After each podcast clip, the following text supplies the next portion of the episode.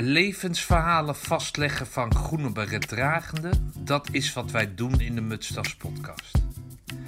Eén keer in de zoveel tijd heb ik iemand voor de microfoon zitten die zijn levensverhaal ook in boekvorm heeft opgetekend.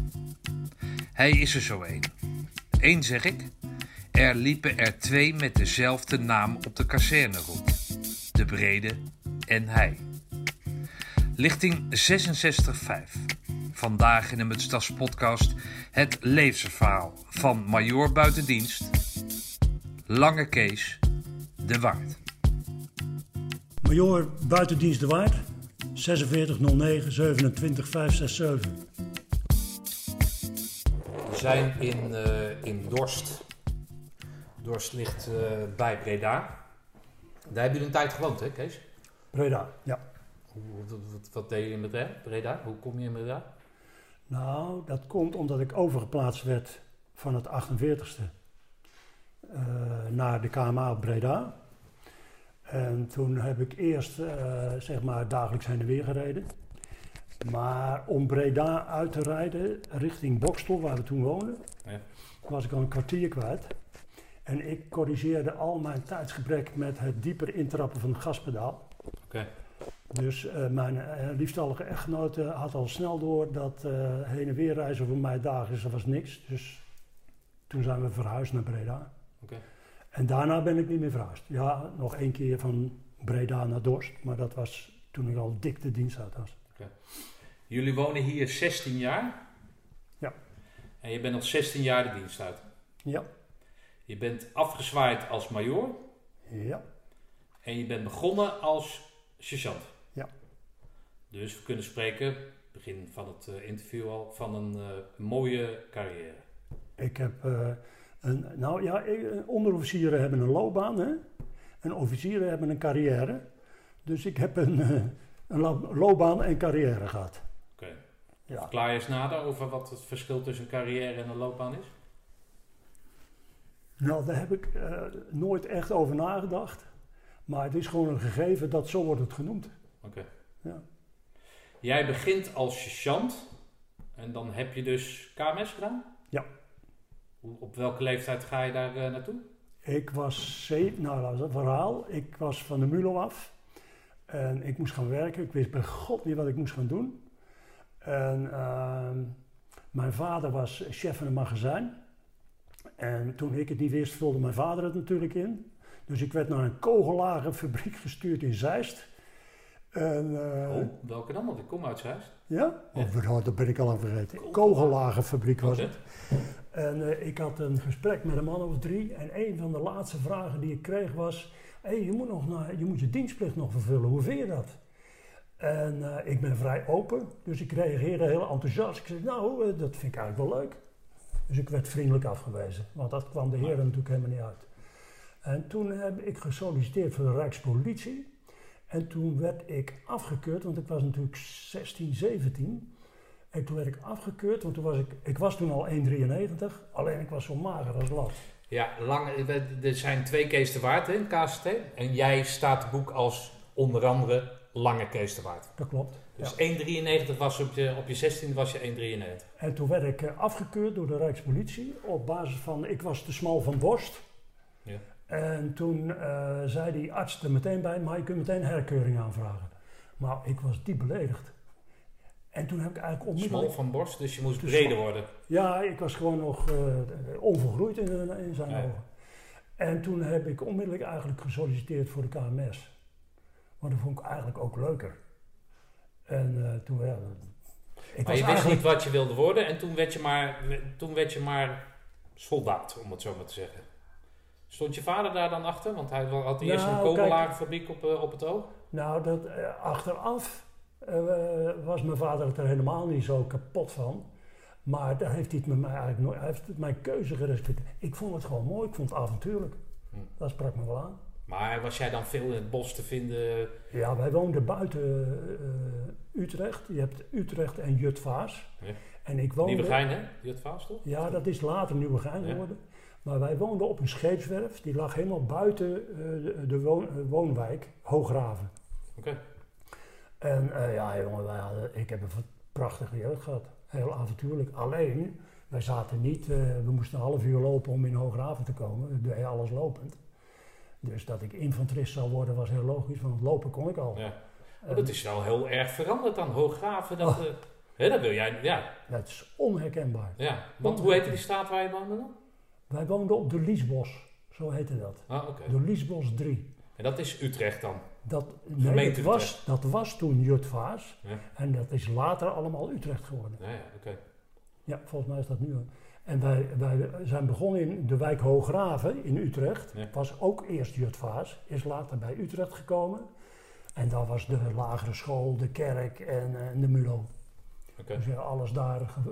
Ja, voor de luisteraar in de buurt van de Galgenwaard nu dan, toch? Hooggraven. Ja, dat is. Nou zal Hooggraven wel groter zijn uitgedijd dan, eh, Ja. dan eh, toen de tijd. Ja. Maar goed, jouw vader respecteert dat, KMS. Dan ben je jong, je bent niet breed. Kindsoldaat. Je bent kindsoldaat. En dan ga je naar, waar, waar, waar, waar- hoe gaat dat dan? Je meldt je aan dan of zo? Of hoe, eh, hoe werkt ja, dat? nou ja, je, kon, je had van die, die advertenties, hè, daar heb ik op geschreven en dan word je gekeurd. En toen werd ik, had ik het MULO-diploma, toen moest ik per 1 november ben ik in dienst gegaan. Dus die eh, had ik drie maanden niks te doen. Toen ben ik gaan, eh, heb ik gewerkt op de persilfabriek in Jutvaas. Oké. En stond ik eerst aan. En dat achteraf is dat eigenlijk ook best wel eh, voor mij leerzaam geweest. Want ik kwam aan de lopende band. Nou, ik vond het vreselijk. Eh, dat vond ik echt geestdodend werk. Dat was helemaal niks voor mij. Ik heb echt respect voor mensen die dat kunnen. En toen ben ik daarna in de, op, bij de sjouwersploeg eh, gekomen. Die gingen overal door die fabrieken allerlei klusjes doen, weet je wel. Dat vond ik leuk. En toen ben ik in, eh, naar Weert gegaan. En dan? Ja, ik was 17. Het was. Nou, de- Weert toen, de KMS, was he- heel zwaar. En waarom? Je bent niks gewend. Ja. En ik weet nog dat wij, het hele peloton had de armleuningen van de trap nodig om boven te komen. Dat hele lijst stond bol van de spierpijn. Ja, achter elkaar, eh, we deden allerlei fysieke dingen en natuurlijk theorielessen en alles. Je. Oh, dat was gewoon zwaar. Ja. Ja. KMS, pittige opleiding vond ik. Klikt het dan met die andere kerels? Die- zijn Ja. allemaal met zo'n bonnetje binnengekomen? Of wist het ook allemaal Nou, niet? Of- je had natuurlijk heel veel eh, leeftijdsgenoten. Er zaten hier en daar wat oudere dienstplichtigen die dus voor de KMS kozen. Maar het merendeel was zeg maar leeftijdsgenoten. Ja, En dan? mooie tijd. Ja, Wel leuk. ja ik denk Je wordt steeds fitter, kan ik me zo Ja. voorstellen. Ja, En dat, dat hele militaire gaat je goed af. ja. In de Ja. houding staan, eh, discipline, tucht. Ja, je, je, je- krijgt het aangeleerd en eh, je doet het gewoon, hè. Ja, ik vond het geweldig. Oké. En dan kwam ik thuis, s- eh, vrijdagavond of zaterdags. En ik was de jongste van tien, zeven zussen, daarna drie jongens. Oké. Ja, acht moeders. Volgens mij is dat de reden waarom ik zo vroeg het huis ben gegaan. Maar eh, dan vroegen mijn zussen, Kees, heb je nog wat meegemaakt? En dan was ik voor het eerst uit geweest in Weert, Brans Kwel heette dat, die kroeg. En toen vertelde ik, ja, ik heb een, eh, ik, ik heb een hoer gezien. Nou, die viel er in stilte, weet je wel. Ja, mooie tijd. En dan? Wat, wat, wat, wat is je... Want op een gegeven moment moet je dan een loopbaan gaan kiezen. Ik heb net geleerd dat een loopbaan een carrière in anders is. Nou, ik was bij de keuring. Bij de keuring ehm, was ik eigenlijk, hadden ze voorgesteld om mij naar de AAT te sturen, de ANA-afvoertroepen. Maar ik, van meet af aan heb ik eh, gewoon gezegd, nee, ik wil naar de infanterie. Waarom? Dat weet ik eigenlijk niet. Maar aan een afvoertroep omdat ze daar mensen nodig hadden dan of zo? Of, of Dat waarom? weet ik niet. Dat, kwam, lang blijk- dan dat was. kwam blijkbaar uit de testen naar voren. Oké. Ik moest een stokkentest doen. En eh, dan moet je toch die stokken die vallen, weet je wel. Oh, zoals vroeger bij die show. Bij eh Ja, Braak. Ja, die zat, die zat daar dus bij. bij die, eh, en op een gegeven moment, ik ben die stok aan het vangen, toen begint die vent mij een praatje te maken. Dus ik, ik zeg, wat wil je nou? Moet ik stokken vangen of moet ik een gesprek voeren? Nou, dat hadden ze blijkbaar niet verwacht. Die duidelijkheid. Die vent die hield zijn- mond dicht en ik heb keurig de stokken gevangen. En uit die test, met alles wat dan verder getoetst werd, kwam de AT. Dat was voor mij eigenlijk op, op het lijf geschreven blijkbaar. Oké. Maar daar heb ik dus niet voor gekozen, ik heb meteen voor de infanterie gekozen. Dus dan blijf je ook in Weert. Want alle andere wapens en dienstvakken gingen, werden dan eh, op de wapenscholen opgeleid. En de infanterist bleef dan in, eh, in Weert. En eh, dat was een pittige opleiding. Maar hoe schetsen ze jou dan? Wat, wat is jouw, nou ja, jouw pad dan? Want, want je, je weet zelf niet zoveel van die militaire dienst. Dus mensen gaan jou adviseren wat jouw loopbaan gaat worden. Hoe wordt dat geschetst dan? Nou, dat eh, werd helemaal niet geschetst. Je je hebt een keuze gemaakt voor infanterie. En dat hield dan automatisch in dat je op de KMS allerlei periodes van drie maanden achter elkaar volgt. Ja. Eh, na negen maanden werd je corporaal, na 18 maanden corporaal 1. En dan eh, een infanteristen, dan na verloop van tijd ging iedereen naar de wapenscholen. Infanteristen bleven daar. En die rest van die opleiding was allemaal opgebouwd in blokken van drie maanden. En bijvoorbeeld een blok van drie maanden eh, dat je naar een detachering ging. Dus twee maanden op een depot als instructeur moest optreden. Eh, een, een, een rijopleiding, dat je naar eh, de dikke DAF moest rijden. En dan ging je naar Pirok om kennis te maken met de AMX en met de IP408. Eh, een opleiding, bijvoorbeeld drie maanden, Mortier 4.2 en de TLV 106. Ja, ja, allemaal zulke soort zaken kwamen erbij. En dan, Maar je werd dus opgeleid om instructeur te worden? Ja. Oké. Ja. En dat zag je zitten? ja, dat vond ik wel mooi. En je was je gewaar van het feit dat je dan met dienstplichtigen moest gaan werken? Ja. En eh, de eerste detachering die ik heb gehad, dat was best wel heel leerzaam, want dan word je geconfronteerd met dienstplichtigen.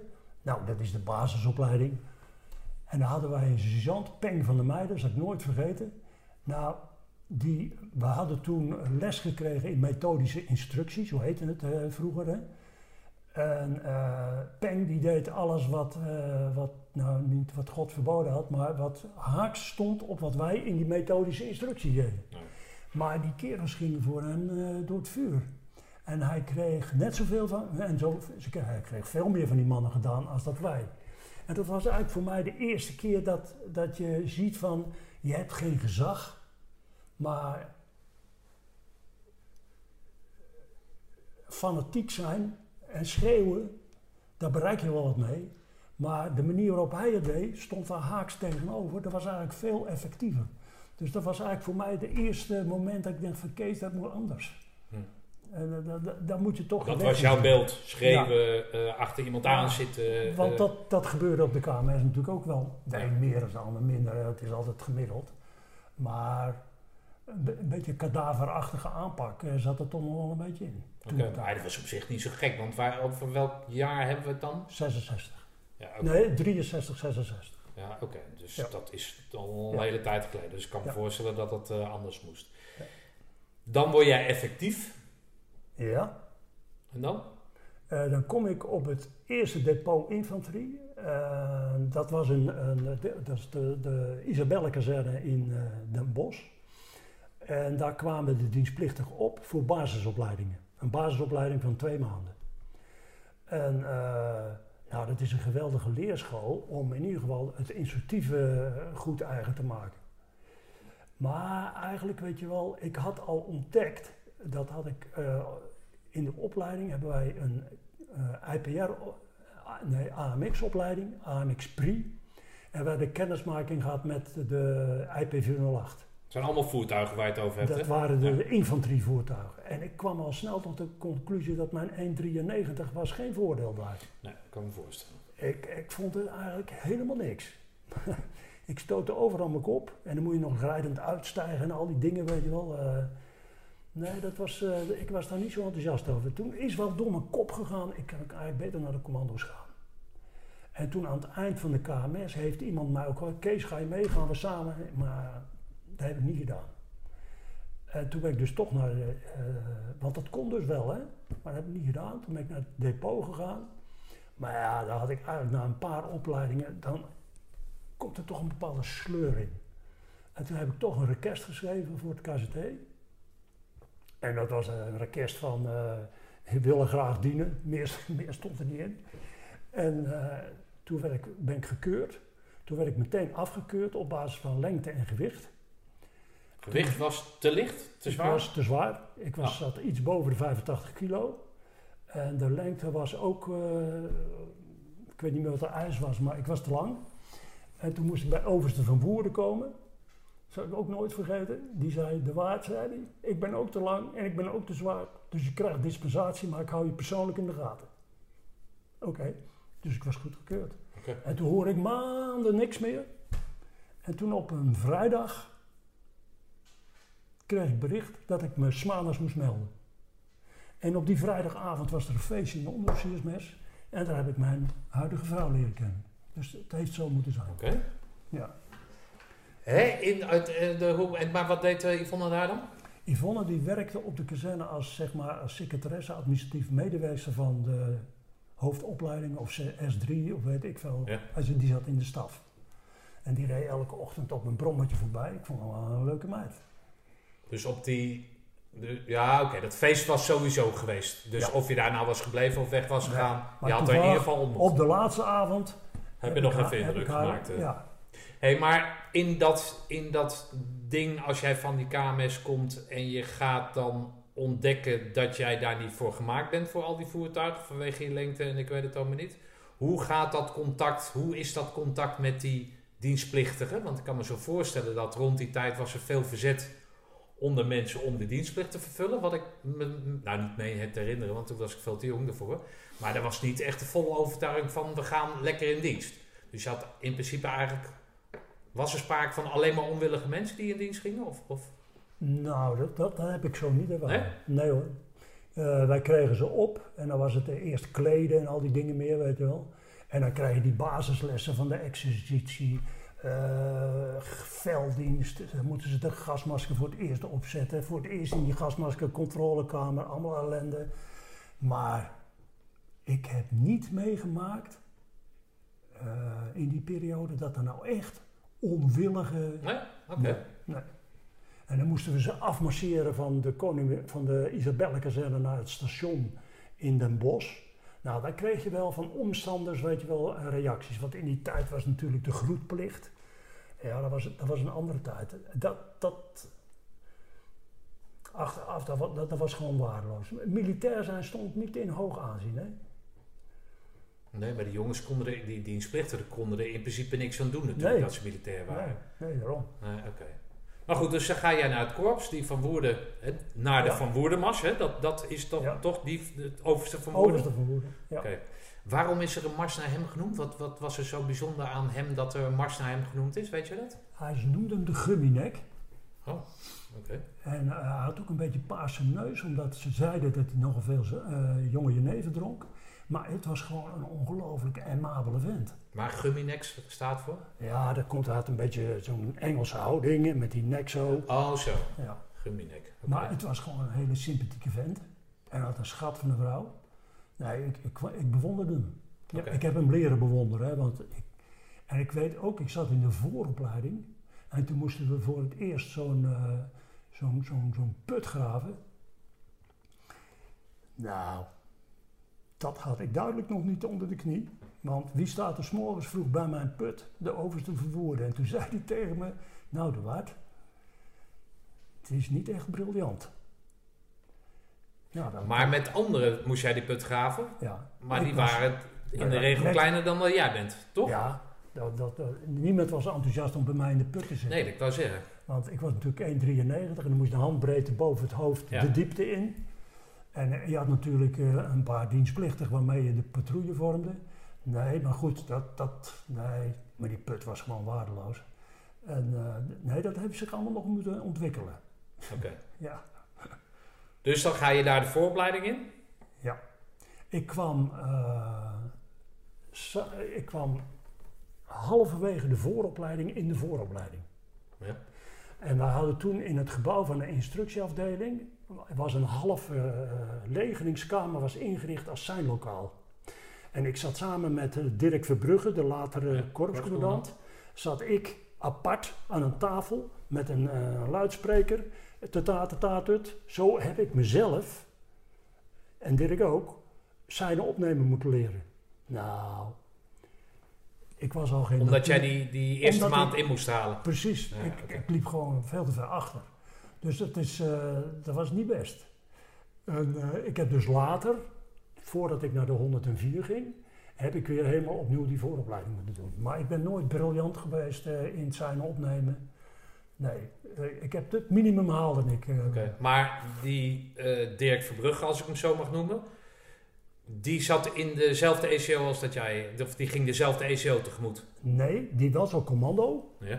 maar die had blijkbaar die hele vooropleiding ook niet gehad. En die zat daar. Dus Ah, oké. Dus hij was al commando, Ja, oké. Jullie konden maar aan elkaar optrekken, om het zo te zeggen. bij wijze van spreken. ja. Ja, tuurlijk, want je was Blenko Beret, dus je had in principe niet Ik zoveel te was blanco beret, ik was sergeant en hij was luitenant. En eh, in die tijd was dus de vrouw. Maar het was wel een aardige vent.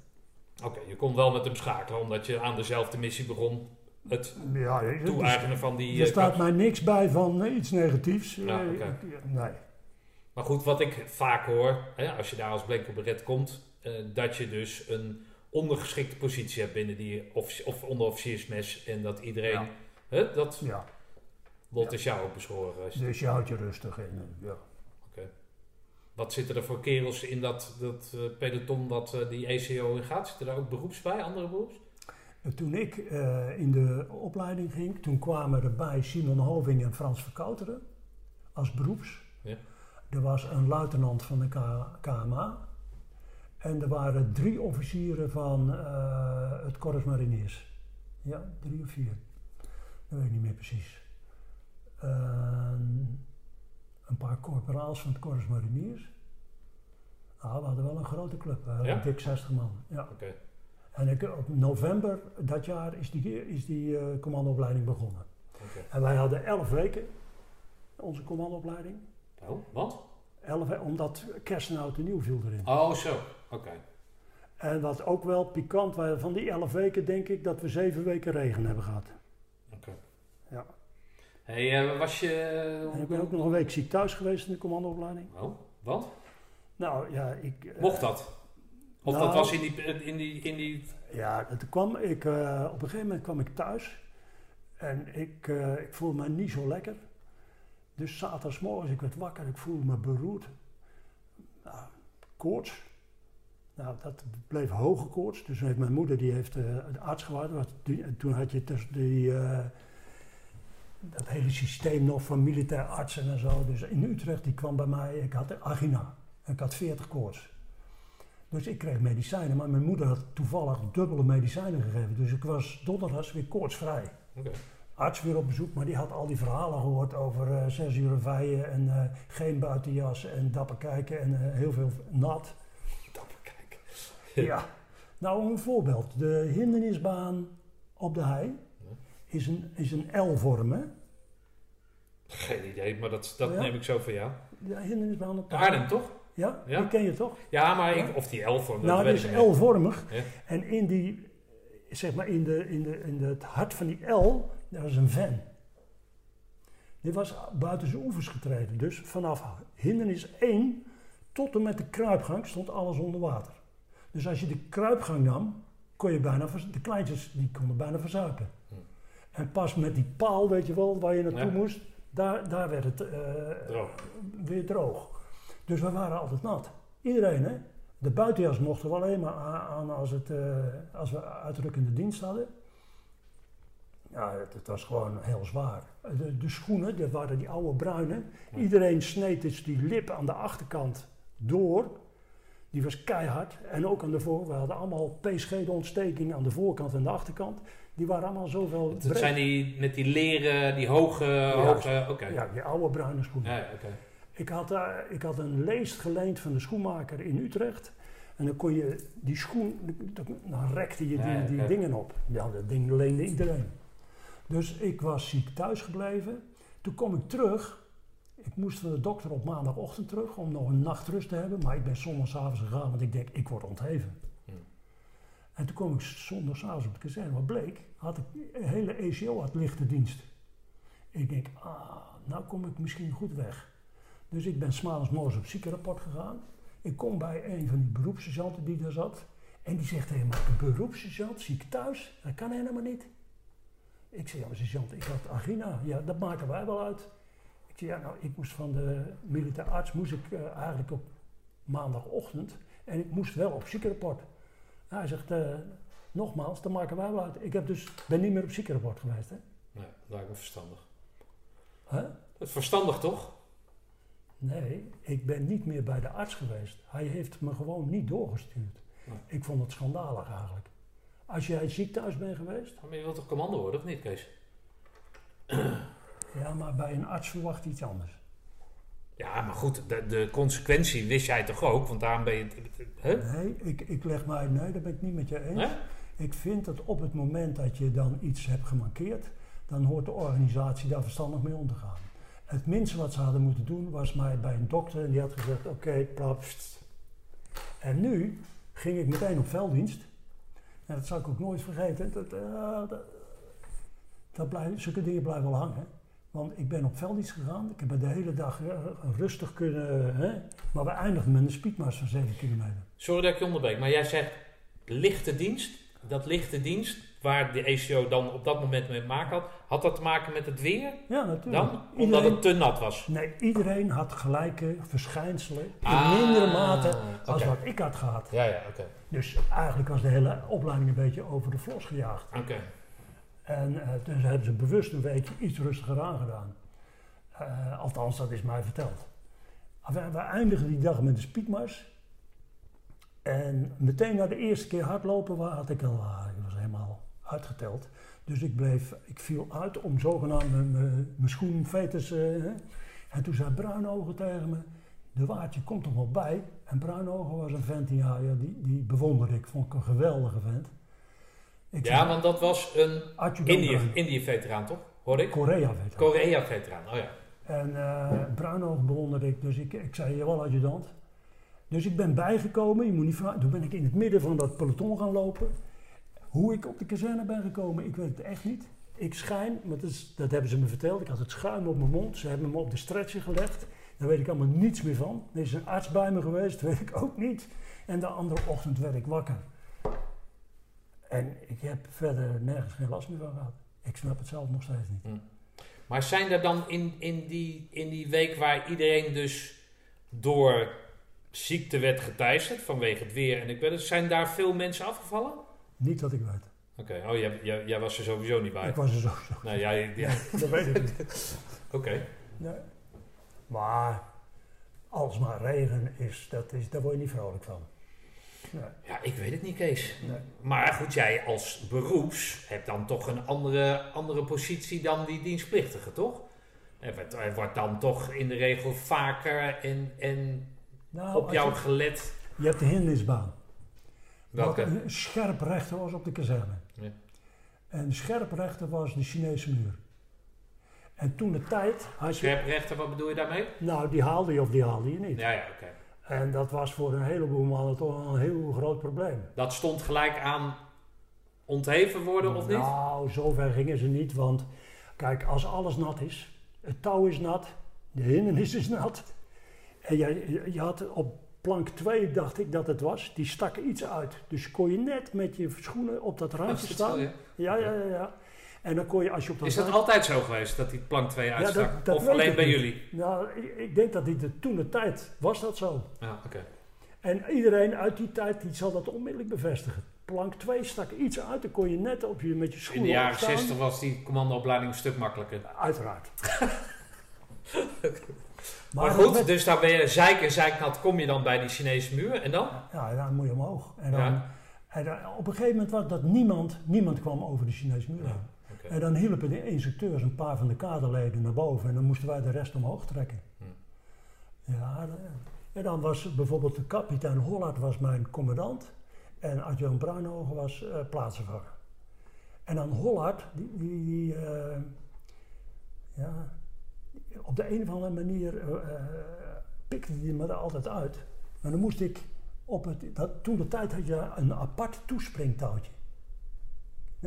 Je had zo de hindernisbaan Ja. en dan had je hier, eh ter hoogte van de start van de lage touwbaan, was een apart plateautje.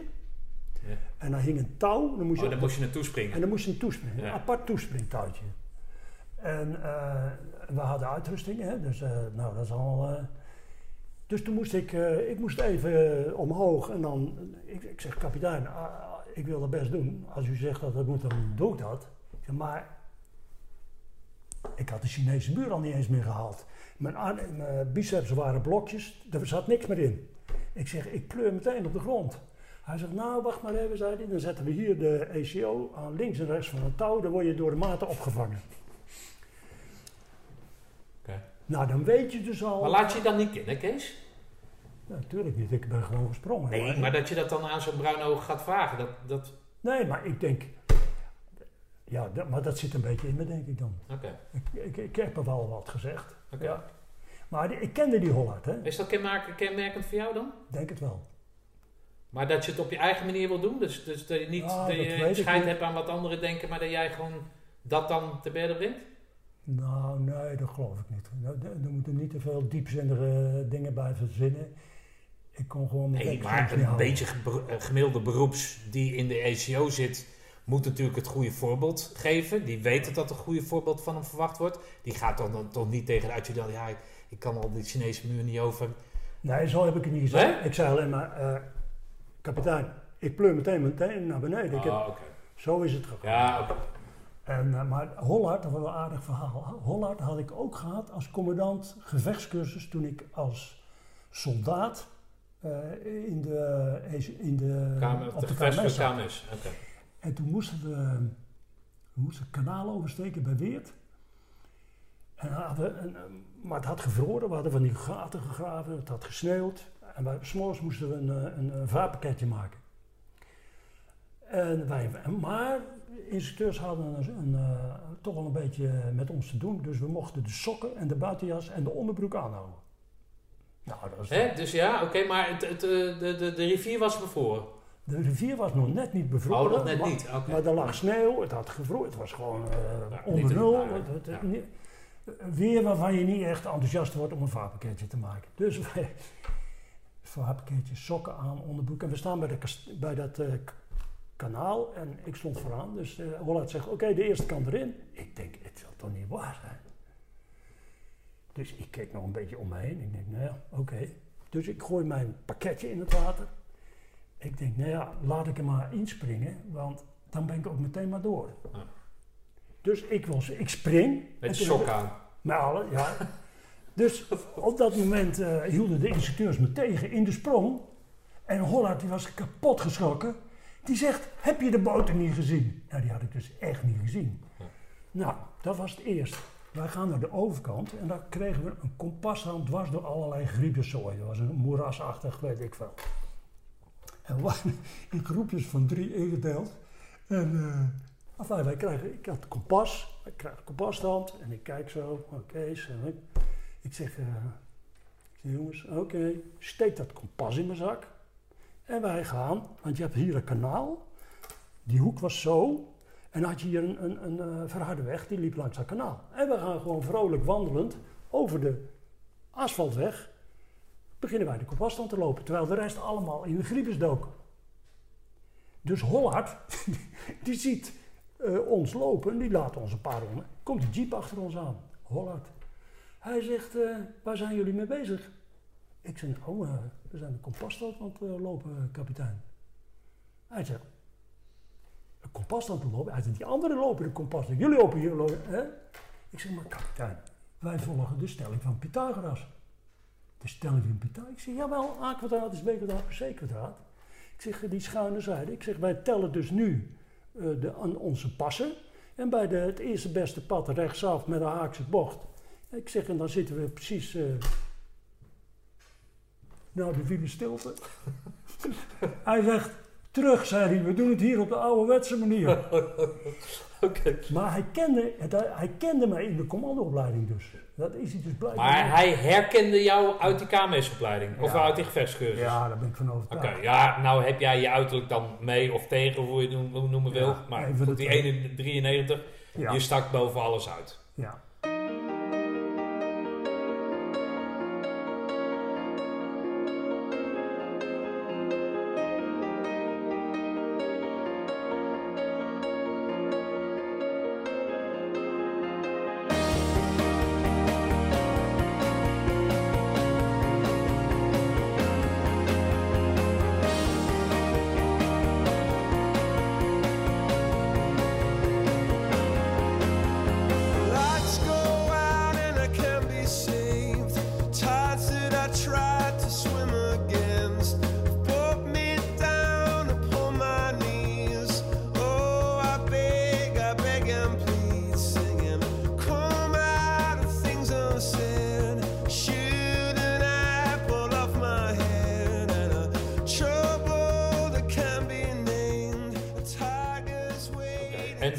Dan? Extra getest dan? Heb je dat gevoel? Of, eh, Nou, ja, ja dat, dat, dat, dat kan ik niet zeggen, maar...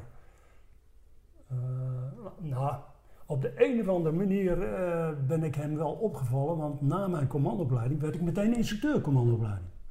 Want dat wilde Hollard.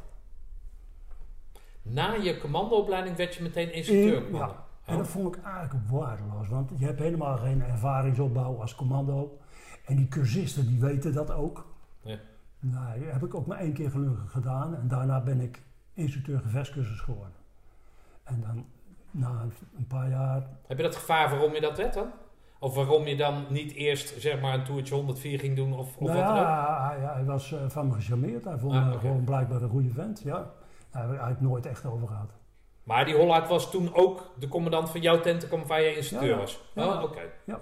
Dus hij heeft wel een bepaalde... Hij had een positief beeld, anders had Ja, hij ja, de- ja. Maar ik was zelf, eh, ik vond niks. Oké. Nee. Maar goed, dus jij doorloopt die, die, die, hoe heet dat, die eh, commandoopleiding. Ja. Kom je daar dan nog dingen tegen waarvan je dan later dingen mee hebt genomen die je wel of niet zou moeten doen als instructeur? Heb je wel eens met je hoofd geknikt dat je denkt, nou, dat zou ik ook toepassen? Of met je hoofd geschud dat je denkt, in godesnaam, wat, wat, wat, wat zijn ze aan het doen met me? Nou, eh, laat ik het zo het oog voor detail, eh, daar heb ik toch ongelooflijk veel aan gehad. Het, Van die instructeurs waar jij mee te maken hebt gehad? Ja, ik vind, en eh, je leert om eh, te incasseren, eh oog voor detail te krijgen, eh, handelen, voorbeeldgedrag. Ja, ik, ik vond de commandoopleiding uitstekend voor mijn vorming. Ja, daar sta je op die leeftijd natuurlijk ook wel heel veel voor open. Nou, ik vond het een geweldige Nou, ik heb meerdere mensen gehoord over die adjudant Bruinogen. Ja. Dat hij alles in de gaten had. Ja. Dus wanneer er een schepje bovenop moest. En wanneer de, de, de groep een beetje eh, rustig aan, of een beetje rustig aan met de groep moest worden gedaan, omdat ze al te veel voor een kiezer hadden gehad. Nou, Bruinogen, hè, op een gegeven moment kregen wij les in het graven van lichtsleuven. En blijkbaar ergerde hij zich aan de manier waarop wij ermee omgingen of hoe de instructeur het aan de man bracht. Want op een gegeven moment tikte hij de instructeur eh, op zijn schouder. Hij zegt, mag ik even iets zeggen? En eh, hij had zich blijkbaar al zo enorm opgewonden, maar dat kon je heel goed aan hem zien. Dus hij zei, ik doe het één keer voor hoe wij het in Korea deden. Oké. Nou, dat was een waanzinnige. Wij, echt waar. En dat ben ik nooit meer vergeten. Maar wat, wat, maakte, wat, wat, Hij wat is er zo waanzinnig aan? Nou, hij, hij liet zich op de grond vallen. En begon met die pionierschop als een idioot. Begon die zand eh, omhoog te gooien en hij verdween onder het maaiveld. Nou joh, binnen een mum van tijd. Ja. En hij probeerde, jongens luister, als je onder vuur ligt, dan ga je niet even rustig kijken zus of zo.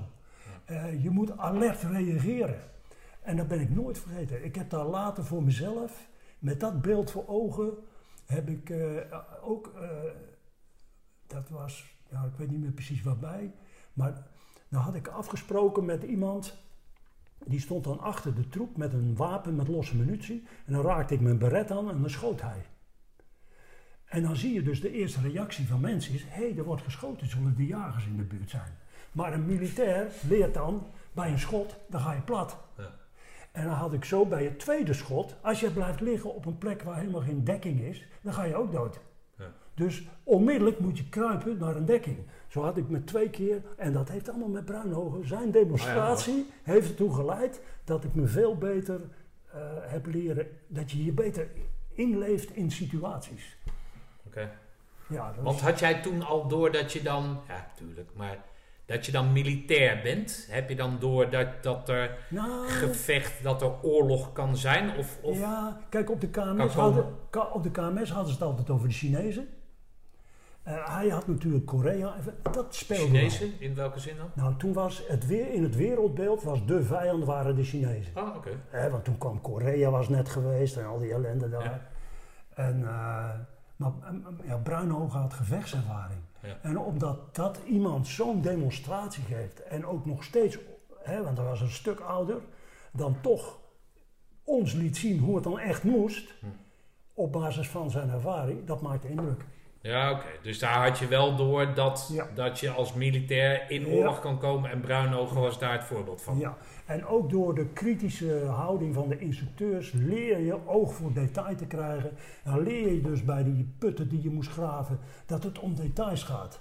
Ja. Dat als jij een put graaft waar mensen overheen kunnen lopen zonder dat ze in de gaten hebben dat er iemand onder de grond zit, dan moet je oog voor detail hebben. Dan moet je perfect zijn in je kan, nou, et cetera. Ja. ja, je doet het niet Daar voor de ze- instructeur, maar je doet het voor jezelf. Uiteindelijk wel, ja. Ja, nee, goed dat dat, dat, Ja. dat eh, eh, het besef er is. Ja. En ook voor die dienstplichtigen waarmee je werkt op dat moment. Toch?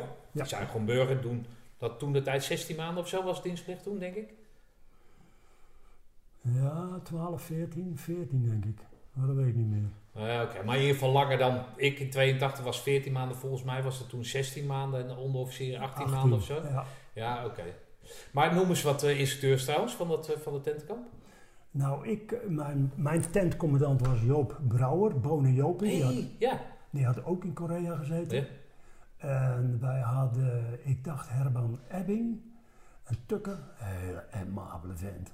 Ja. En Bruinogen zat erbij. Eh, hoe heet die nou? Eh, de Vimbus, eh, hoe heet die? De? Eik- ja. De, hoe noemen we die? De, de Vimbus. Vim van dat schoonmaakmiddel, dat schoonmaakpoeder. ja, ja. want die was nogal Nou, volgens de verhalen had zijn jonge heer de omvang van een Vimbus. Oké. Ja. En ik heb ooit... Dus je hebt een gumminek en Vimbus. Nou, Ja, dat zijn dat- al twee bijnamen. Nou, laat ik het zo zeggen. eh, dat waren de verhalen die je overneemt. Ja. Ik heb dus eh, jaren later kunnen constateren dat dat klopte. Dat van die gumminek of die Vimbus? De Vimbus. en waarom? Omdat ik stond bij D- Drimmelen, bij de vaarschool. En hij stond in een MK2, gekomen met een motor. En eh, ik moest opgepikt worden, dus ik stond aan het kantje te wachten tot iemand. En hij voer aan de overkant voorbij. En toen liet hij inderdaad zijn jonge heer zeggen: Ik kom echt niet jou ophalen zo. En toen denk ik: Nou, die Vimbus, dat klopt wel. eh. Oké. Ja. Heb je jarenlang op moeten wachten. maar die en die nog meer? Ebbing, Kadot, Sjoerd Kadot. Dat is C, hè? Ja. Die, die naam. jongere, hè? je had eh, twee Kadots. Oh, oké. En eh had als sportinstructeur Teun van Zoest en eh, Nico Hol. Ja. Teun van Zoest en Nico Hol. Oké. Maar goed, dus dan loop jij door die, eh, die commando-opleiding heen. Wat, die, die, die luitenant en zo en die andere beroeps, die, die zitten daar nog steeds bij dan? Eh, die luitenant is op een gegeven moment ontheven. Ehm, wij lopen op maanden, maandagavond, dat was vast pandoer, liepen we marsen. En we hadden toen ook nog eh miliciëns, hè, dus dienstplichtige mariniers. Ja. Die waren wel allemaal wel heel snel verdwenen hoor. En eh, op een gegeven moment op maandagavond lopen we dus ook een mars met, eh met Boni Jopie. En wij liepen natuurlijk als kaderleden achteraan. En had je ergens bij Zundert hadden we een rust. En, en er was één man achtergebleven met die luitenant. Want die vent nou, die was echt niet meer vooruit te branden. Dus hij ging met die vent terug naar de kazerne. En dat leek ons eigenlijk een hele goede optie. We komen op de rust, althans, dat weet je van tevoren niet, maar hij stopte, dus was er rust. En hij loopt naar achter en zegt, zijn er nog bijzonderheden? Ja, de, de, luitenant is achtergebleven met die en die, want ja, die was echt niet vooruit te branden. Hij zegt, goh, nou ja, Joop was helemaal over de zijk. Dus wij moesten met z'n allen terug om die twee weer op te halen, die al terug aan het wandelen waren naar de kazerne. Dus eh, op dat moment, Brouwer loopt weer naar voren, zegt Frans Verkouden, oh zit, ik moet schijten. Nou, snel, dan, daarna moesten we weg. Dus Frans, maar Brouwer die komt weer terug. En die zegt, zijn jullie nog niet weg? Ja, sorry sergeant, maar de cursist Verkouter, die moet schijten. En uh, Verkouter, processergeant, kom hier. Ja, maar kom hier. Enfin, die komt met besmeurde overal. Oh. Dus wij maar... We hebben die vent nooit gevonden, want die was op de kazerne. Oké. Hey, die Bonen Joop, waarom werd hij Bonen Joop genoemd? Omdat hij eh, helemaal gek was van eh, bruine bonen. En blijkbaar eh, kwam dat uit Korea. De- de- die bijnamen die komen, en waar ze precies vandaan komen, dat weet je niet. Ah, oké. Maar ja, dat neem je gewoon over. Oké. Hey, met hoeveel ga je dan richting de, de kazerne als, als die tranenpoort dat- dat- dat begint te dagen? Ik geloof dat we een kleine twintig man over hadden. En daar nog wat, nou, in totaal zo rond de 30 man geloof ik. Dat weet ik niet. dus daar zit een hoop mariniers ook bij nog. Dus die, die... Ja, maar er waren wel veel van afgevallen. Ja? Ik denk dat we met die, die luitenants, ik denk dat we nog een man of acht, negen hadden, dat weet ik niet meer. Oké. En die st- staat uh, Yvonne daar te wachten op je? Al, al, heb je die banden al zo aangetrokken of niet? Nee, die banden waren nog eh, bezig eh, versterkt te worden. Oké. Mijn ouders waren er wel. Oké. En eh, dat hele peloton aan eh, broers en zussen? Nee, alleen mijn ouders. En eh, mijn moeder was ook meteen ziek nadat ze op bezoek was geweest. Want die kreeg een demonstratie, hindernisbaan, touwbaan. En dat stond allemaal onder water natuurlijk. Hm. Ja. Hoe bedoel je, stonden allemaal onder water? ja, omdat ik vertelde. Hè. Ja, oh zo. Ja. Ja, oké. Omdat het zo'n natte periode was. Ja, ja. Oké. Nou goed, dus jij die groene beret eh, op, je, op, je, op je bolletje gekregen? Ja, s'avonds aan Yvonne laten zien. Oké. Oh, dus dat, die afspraak had je staan? Je Ja, moet even binnenkomen en dan zal ik jou vanavond Ja. even die eh, beret laten zien. ja. En dan? Maar je moet nagaan, wij schreven elkaar brieven in Mossen. Hè. Hoezo in Morsen? Ja. Ik had toch het Morse-alfabet Ja. gehad. Ja, iedereen toch? En, ze, en toen de tijd schreven we brieven. En dan zeg ik brief in Mossen. Ja. Wel grappig. Ik had haar het alfabet gegeven. Dus, eh, Dus ze was even bezig. en als wij post kregen in de, als wij post kregen eh, in de commandoopleiding, dan hing een sergeant, die hing uit het, eh, je had daar de dagkamer op de kopkant. Ja. En dan deed hij het raam open en dan riep hij je naam, dat de post was. En dan moest je van de tenten, die, die waren toen Op de kazerne. oh ja, op de kazerne, dan moest je de kortste weg naar hem toe. Dat wil zeggen, dan moest je over de sloot van de klimtoren. Oké.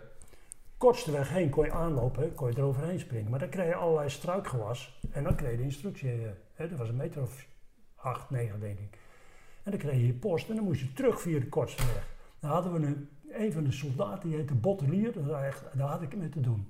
Die vent, dat was een klein dik manneke, die kon die aanloop dus niet maken. Zowel heen niet als terug. Die liep gewoon door de sloot. Ja, en eigenlijk vonden we dat eigenlijk allemaal, dat ging te ver. Want we waren al constant zeiknat en dan had je net je schone kleren aan, weet je wel. En dan riep hij, en dat moet hij geweten hebben. En dat, ik ben ervan overtuigd, daar wist Bruinhogen niks van. Hè? Hm. Daar, daar is me ook bij. Ik denk, instructeursgedrag moet in lijn zijn van het programma. En dat was toch af en toe niet helemaal het geval. Maar is dat niet gewoon te relateren aan die tijd? Was dat toch? Toen was het leger toch anders ingericht als, Ja. als later. Ja, maar dat wil niet zeggen dat het... Nee, goed is of zo. Nee, natuurlijk. Nee, maar dat Nee, was wel. Oké. Maar goed, dus dan, dan, dan omdat jij eh, eh, eh, dus indruk kennelijk hebt gemaakt, word jij meteen na de commandoopleiding ga jij dus de instructeurschap van het commando van de commandoopleiding zelf aan. Ja. Dat- Jij geeft aan dat je dat, dat de achteraf blijkt dat dat niet zo goed valt. Maar, maar wat bevalt er dan niet zo goed? Klikt het dan niet met die andere kerels? Of, of, Nou, met de instructeurs heb je geen problemen, want die vangen je op. En ik bedoel zeggen, de, de, ik, ik kan niet anders zeggen dat de instructeurs om eh, toen de tijd, dat is een warm bad. Dat was een nee, maar dan ben je 20 of zo, of 21 ben je dan toch? Eh, ja, zoiets. 22 denk ik dat was. 1, Ja. 22. Ja. Maar goed, het merendeel van de kerels is ouder. Ja. Dus jij bent jonkie, maar je bent dan wel eh, al, ja, je zal overal wel de langste zijn, maar dan ben je de langste in ieder geval. Ja, maar het, dus het enige wat bij mij goed is blijven hangen, dat ik het gewoon niet prettig vond. En dat het eh, gelukkig ook maar één keer is, eh, daarna werd ik overgeplaatst bij de gevechtscursus. Oké, daar, daar ging jij je basis vormen of zo. Ja, daar ben ik met. En toen kwamen we bij de gevechtscursus, KMS, officiersgevechtscursus. En daar moet ik zeggen, dat heeft ook wel, eh, dat denk ik ook nog wel, eh, dat heeft me ook wel iets, eh, dat is me altijd bij me blijven hangen. Eh, je had dan een officiersgevechtscursus van tweede luitenant tot luitenant-kolonel. Alle wapens en dienstvakken door elkaar. Daar heeft het korps zich niet eh, eh, populair mee gemaakt. Want eh, dat, iedereen kwam daar met, toch, het gros kwam daar met tegenzin. Maar die, die, die officieren, die gingen met manschappen? Of als... Nee, nee, nee, nee. Puur alleen officieren. Je had dus de oefening Panzerstorm voor, Ja. de, voor- voor de parate eenheden. Ja. En je had de officiers- en onderofficiers gevechtscursus. Ja. En eh, onderdelen moesten gewoon mensen leveren en dan werd zo'n cursus Oh, dus weet ik veel, een of andere pand Ja. wet zegt, nou, En- de gevechtscursus wordt nu gegeven voor alle officieren en ongeacht de rang, die moesten allemaal naar Nou Roosendaal. ja, er waren een x aantal per jaar gepland. En eh, aan onderdelen kregen gewoon een opdracht om mensen te leveren. Zo ging het ongeveer. Nou, daar, daar, eh, ik zal nooit vergeten, we liepen s'nachts een of andere mars. En we komen de sloot tegen. En een van die, we hadden twee overs toen. in, en, ik, en die overs had een val. En die gooit gewoon zijn val over de sloot. Gooide die over de sloot. Die kwam met de loop zo in de modder te staan. En toen dacht ik bij mezelf, nee, dit kan toch niet bestaan dat een officier op die manier zich zo laat...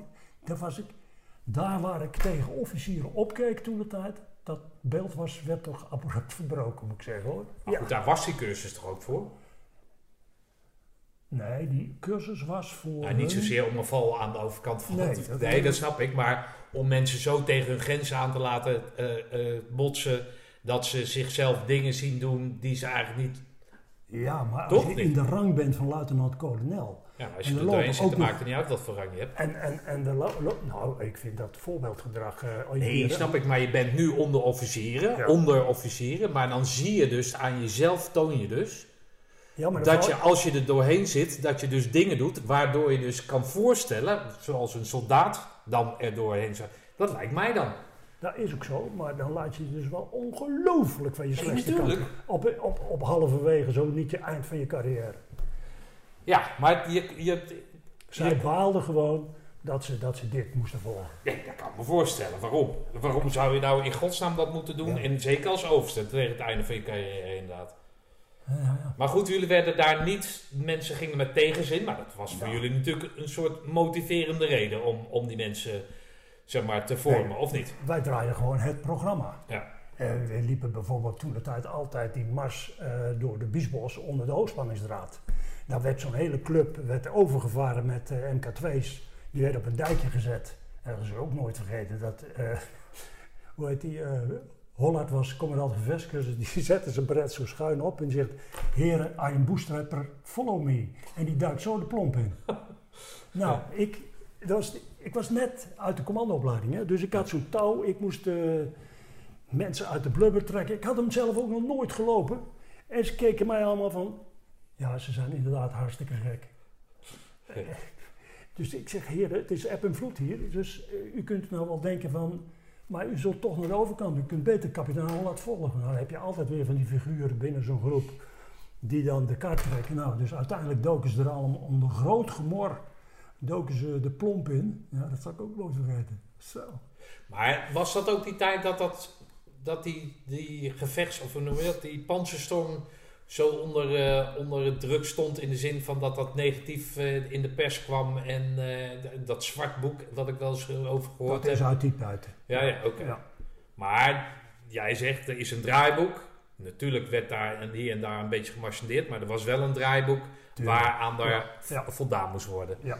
Maar zag jij dan ook dat er creatief met dat dagboek, of dat dagboek, dat, dat, dat, eh, dat het draaiboek werd omgesprongen? Of, Nou, dat kan ik niet zeggen. nee. Ik, ik vind sowieso, als ik dat terugkijk, ook als in mijn, want ik ben daarna, heb ik best wel heel veel commandoopleidingen gedraaid. Eh, wij waren best wel eh, loyaal. Ja. Alleen. Aan dat draaiboek. Eh, ja. Ja, En er waren vaak jonge KMA-officieren die uit de commandoopleiding kwamen. Vaak werden ze dan commandant. Ja.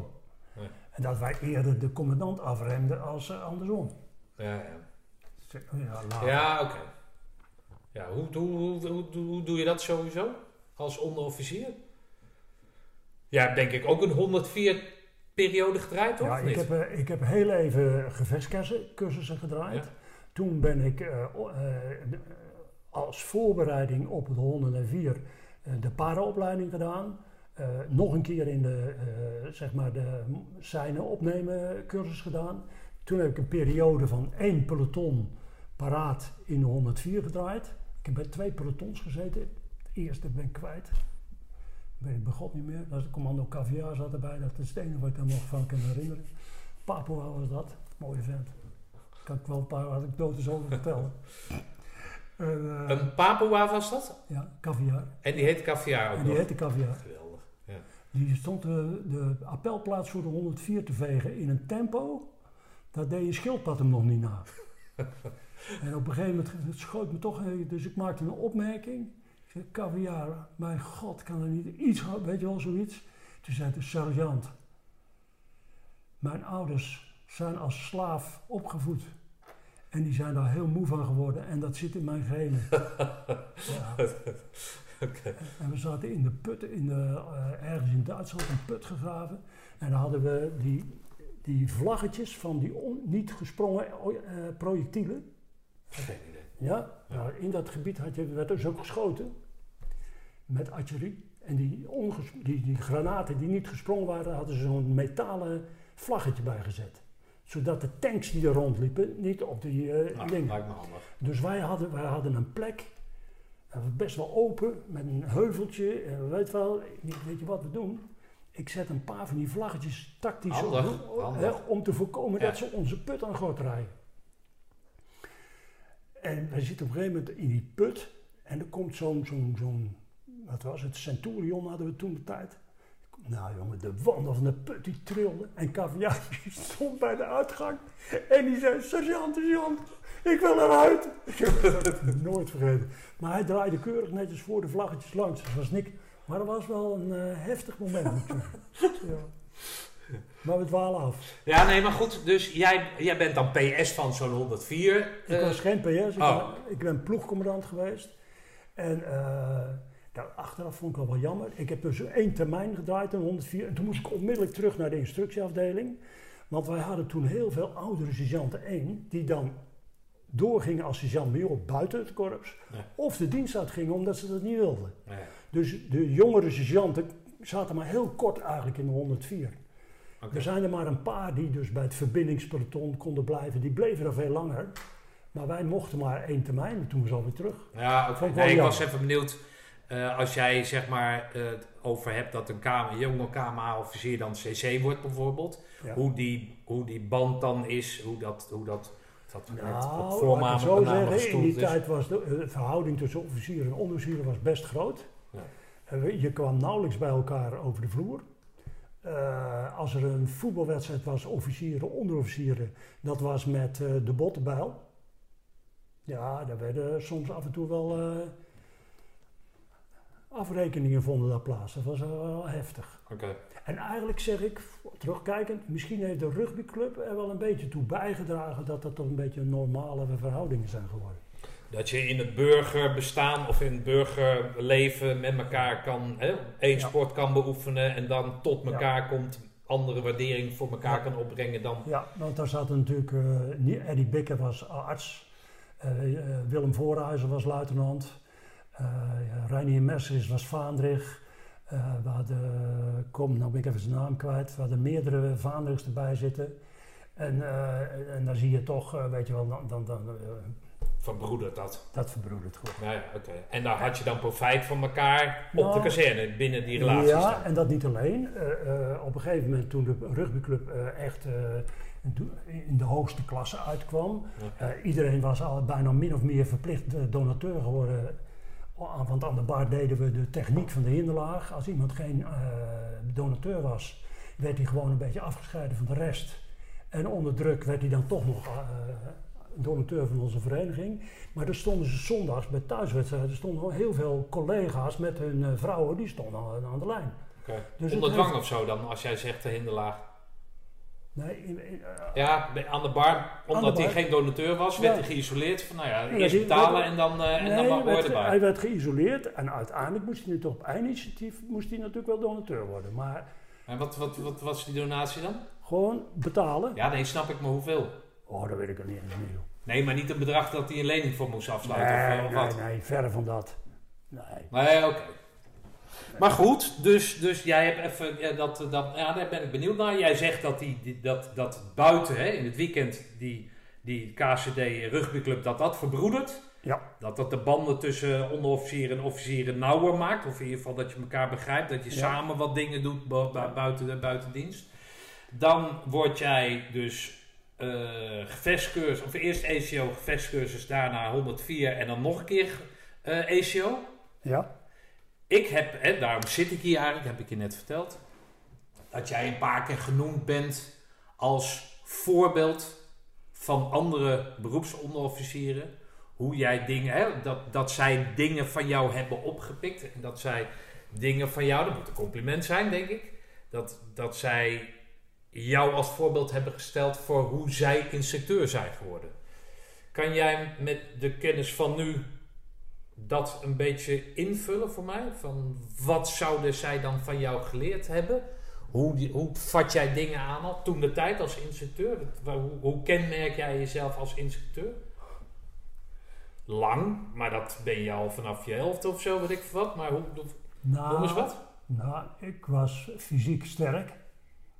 Eh, volgens mij, als ik mezelf moet typeren, ik probeerde eerlijk te zijn. Maar eh, fysiek was ik denk ik wel hard. Maar mensen moeten ook wel kansen hebben. Wat zou jij met jezelf doen als, als een cursist is en die heeft angina en die gaat dan een beetje... Hoe zou jij dat aanpakken? Eh, ik zou hem naar de dokter hebben gestuurd. En als de dokter zegt dienst doen, dienst doen. Maar als de dokter zegt van het gaat niet meer, wat dan? Nou, leg je me daarbij neer. Maar de consequentie was wellicht, ik, ik heb het je niet gevraagd, maar dat je dan niet meer die commandoopleiding, of mocht je vanwege ziekte, mocht je dan een volgende commandoopleiding wel meedoen? Nou, dat was niet te doen gebruikelijk toen. Nee? Nee. Dus dan snap de- jij toch van jezelf wel dat je... Dat De je tweede kans, de, de tweede kans eh, na een commandoopleiding medisch is pas later gekomen. Hè? ah, oké.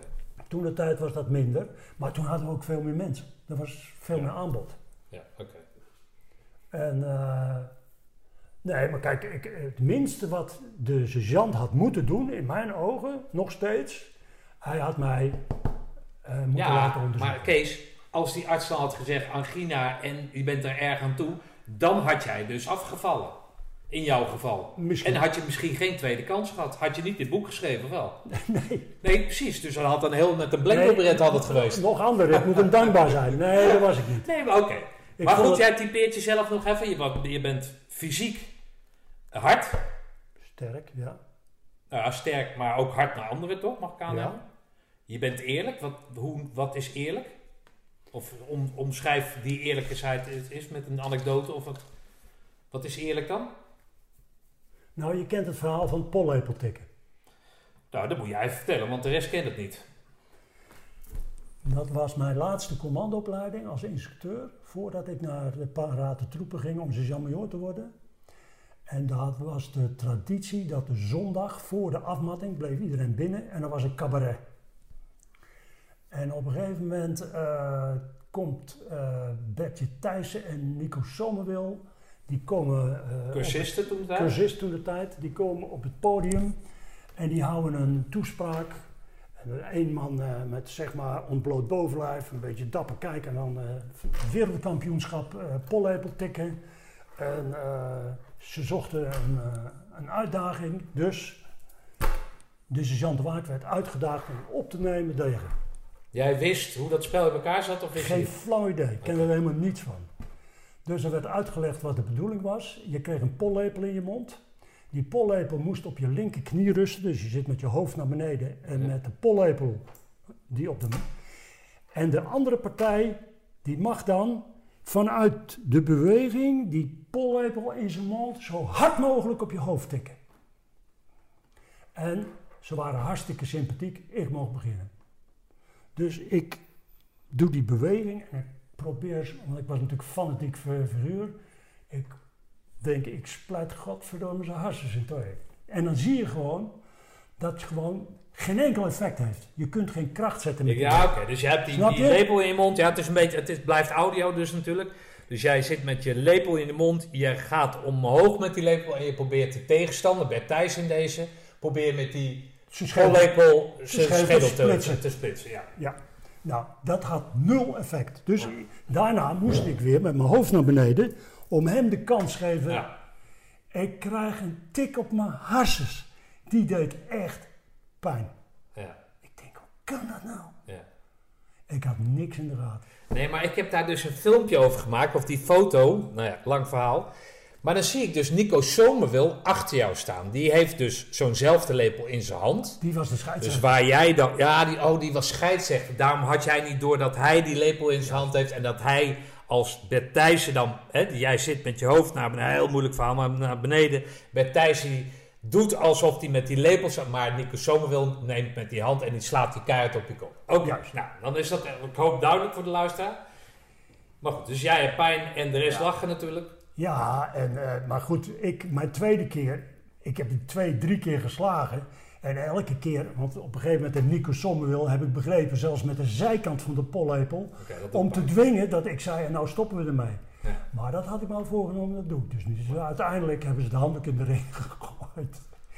En we hadden het over eerlijkheid. Ja. En, en hun knepen hem, want ze dachten, nou, nou pakt hij ons in de afmating terug. Zou ik doen. Ja, dat, nou, dat vond ik on- Kijk, dat vind ik dan onsportief. Maar ik heb ze wel. Toen gingen we roeien met de MK2's. Dus heb je toch die grote perrels. Ja. En toen heb ik ze gevraagd of we het spel nog een keer zouden mogen doen. Maar dan met de perrels van de MK2. Maar dan wilde ik wel de eerste klap hebben.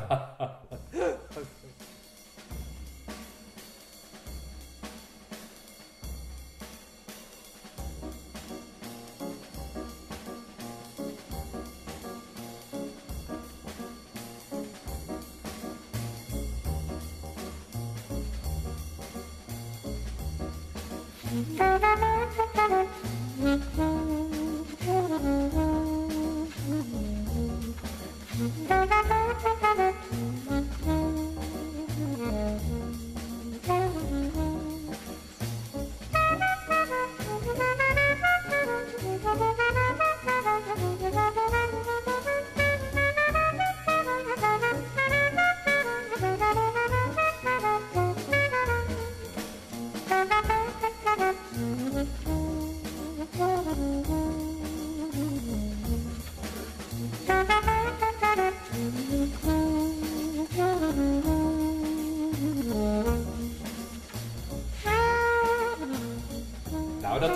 combinatie van de humor en hardheid. Ja. En Maar- eerlijkheid. Want uiteindelijk, je je moet accepteren dat dat gebeurt. En, eh, Ja, oké. Maar noem mij eens bijvoorbeeld, eh, ik weet niet of jullie daar geweest zijn, maar Marceladam, zo'n speedmars. ja. Noem mij eens een voorbeeld hoe jij dan zeg maar een kerel die achterblijft, zal vast een keer gebeurd zijn, Ja. hoe jij die naar voren durft te praten. Of durft, hoe jij die naar voren praat. Nou, die, die trek ik mee. Die trek je mee. Oké, ja. Ja. Of die duw je. Oh, denk ik, godver, kom op. Ja, een beetje. eh, ja, had een fotootje, had Ja. hij. Dit, Ja. dat was ik. Ja, toch? Ja, oké. ja. ja, dat vond het een prachtige foto. Hij was wat onduidelijk door de tijd natuurlijk. Ja, dat, dat, dat, kenmerkt jou. Is dat die hardheid? Is dat, is dat die... Ja, eh, ik denk het wel, ja. ja. Oké, Als je het doet, moet je het goed doen. ja. Ja. Oké. Maar humor is ook, dat wordt ook gezien als een van jouw kwaliteiten als instructeur zijnde. Ja, maar dat vind ik zelf moeilijk te omschrijven. Nee, natuurlijk is dat moeilijk te omschrijven. je doet dingen vanuit jezelf.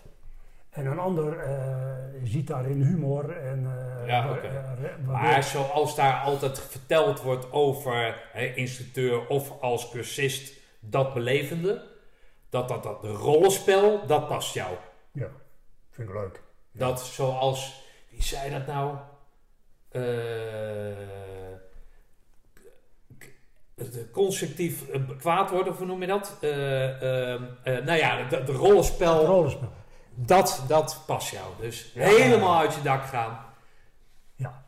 Of met een stalen gezicht een verhaal vertellen waar niets van klopt. Dat vind ik wel mooi. Ja. Ja. Kan jij nog mensen herinneren waarvan jij dacht in eerste instantie, nou die gaat het nooit halen. En dat die mensen jou dan als instructeur verbaasd hebben met het- de manier waarop zij het dan wel gehaald hebben? Ja, je hebt er natuurlijk honderden gehad, maar staat je nog iemand bij, zoals Caviar? Natuurlijk, hè, dat was natuurlijk een apart figuur denk ik in die tijd. Nou, vanwege zijn ik heb uiterlijk, vanwege zijn, zijn origine.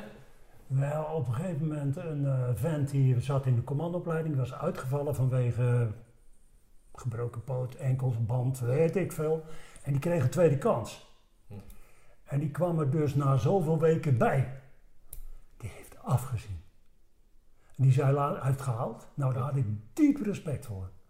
En hij heeft het gehaald, maar die zei ook, hey, dit, dit, dit, dit zou ik in de, toekomst bij zo'n keuze ook nooit meer doen. Die heeft het heel zwaar gehad. Ja, dat heb ik wel heel veel bewondering voor.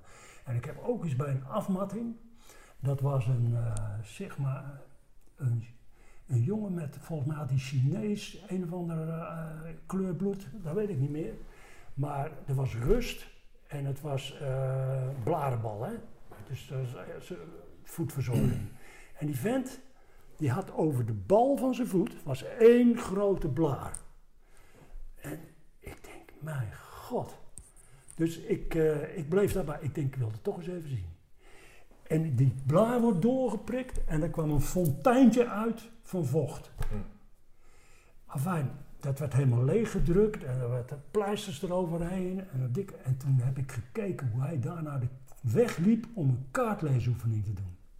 Nou, ik, volgens mij was het Shin Alloy of zo heette die. Goh, maar ja, ja, daar heb ik diep respect voor. En gehaald. Ja, ja. Oké. Zo. Als je toch af en toe zag hoe die voeten eruit. Ja, dat, dat is mooi inderdaad. Ja. Hoe lang eh, ben jij dan eh, instructeur ACO? Blijf je dat? Hoe lang blijf je dat?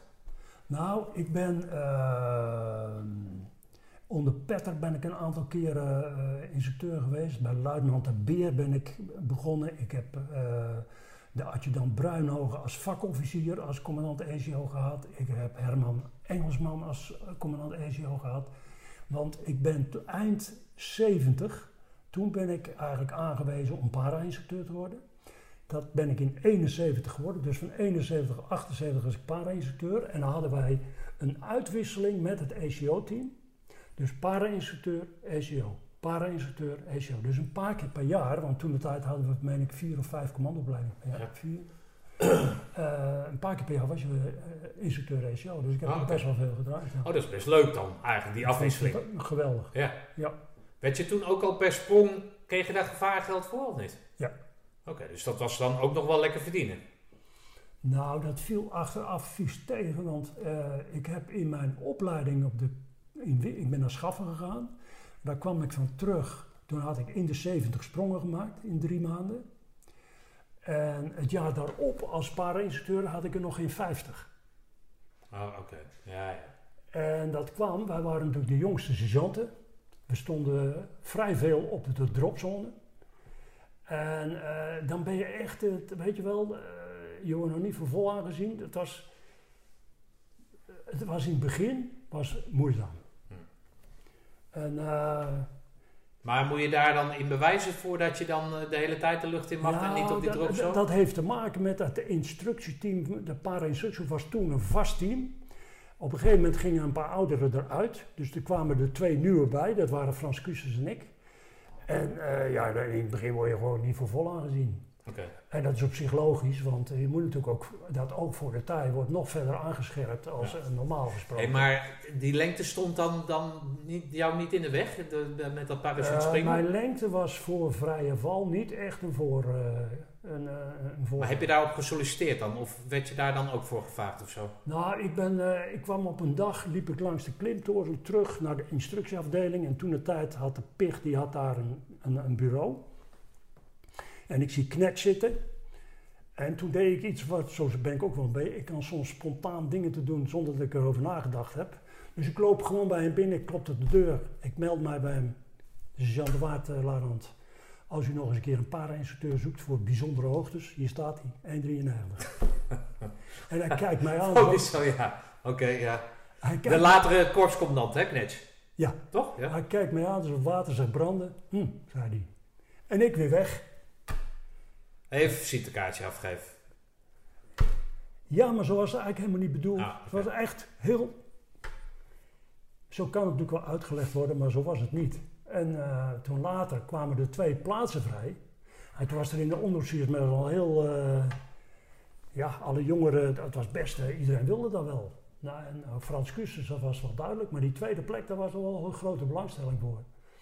En op een gegeven moment moest ik bij Knets Maar moest je daar dan talent voor hebben? Moest je je inslijmen? Wat- Nou, wat- wat- je wat- kon je opgeven, maar uiteindelijk de S1 bepaalde. Ja, ja. De S1 met Knet samen, denk ik. Hoe dat tot stand komt, eigenlijk had... Ik weet zelfs niet, ik heb me ook nooit opgegeven bij de S-sectie 1. Oké, maar je hebt wel even aangegeven dat je het zou willen. Maar in principe is Maar- dat een functie bij die para-instructiegroep die iedereen wil, toch? Ja. Dat heeft met geld te maken, dat heeft met status te maken. Ik Je denk loopt dat, natuurlijk altijd in zo'n ander pak, zo'n zo'n overall. Je bent een beetje de, de, zoals ik het dan zie, de Nou, happy view van het korps, toch? eh, het, het, eh, we keken er tegenop. Ja. Hè, want parachutespringen was toen nog niet zo eh gemeengoed als dat het nu is. Hm. Dat was niet zo. Dus ja, je had er wel respect voor. Nou, je wilde er graag bij horen. Ja, en ik had helemaal niet verwacht dat ik het ooit zou worden. Dat meen ik oprecht. En eh, toen moest ik eh, bij Knets komen en die zegt, jij gaat volgend jaar naar Schaffen. Nou, ik geloofde het echt niet. Ik liep terug naar de onderofficiersmes. Oh. En ik wist dus dat ik het zou worden. En daar was nog steeds die discussie gaande. Wie zou het worden? Wie zou het worden? Dus Ja. ik zeg, nou, ik denk dat ik ook wel een goede kans heb. Ja. Nou, ik werd helemaal omvergeblazen, bij wijze van spreken. Nou. Iedereen had de kans, maar Kees was door mijn lengte, dat, nee, dat kon niet. Oké. Ja. Maar goed, dat was natuurlijk wel vrij snel bekend. Ja, toen ben ik naar, naar Schaffen gegaan. Geweldige periode met Frans Kussers. En dan ben je met z'n tweeën binnen dit Belgische ding, word jij opgeleid. Ja, wij waren met twee Hollanders, twee Walen en vier man uit Burundi. Oké. Spreken is dus alleen maar Frans. Oké. En wij hadden tweetalige instructeurs. eh uit je hand Waterloos en sh- eerst sergeant-major. Godverdomme, nou even zijn naam kwijt. Maar, niemand zal hem kennen, maar goed, Ja. het maakt niet uit. Ja, en eh, dan die deden alles tweetalig. Maar dan moesten wij lesgeven. Maar dan zaten die mannen van Burundi in het harnas. En als ik dan zei, bepaal uw afdrijving. Dan keek die man aan of het water zich brandde. Dus je ook die Franse dus eh, termen onder de Dus je moest het in het Frans doen. Dus dat hebben we ook. Vandaar dat ik eh, Frans, eh, ja, dat... dat Stond die, dat, stond die opleiding zo hoog aangeschreven dat jullie daarheen gingen dan? Of is dat nog steeds hoog aangeschreven? Ik heb geen idee. Nou, in Nederland eh, is op een gegeven moment in de jaren 60 begonnen met een eigen paraschool. Ja. Daarvoor werden individueel mensen eh, opgeleid tot parachutisten in België. Ja. Dus eigenlijk is België eigenlijk wel ons, ons eh, ja, hoe zeg je dat?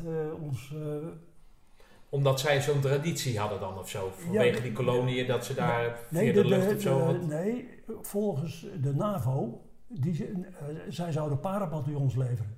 Ah, oké. En Nederland had, een andere, had het legerkorps met, Ja, ja. met, met, eh, andere verplichtingen. En eh, het KZT had af en toe in de compagnie een aantal para's. Die waren individueel opgeleid tot parachutist. Ja. Maar, en, en op een gegeven moment, dus dat de, onze basis qua parachutespringen lag in België. En toen zei- is er een, een instructiegroep opgericht. En eh, de meeste zijn ook allemaal in België opgeleid. Incidenteel werd er een para- para-instructeur opgeleid in Nederland, maar dat was eigenlijk niet te doen gebruikelijk. Ja, Dus wij, wij gingen naar België. Maar dan loop jij dus met zo'n overal aan, toch? Overal, ja. Groene beret op. Springen overal, groen pet, ja. Dus dan val jij eigenlijk buiten dat, of jullie dan, hè? Die Ja, paar. En we Je nog bent zo vrij als een vogel, letterlijk zo'n kort jasje met een bondkraag. En eh, als wij terugkwamen van springen, dan deden de collega's altijd deze beweging van kassa. Ah, weet je, en dat, dat eh, ja, op zich natuurlijk ook begrijpelijk. Maar ja, zoveel sprongen maakten we niet. Nee, oké, maar dat, dat hield je in stand, toch? Die, dat, dat imago. Nou, dat, nee, ik vond dat. eh, Nee? nee? nee, nee, Want toen ben ik, ik was in België toen luitenant Petter overleed. En ik kwam terug uit België. Toen was eh, de commandoopleiding van Piet Paul en Eddie Bikker. En toen is de rugbyclub opgericht. En toen ben ik eigenlijk onmiddellijk ook, eh, omdat ik lang was, zochten ze tweede rijers. Dus ik, werd, ik was meteen voorbestemd voor de tweede rij in, in het team. Maar jij had nog nooit ruggebied. Nee, Ah, oké. niemand van ons. Ah, oké, jullie deden maar wat. Nee, Eddie Bikker was onze, onze rugbygod. Die vertelde wat we moesten doen. Oké, maar dat was een rugbeer van origine. Of van Ja, die, maar- dat was international. Oh ja, dat wist ik niet. Ja, ja. Ah, oké. ja die was... Oh, eh, die is dit, dat is zeg maar de, de oprichter, Ja. de, de, de... Ja, dat Ah, was oké. Ja. En, eh, en daardoor ben ik als paardeninstructeur eigenlijk altijd eh, was ik betrokken bij de rugby. Nou ja. Eh, want Giel Vredendaal was de eerste voorzitter, ik was de tweede. En ik ben er daarna de rest van de periode gebleven totdat we gingen fuseren. Even, even onderbreken. Vertel eens over die petter. Ja, Petter, daar was je voor of was je tegen? Oh, is dat zo, ja? Ja. En ik was voor. Ik vond het een geweldig een sport. KMA, KMA-officier, hè? Niet? Volgens mij niet. Nee? Oh. Nee. Hij was, eh, ik vond het een geweldig vent, was een sportfanaat. Hij heeft tijdlang eh voor Jos. Antens Ja, heeft hij de- dat eh ding gehad, had hè? Dat, de record op de ja. Hij deed de militaire vijfkamp. Ja, ik, ik vond het geweldig. En ik vond het ook een aardige vent. Hm. Hij had een kleine mini Cooper, dan moest ik op verkenning, weet je wel. En dan ging ik met zijn auto op verkenning.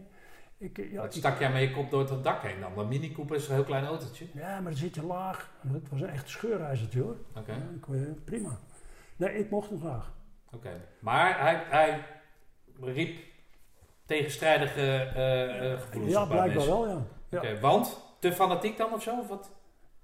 Want hij, hè, voor, voor de luisteraar, eh, hij is de officier die op de handgenaatbaan op de Rukversheide, daar wordt een handgenaat, een scherpe handgenaat geworpen en die komt verkeerd terecht.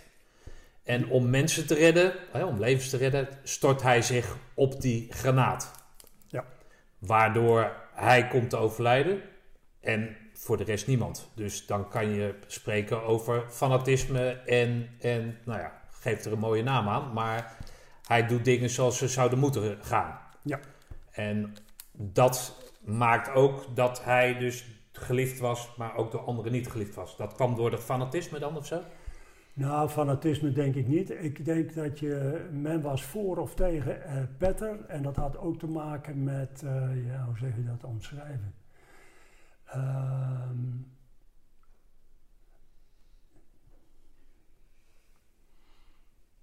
Cowboygedrag is niet het juiste woord. Maar weet je wel, eh, soms werden er dingen gedaan waarvan ze zeiden, dat kan eigenlijk niet. En dan deed hij het gewoon. Wij zaten ACO, zitten we in de Biesbos. En eh, op een gegeven moment was het leven van het land.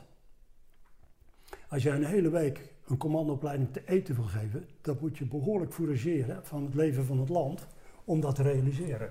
Dus op een gegeven moment kwam een vleestekort. Eh, toen kwam iemand op het lumineuze idee om te gaan vissen met handgranaten. Nou, dat is, typisch iets, weet je wel, dat je zegt van, oh, dat is een goud idee.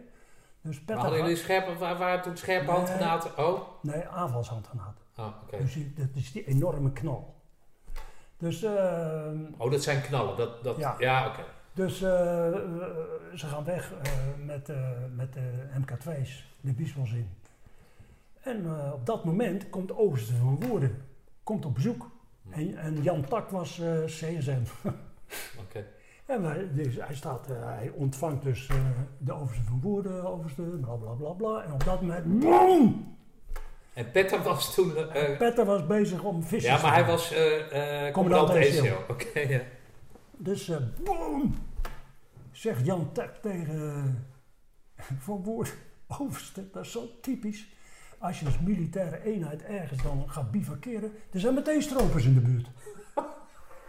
Oké, even later, boom! Weer eentje, boom! Drie keer. Nou, vijf minuten later komen die boten terug met allemaal twintig generaties vis in de emmers. En Petter die stapte uit die boot en, Pet, en, en Van Woerden kijkt hem aan en die zegt... Het lijkt me beter dat ik verder niets vraag, meneer Petter, meneer Petter. En Petter kijkt hem aan en die zegt, dat lijkt me ook inderdaad beter, overste. Fantastisch. Dus de hele ACO had die avond vis. Ja, ja, ja, ja. Geweldig. Oké, hoe werd dat? Hoe werd dat? eh, eh, hoe zijn dood? Wat, wat, wat, wat- Ik vond, het- ik vond het vreselijk, want ik kwam in het weekend thuis van... Ik was op, in eh, opleiding in België. En wij woonden in de... Yvonne, hoe heet het ook alweer? Ons flatje. De Breitnerlaan In Roosendaal. in Roosendaal. Ja. En ik, ik, eh, ik, eh, sta op het balkon en Jelle Schepers was mijn buurman. En Jelle die ziet mij eh, staan en hij zegt, heb je dat gehoord van Willem Petter? Ik zeg, nee. Hij zegt, ja, die is omgekomen op de handgranaat. Nou, dat vond ik vreselijk. Hm. Ja. En ik was op zijn bruiloft geweest. Ja, dat vond ik echt heel erg. Oké. Ik heb een traantje omgelaten. Ja. Hey, en hoe werd dat, werd dat in dat korps, omdat hij dan zoveel tegenstrijdige Nou, gevoelens opriep? er waren twee lezingen. De ene lezing heb je eh, gedaan.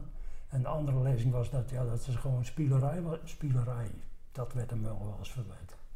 Ja. Maar ik kan dat niet beoordelen. Ik heb Ah. dat zelf ook niet waargenomen. Ik vond het een geweldige vent. Oké. Ja. Nou, Dus ik heb, eh, ik, ik heb eh, daar ook over geschreven, een beetje van. Eh, de waarheid ligt in het midden. En wat het geweest is, interesseert me verder ook niet. Ik vond het vreselijk. ja, oké. Heb je die Pettermas wel eens gelopen? Nee. Oké. Nee. Nee, ik ook niet, maar dat zou ik dan wel graag een keer willen doen. Vanwege zijn dochter. Nou, ik ben op zijn bruiloft geweest. Ik heb begrepen dat, eh, dat zij toen zwanger was. En Jan Bokhoven was eh, toen de tijd zeg maar de soort liaison tussen de familie Petter en het korps. Ja. En op een gegeven moment, ik weet niet, die dingen die ontstaan, dan zijn er dus mensen die daar gevolgen geven. En op de, ik ben daar nooit mee in aanraking gekomen. Nou ja, oké, maakt verder niet uit. Maar wat ik een mooi verhaal vind, is dat zijn dochter haar, haar vader nooit heeft herkend, eh, gekend. Ja. Omdat hij toen al overleden was. En dat, zeg maar, door, dat, door die mars elk jaar Ja. stilgestaan wordt bij haar vader. Ja. Nou, ik, ik vond het een geweldige vent. Ja. Oké, maar eh, dus we zijn gebleven bij dat jij dan eh,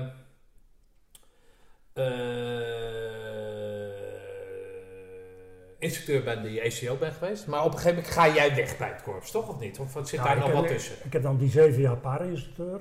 Oh ja, sorry. Ja, En ja. ja, Ik, ik heb ongelooflijk veel grondopleidingen gedraaid. En na een aanvankelijk wat eh, moeizaam begin, ja, ik kan niet anders zeggen, het was een geweldige tijd. Oké.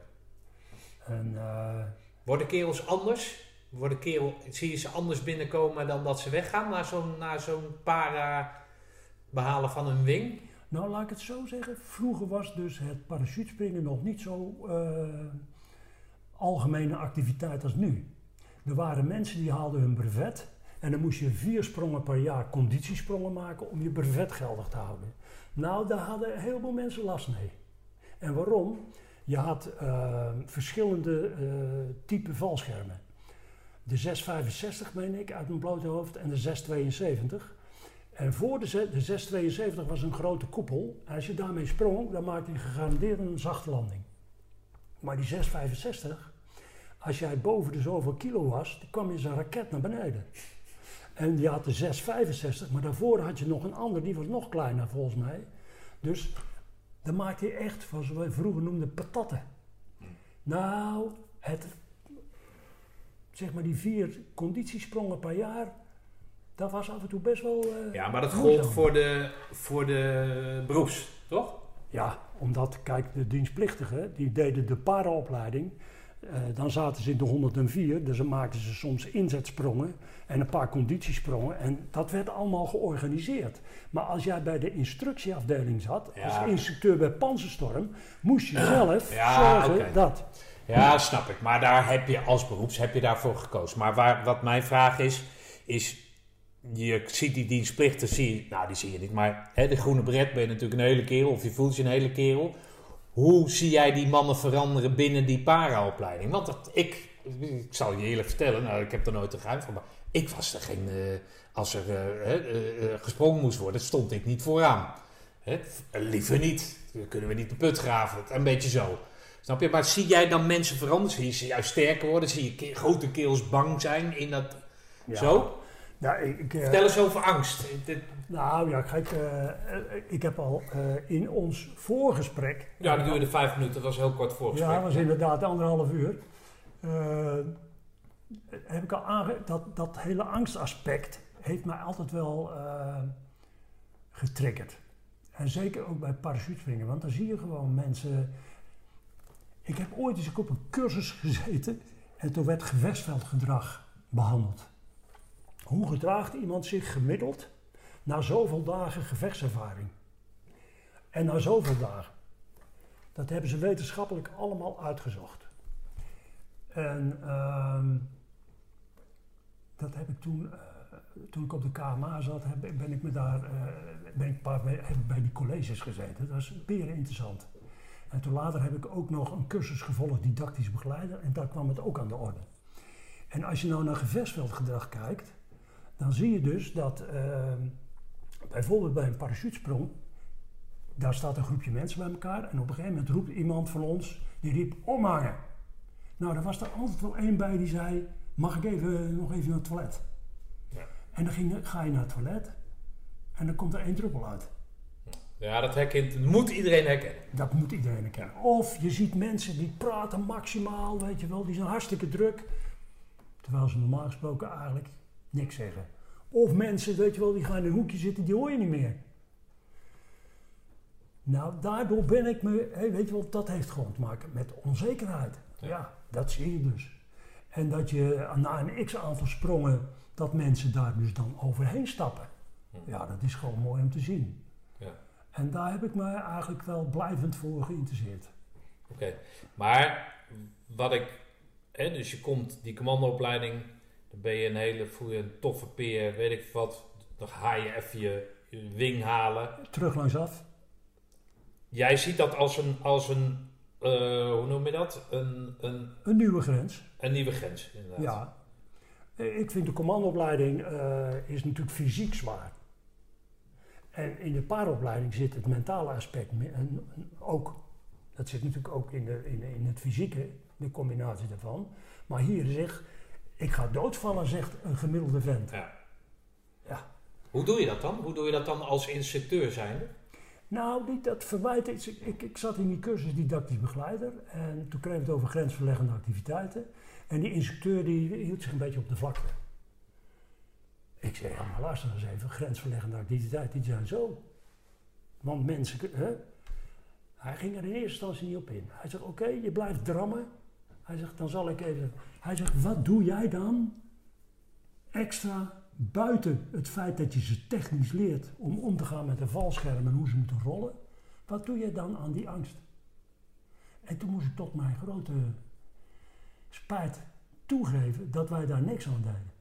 Dat overkomt je gewoon. En wij, er is niemand die jou vertelt hoe je met die onzekerheid daarmee om moet gaan. Nee, maar dat is een not done binnen die gemeenschap om je zwakte te tonen. Nee. nou, Toch? Je gaat toch niet zeggen van je springen niet leuk vindt? Dat, dat doe je toch niet? Nee, blijkbaar niet, maar dat is stom. Want je kunt veel meer bereiken door het wel toe te geven. snap ik, maar hoe ging je er toen mee? Hoe gingen jullie als die para-instructie Nou, om precies. daarmee om? Precies. Je, je loopt daar, dat geeft je dan zelf ook nog aan met de bondkaart, alsof je een soort piloot uit de Tweede Wereldoorlog bent. En, en, en dan ga je toch niet empathisch op zo'n zo'n kerel die st- staat te beven als een rietje. Ga je toch niet, joh, het komt allemaal goed. Dan ga je hem toch op zijn kloten geven. Wat ben jij nou voor een commando? Ik, ik, ik kan het niet beter omschrijven. Ja. Dus dat was toen de Dat stiel. was, dat was gewoon het gemiddeld beeld. Ja. Oké, en daar voldeden, voldeden jullie aan natuurlijk. Uiteraard. Ja, toch? Zo in, de, in die opening met, met die wind. En dan een beetje zo kijken op je knieën. Het kan wel. Hè, toch of niet? Er is een periode geweest dat de grondopleiding, Zwaarder was dan de commandoopleiding. nou zwaarder wil ik niet zeggen, maar een verlengstuk zeker. ja. ja. Want wij hadden toch die, die stokken met die, met die rubberen, eh, met die elastiekjes van het valscherm als een knobbel eromheen. En dan kon je dus aanwijzen wanneer iemand iets fout deed. Nou, dat aanwijzen was bij sommige instructeurs een stevige tik. En eh, een van de instructeurs, ik ga de naam niet noemen, maar die liet ze dan ook rondjes rennen rond de hangar van de opleiding. Ja, nee, dat had natuurlijk helemaal niks met springen te maken. maar, Maar kant. goed, dat maakte wel dat als die kerels het dan hadden... Had je dan het gevoel dat je ze iets extra's had meegegeven om als er eventueel, nou ja, gevechtshandeling, dat je dan door die. Nou, Hè, de- heb je dat Laat ik gevoel? het zo zeggen, de, de, de, de paraopleiding Ja. was een ongelooflijke goede voorbereiding op de sprong. Wil jij nog een bakje, eh, Kees? Ja.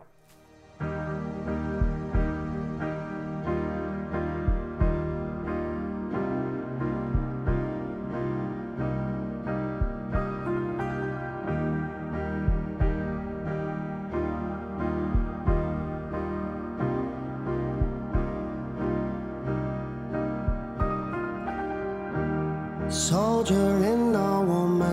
Always true to form.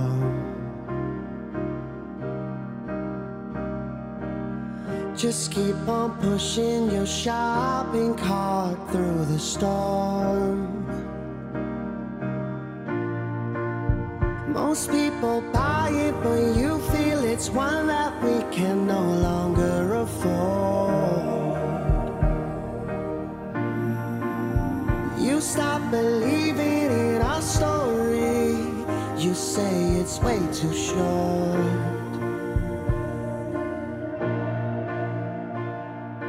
Ain't nobody out there is brave. Nee, maar goed, dus dat, dat zie jij dus. eh, eh, en zo werd dat ook gezien in de opbouw van. Dat, was- dat was normaal. Dat was in die tijd.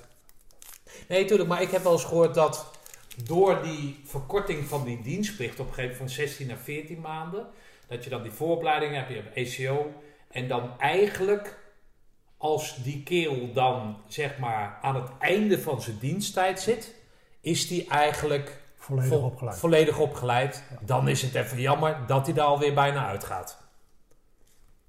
Ja, Ja, toch? ja. Nou, dus dan maakt die, die, die parachute, dat maakt, ondanks dat er, wij hebben maar heel weinig sprongen gemaakt. Ik denk dat we ten oude nood mochten we naar België uit zo'n, eh, weet ik veel, zo'n heel groot Amerikaans ding springen. En uit die, eh, die, die, die ballon, waar ik, wat ik ook nooit vergeet. En dan had ik twee wings een paar weken. Maar voor de rest, ja toch?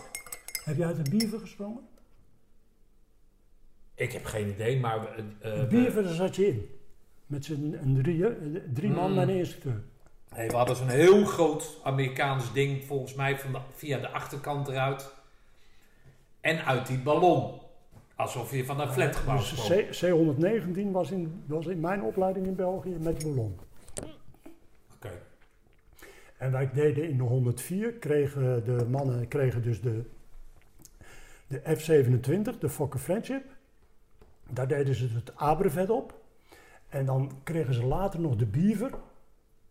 En in de Beaver deden we patrouillesprongen.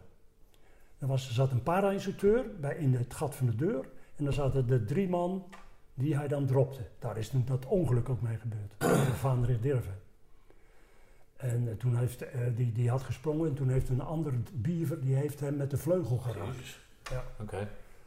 En, eh, maar Dus toen omwille van de veiligheid hebben ze dat afgeschaft. Nee, dat hebben ze toen dus bijna twee jaar, twee, drie jaar heeft dat stilgelegen.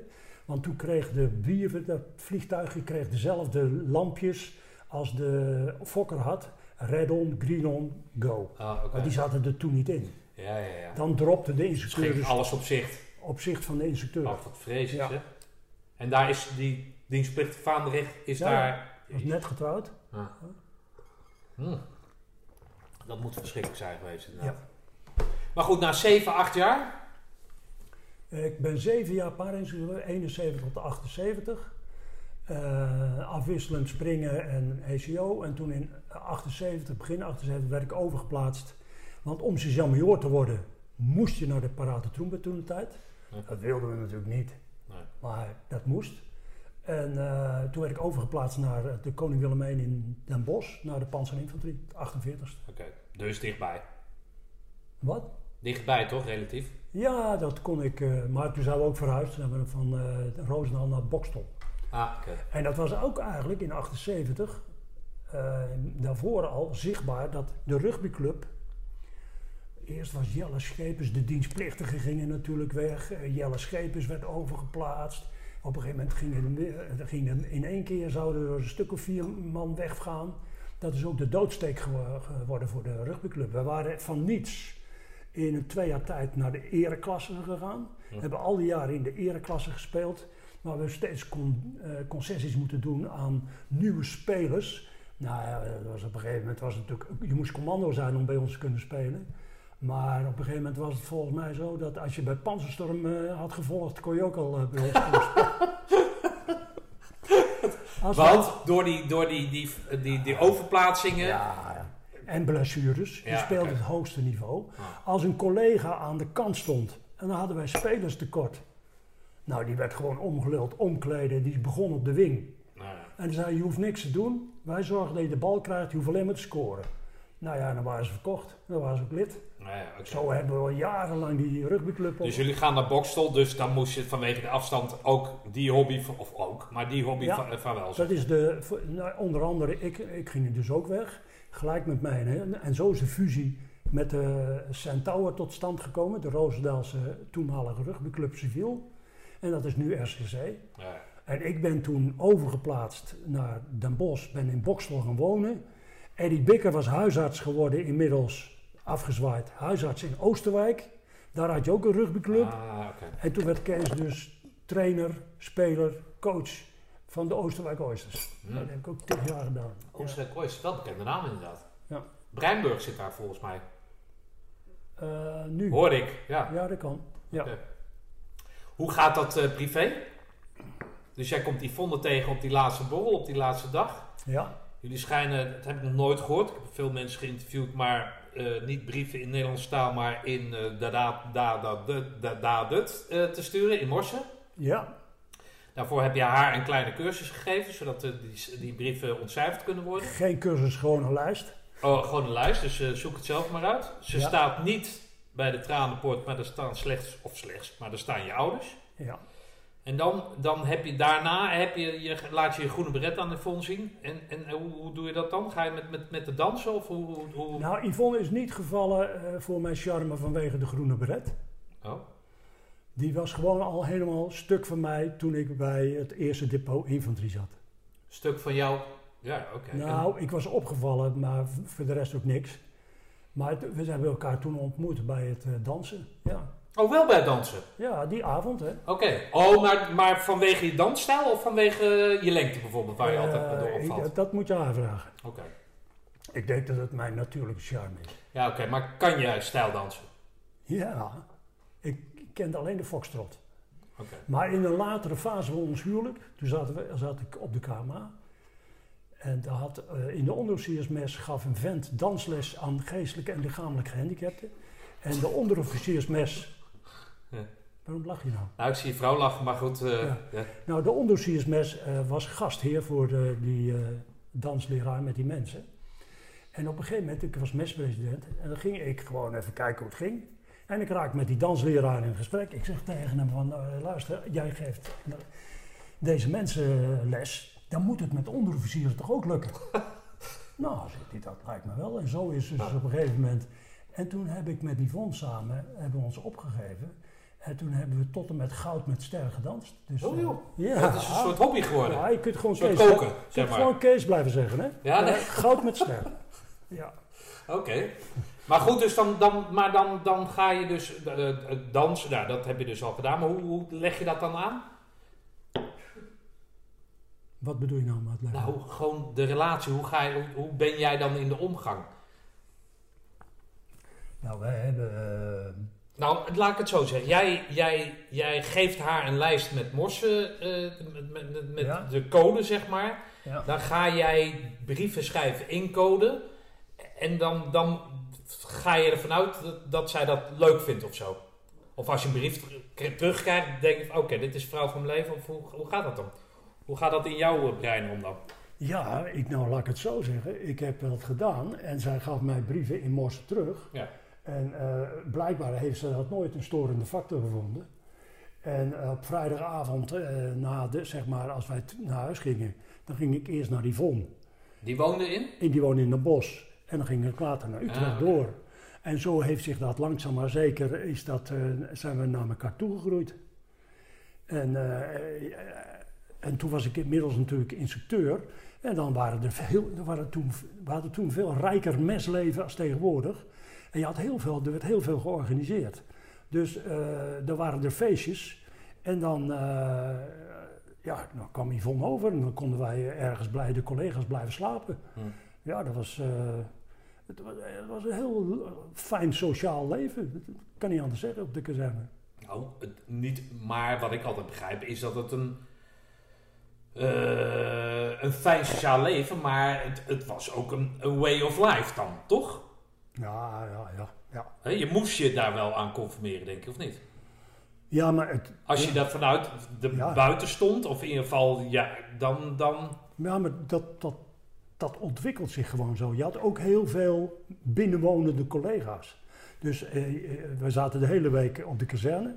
Dus je had een heel sociaal leven s'avonds na de dienst Ja. met de collega's. En eh, in de weekenden werden we veel georganiseerd. Ja. En op een gegeven moment tijdens het dansen bij een feestje zei eh, eh, hoe heet hij nou? Ehm, Jaap Kwartel. Die, was, Jaap Kwartel was zeg maar, een, een, een, die had een functie dat hij in contact met de gemeente stond. En toen de tijd had het leger, Defensie, had recht op een x aantal woningen op jaarbasis.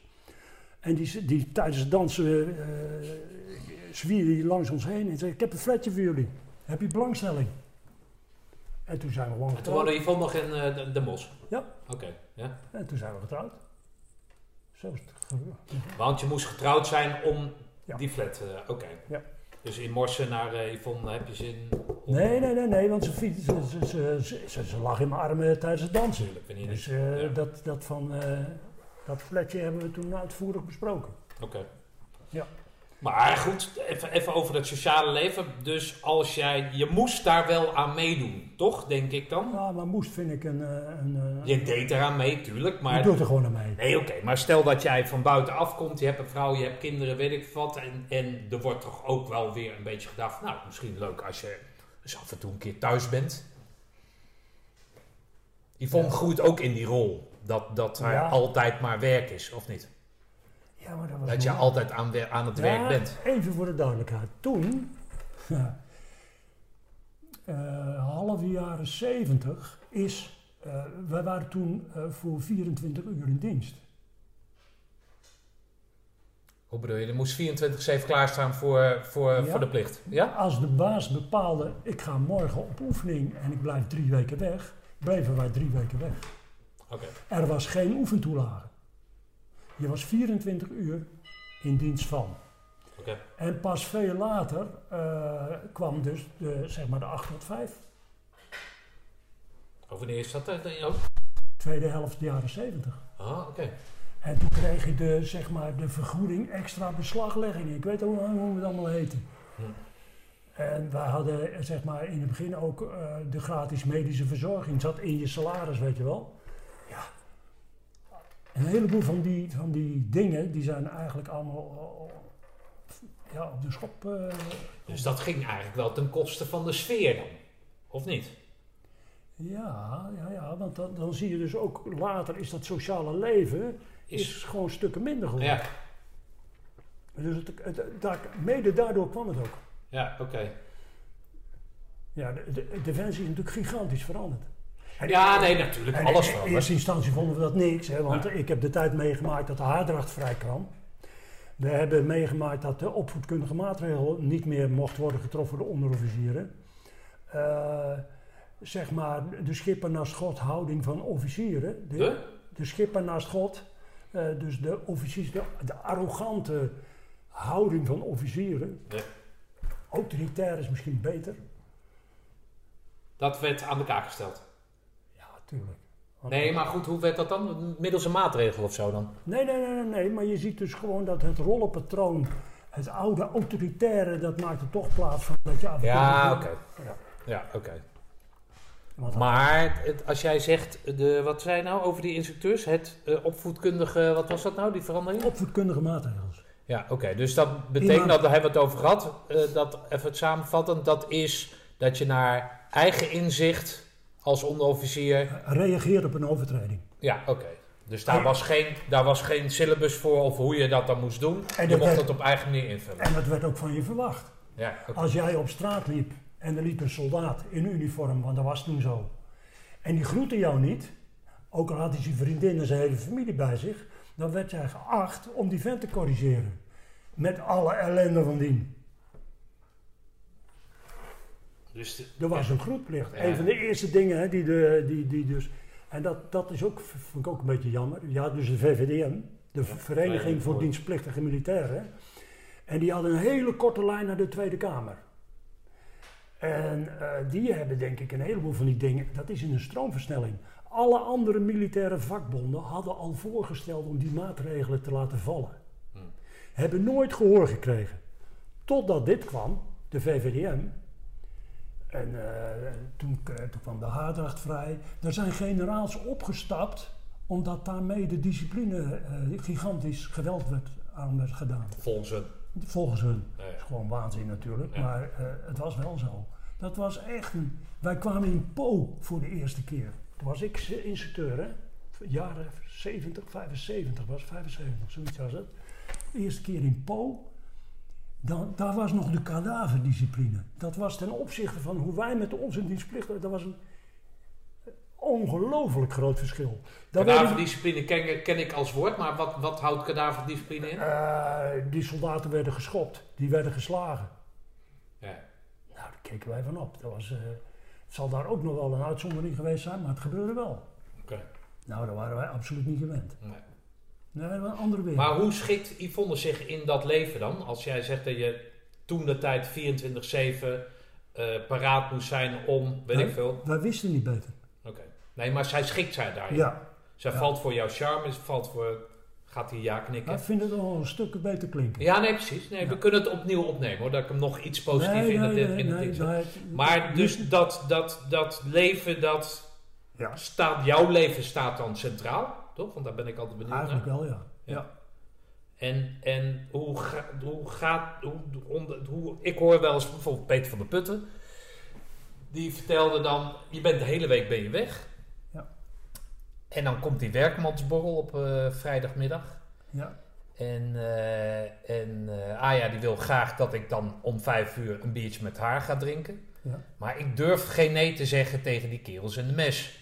Dat, dat Ja. durf ik gewoon niet te zeggen van ik ga met Aya een biertje drinken. Dus dan ga ik, daar ben ik dan te slap voor. Dan beginnen al die vrouwen beginnen te bellen toen de tijd. Naar de mes van eh, is die en die er nog. Het enige voordeel daarvan was dat iedereen in de mes zat en niet in de stad of zo. Dus iedereen wist, al die vrouwen wisten dat jullie daar zaten. Ja. Hoe was dat met jou? Ging je, wat zat jij wel om vijf uur bij eh Yvonne eh, een biertje te drinken? Nee. Oh, nou, dat is wel duidelijk. Maar hoe, hoe deed jij dat dan? Was je een innemer? Een groot lichaam, dus je kan er goed tegen. Ja. Ik kwam eens een keer thuis met een snee in mijn neus. En Yvonne zat op de bank. En wij hadden toen de tijd een hamster. Tuurlijk. Welke onderofficier niet? En die hamster liep vrij rond op de bank en die zat op de schouder van Yvonne. Dus ik kom thuis, ik buk mij om haar te kussen en te knuffelen. En die hamster schrikt daar natuurlijk van. Dat beest loopt over de bank en springt op de grond achter de bank. Nou hadden we er allerlei kabels lopen, dus ik denk, oh jee, die hamster moet er weg. Dus ik stap naast de bank met maat 46 breed. En die hamster denkt, Kees die wil mij pakken. Dus die denkt, die rent weg en loopt onder mijn maat 46 breed. Ik zet mijn voet neer en voel dat de hamster vermorzeld werd. En zegt tegen Yvonne, hij is gestorven als een held. dus mijn drank op vrijdagavond heeft er mede toe geleid dat onze hamster is komen te overlijden, die overigens een prachtige begrafenis heeft gekregen naast de flat. Nee, de- ik heb mij daar ook aan beschuldigd. Ja. Maar is dat dan gezellig of niet? Zo'n, zo'n nou, niet die hamster natuurlijk, maar die werkmansborrel. ja, dat is berengezellig. Ja? ja. Noem eens, Te. noem het, maar, ja, nee, maar noem eens een paar... eh, nou, Noem eens een paar kerels die er bovenuit staken. Niet qua lengte zoals jij, maar gewoon qua grote mond of qua hilariteit. Of, nou, of- nee, we hadden dus Henny Derks was de mespresident. Ja, dat schijnt een iconische figuur geweest te zijn in dat ding, hè? Ja, Henny Derks en Jan Slot. En eh, die, er werden eh, loterijen eh, georganiseerd. Dus je moest al vroeg bonnetjes kopen. En dan moest je net zo lang blijven tot, Totdat er tot de loterij geweest was. Ja. En dan achter het muurtje, daar werd gepokerd. En dan had je nog achter de pokertafel, dat was de schoelbak en de dartboard. Ja, dat, dat, dat werd, ja, dat was gewoon gezellig. Hoe omschrijf je gezelligheid? Er gebeurt Ja, nee, oké, maar dus dan, dan, eh, hoe heet dat, marcheer je die kerels af naar het weekend. Ja. Dan steven je af op de officiersmes om een uur of half vijf of zo. Ja. Dan neem je een biertje, hey pik, hoe gaat hey meneer, hoe gaat het? En dan? Ja. En dan, dan, dan komt er eten bij, of juist geen eten bij, zodat je dan... En soms wel, soms niet. Oké. En dat, met dat bellen, dat de telefoon gaat van thuisfronten, diverse thuisfronten, klopt dat? Nou, dat gebeurde natuurlijk incidenteel wel. Yvonne heeft mij nooit gebeld. Maar er waren natuurlijk eh, collega's die... Nee, jullie deden alles Ja. met morsen natuurlijk, dus... Wij deden met mos en dat is een stuk eenvoudiger. Het staat, staat het. Ja. Nee, maar dat, dat is een gezellig... Ja, hoe omschrijf je ongezelligheid, maar... Hey, hoe omschrijf je... Nee, natuurlijk, de maar je, bent, je hebt allemaal hetzelfde doorstaan, om het zo maar te zeggen. Je bent Ja. de hele tijd op allerlei plekken ben je bezig, rondom Roosendaal. Ik wil een ander voorbeeld geven. Wat wij... je had een hele grote groep. eh, de sergeanten zaten bij elkaar. De adjudanten zaten bij elkaar. Oh, is dat zo, ja? Ja, dat was echt. Dat is allemaal wel wat minder geworden. Op een gegeven moment hadden we er toch een beetje de balen van. En toen hebben we met. eh, en misschien is dat de vorm van humor die jij eh, zoekt. Hebben we opgericht de Club van de Jonge Honden. En de Club van de Jonge Honden eh, had altijd ruitjespapier op zak. Om als een oudere zich in hun ogen een beetje te autoritair gedroeg, in beklag te gaan. En je kon dus eh, lid worden van de Club van de Jonge Honden. A, als je dus dat ruitjespapier op zak had. En B was dat je zonder handen te gebruiken een glas bier naar binnen kon werken. En ik had in mijn gebit twee hoektanden, melkhoektanden, die groeiden achter, ik moet het goed zeggen, de goede hoektanden groeiden achter de melkhoektanden. Dus als je dubbele hoektanden hebt, ben je nog net geen Dracula, maar daar past precies een glas bier in. Dus ik kon als enige... Zo'n ouderwets glas, zo'n... zo'n zo'n Ja, ja, ja zo- en dan ja. kon je zo. En dan moest ik een demonstratie geven. En dan de nieuwe jonge hond kon dan lid worden als hij dus een glas bier eh, zonder handen te gebruiken. En als die, dan moest hij een rondje geven. Dus iedereen moest gewoon een rondje geven. Daar kwam het op neer. Maar volgens mij kan je toch zonder dub- dubbele hoektanden, dat is de eerste keer dat ik het hoor. Dat, gaat bijna dat niet. gaat bijna niet. Dat Nee. gaat bijna niet. Nee. Dus dat was lachen, gieren, brullen. Maar, Maar na het voldoen van dat rondje werd je automatisch lid. weet je, automatisch Ja. lid. En het werd niet bijgehouden. Ja. Maar op een gegeven moment eh, waren alle onderofficieren lid van de Club van de Jonge Honden. Dus we hebben het maar opgeheven. Maar het bereikte, je bereikt wel weer een meer wijgevoel. Ja. En wie het ge- gestart heeft, dat weet ik allemaal niet meer. En misschien heeft het maar een half jaar geduurd, maar het was wel leuk. Ja, ja het, het schept een band. Daar kan ik me alles bij voorstellen. Juist. Ja, en zeker omdat je hè, dus dat overplaatsen hebt en, en, en weet ik veel wat. En dat werd J- jullie zijn nooit, jij bent dan naar Den Bosch gegaan. Heb je dan, oh ja, ben je naar de Bokstel zijn jullie verhuisd? Ja. Ben je ooit teruggegaan naar het korps? ja, pas toen ik vakofficier werd. Oké, waarom word je vakofficier? Eh, dat komt omdat Dat je... heet nu anders, hè? Even eh, als je... Het is helemaal niet meer. Nou, nee, maar goed, je hebt die vakofficier en daarna tussen nu en die vakofficier zit een periode waarin je uitloopofficier wordt of zo, hoe noem je dat? Nee, dat is een ander begrip. Uitloop, Oh. Uitloper. Nee. Eh, vroeger was het zo. je liep vier jaar sergeant. Tien jaar sergeant 1. Tien jaar sergeant major. Dan werd je adjudant. In de eerste twee jaar werd je beoordeeld of je geschikt was om vakofficier te worden. Plus een aantal be- beoordelingen uit je sergeant-majorschap. Na twee jaar moest je dan, werd je was er een schifting op basis van de beoordelingen. Die mensen die door die schiftingen van die beoordelingen kwamen, kwamen voor een commissie. Die commissie bestond uit een x aantal hoge officieren. En dan werd er gewoon een gesprek met de, eh, bewuste figuur gevoerd. En op basis van dat gesprek werd er gezegd ja of nee. En dan ben je vakofficier.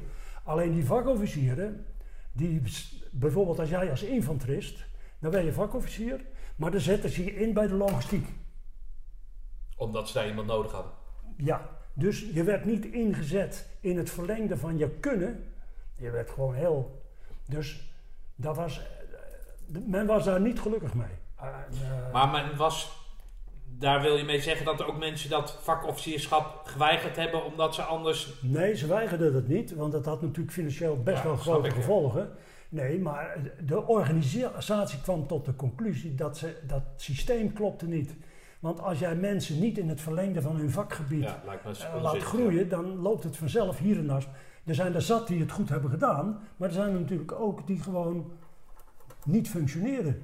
En ook, eh, onherkenbaar waren soms voor hun oud-collega's. Want ze zich een andere Ja, houding aan... Ze eh, waren nu officier, dus eh, ja, Ja? ja. Maar daar hebben we bij het korps gelukkig niet zoveel last van gehad. Want bijvoorbeeld Bruinhoog was een van de eerste vakofficieren, wat ik mij zo herinner. Die kwam terug als en die is wat commandant ECO. Ja, die, die, dit was in zijn vakgebied. Ja. Daar hadden we heilig respect voor. Ja. Eh, Ik weet nog dat hij, toen was ik instructeur, was hij. Toen zaten we op de Pindor, er was een plantage en hij zou s'avonds zou die een mars lopen. En ja, we, hadden, we het eten opgevoerd, want daarvoor was altijd een hele lange kaartleesoefening. En wij zaten te wachten op Bruinhogen, maar die kwam maar niet. Dus een van ons is de mars gaan lopen en ik ben teruggegaan om Bruinhogen op te halen. Dus ik kom daar en er zit hij, en wij hadden zo'n eh, zo'n bureautje, hij had zo'n bureautje in de instructieafdeling. En eh, toen zat hij zijn, zijn, zijn schoenen te poetsen en uit vermoeidheid was hij in slaap gevallen. Ja. En wij hadden zoveel respect voor die man. Ja. Eh, We hebben later is hij opgevoerd en hebben, heeft hij de rest van de mars gelopen. Maar dat vond hij zelf verschrikkelijk. Nou, als je zag wat hij deed, dan was heel logisch dat hij af en toe op die leeftijd. eh, Ja. dat het, hè? Maar het is natuurlijk een prachtig iets om officier te worden. Ja. Toch? Ja, ja tuurlijk. Maar dan moet jij ook, of je moet, ja, moet je, ja, dan moet je ook naar de officiersmes, of niet? Ja, dat was toen. Hè? Ja. Maar mag je dan ook niet naar de onderofficiersmes? Nee, toen niet. Dan werd je nou niet geweigerd, Nee. maar werd er verzocht om... Of, of, of iemand moet je meevragen. Ja, oké. Maar ik vind dat namelijk een hele leuke vraag. Ik heb hem toen aan Jelle gestuurd, of gesteld. Eh, maar die zei, ja, dat, dat was toen niet meer, hè? De, de onderofficiersmes en de, de officiersmes. Maar als je nou als onderofficier officier wordt, Ja. jij, jij geeft al aan, ja, wat is gezelligheid? Maar als je gezelligheid zoekt, ja. Waar word je dan het liefst dronken? In de onderofficiersmes of in die officiersmes als zijnde vakofficier? Oh. Ah, nou, ik ga de vraag niet ontwijken, maar ik ben weggegaan als sergeant 1 bij het korps. Ja. Ik ben teruggekomen als eerste luitenant. Ja. Ik kende Jatse Wang, Ja. die toen ik als oude sergeant 1 wegging, zat Jatse eh, zeg maar een paar jaar bij het korps. Die was toen inmiddels adjudant geworden. Theo Frederiks, idem dito.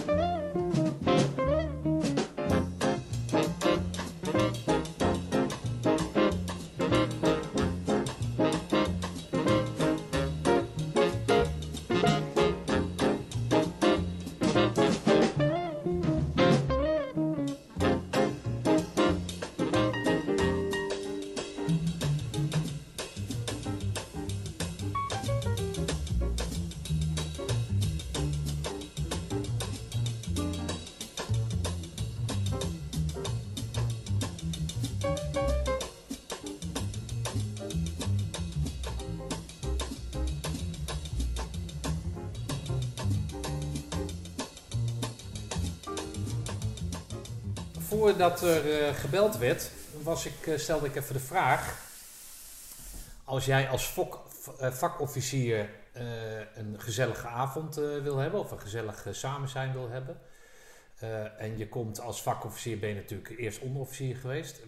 Waar, waar kies je dan voor? Van de officiersmes of de onderofficiersmes? Nou, toen het tijd was het nog steeds nog gescheiden, alhoewel het allemaal wel wat makkelijker ging. Maar ja, ik kende in de onderofficiersmes alleen nog maar de ouderen. Oh, de, oh natuurlijk. Je Verder kende tijd ik niemand. geweest. Nee. Ik kwam bij een team waarvan ik niet... Ja, ik kende sommige sergeanten-jongens, maar niet veel. Alle sergeanten 1 waren voor mij onbekend. Oké. En eh, ja, je wordt natuurlijk, zeker als je zo lang bent weg geweest, dan word je echt bekeken van, ja, wat moet jouw uh, lul hier nou? Ja. wel? Dus eh, je- ik ging gewoon naar de officiersactiviteiten. En als er iets gezamenlijks was, dan deed je dat gewoon natuurlijk. Ja. Maar voel ben- je je dan thuis in zo'n, in zo'n officiersmes? Word je anders benaderd omdat je vakofficier bent? Of Nee, voel je dat? Ik ben eh, Voel je respect juist? Of, of- Ik ben, eh, ik denk het laatste. Ik ben opgevangen. Ik, eh, ze hebben mij, eh, omdat ik lang was weg geweest, hebben ze me ook de gelegenheid gegeven om er even langzaam in te dribbelen. hè. Want de eerste, ik zou commandant ECO worden. Dus eh Ad Derksen heeft de eerste ECO gedraaid en ik draaide met hem mee om, om, om eh, weer eventjes eh, te wennen. Eh, ik kan niet anders zeggen, ik ben prima opgevangen, collegiaal, niks mis mee. Oké. Ja. Dus jij kwam terug om, je was voorbestemd om commandant ECO te worden. Ja, Ja. Hoe, hoe, wat, is dat een eer? ja Of vond ik een eer. Ja? Ja, ja. Ik was, eh, Piet Filius en ik zijn van dezelfde lichting, zeg maar. Ja. En van die hele lichting, dat waren toch een man of 40, 50 zo, die officier werden, was ik de, de enige die bij de troep terecht kwam. De rest kwam allemaal op, eh, en, en Piet kwam bij het verbindingspeloton van de 104. En de rest kwam allemaal bureaubanen, weet je. Oh ja. Mocht je daarvoor kiezen dan? Nee, ik, eh, ik, ah, hoe jouw functie tot stand komt, dat is niet helemaal duidelijk. Dat bepaalt natuurlijk de DPKL, Dienst Personeel Koninklijke Landmacht, en de behoeften die er zijn. Maar toen de tijd was een beetje ingewikkeld. Eh, je werd vakofficier en dan was je meteen eh, eerste luitenant. Maar als jij op een functie kwam waar normaal gesproken de kapiteinsrang aan was verbonden, Ja. dan moest je zeg maar twee jaar op die functie zitten en dan ben je kapitein. Maar toen was er net een nieuwe regeling dat als jij op een kapiteinsfunctie kwam, dan werd je ook meteen kapitein. Dus ik zou op de KMA blijven. Ik zou hoofdopleidingen worden, militaire opleidingen van dat team. Niet hoofdmilitaire opleidingen, hoofd van het instructieteam. Maar dat was een kapiteinsfunctie. En eh, toen kwam net die nieuwe regeling. En Rob Leenhaus, dat was een jaar voor mij. Ja. En Rob had dus eigenlijk meerdere. eh, die was ouder in rang als ik. Dus die had meer rechten. Dus Rob was commandant ECO. Die werd commandant instructiegroep op de KMA. En ik heb eigenlijk zijn baan gekregen. Ja, oké. Ja, ik vond dat niet erg. Oké. Ja. Maar met de ervaringen die je dan hebt, Ja. hè, als zijnde onderofficier, die gevechtscursussen, die ECO die je gedraaid hebt, eh, Ja. eh, dat soort zaken allemaal. Op wat voor manier ga jij die eh, functie in? Heb jij dan de vrijheid om het, om het nou ja, naar eigen inzicht te doen? Of, Nou, in eerste instantie eh, volg je gewoon het oude patroon. En dan kijk je in hoeverre wijkt het patroon af met vroeger. En wat mij eigenlijk wel heel snel opviel was dat onze cursisten wisten van A tot Z hoe de commandoopleiding in elkaar zat. Die wisten wat ze in de tweede week deden, die wisten wat ze in Limburg deden en ga zo maar door. Gevolg- welke, welke, eh, welke periode hebben we het? Of? Eh, je hebt het nu over eh 91, 92. Oké. Zeg ik het goed? 91. Ja, 91, 92. Oké. En ehm, het gevolg was dat er af en toe, als als, eh, dat er s'nachts... Lekker Yvonne, dankjewel. Broodje kaas, heerlijk. Nou, dit begint op verwend te lijken. Ja, dat moeten we niet... eh, Dus eh, dat er af en toe nou s'nachts natuurlijk wel eens dingen gebeurden die eigenlijk niet de bedoeling waren. En dat vond ik, eh, dat irriteerde me mateloos. Wat bedoel je dan? Wat Nou, ongepaste eigen initiatieven van Instructeurs. sommige instructeurs. En, maar ja, goed, eerlijkheidshalve kon ik hem ook wel voorstellen, want die, die mannen wisten precies wat er allemaal speelde en zo. Dus toen zijn we begonnen met, zeg maar, om de onvoorspelbaarheid van de opleiding, om die weer terug te brengen. Dus Was dat zijn- een opdracht of was dat je eigen... Dat was mijn eigen idee. Oké. Nou, geloof ik wel dat ik dat mag zeggen. En eh, ik wil een voorbeeld geven. Je draaide eerst de vooropleiding. En op een gegeven moment hadden we, eh, vlak voordat de commandoopleiding begon, eh, hadden ze een ADV-dag. ADV is? Ah, zeg maar, ja, dat was in de arbeid. Arbeidstijdsverkorting of zoiets? Nee, eh, dat was een vrije dag in het kader van de arbeidsvoorwaarden. Zoveel dagen extra per jaar eh, kregen ze dan vrij. En eh, die was gepland. Dus ik, en, en, maandag zou de commandoopleiding beginnen. Dus toen zei ik tegen die man, ik zei nou luister, in de commandoopleiding is ook een ADV-dag. Maar om programma technische redenen ga ik natuurlijk niet vertellen wanneer. Maar dat was helemaal niet zo.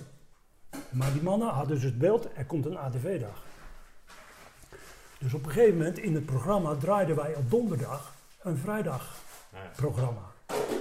En donderdagavonds, donderdagsmiddags was er inspectie en al die dingen. En gingen ze in de bus naar het station.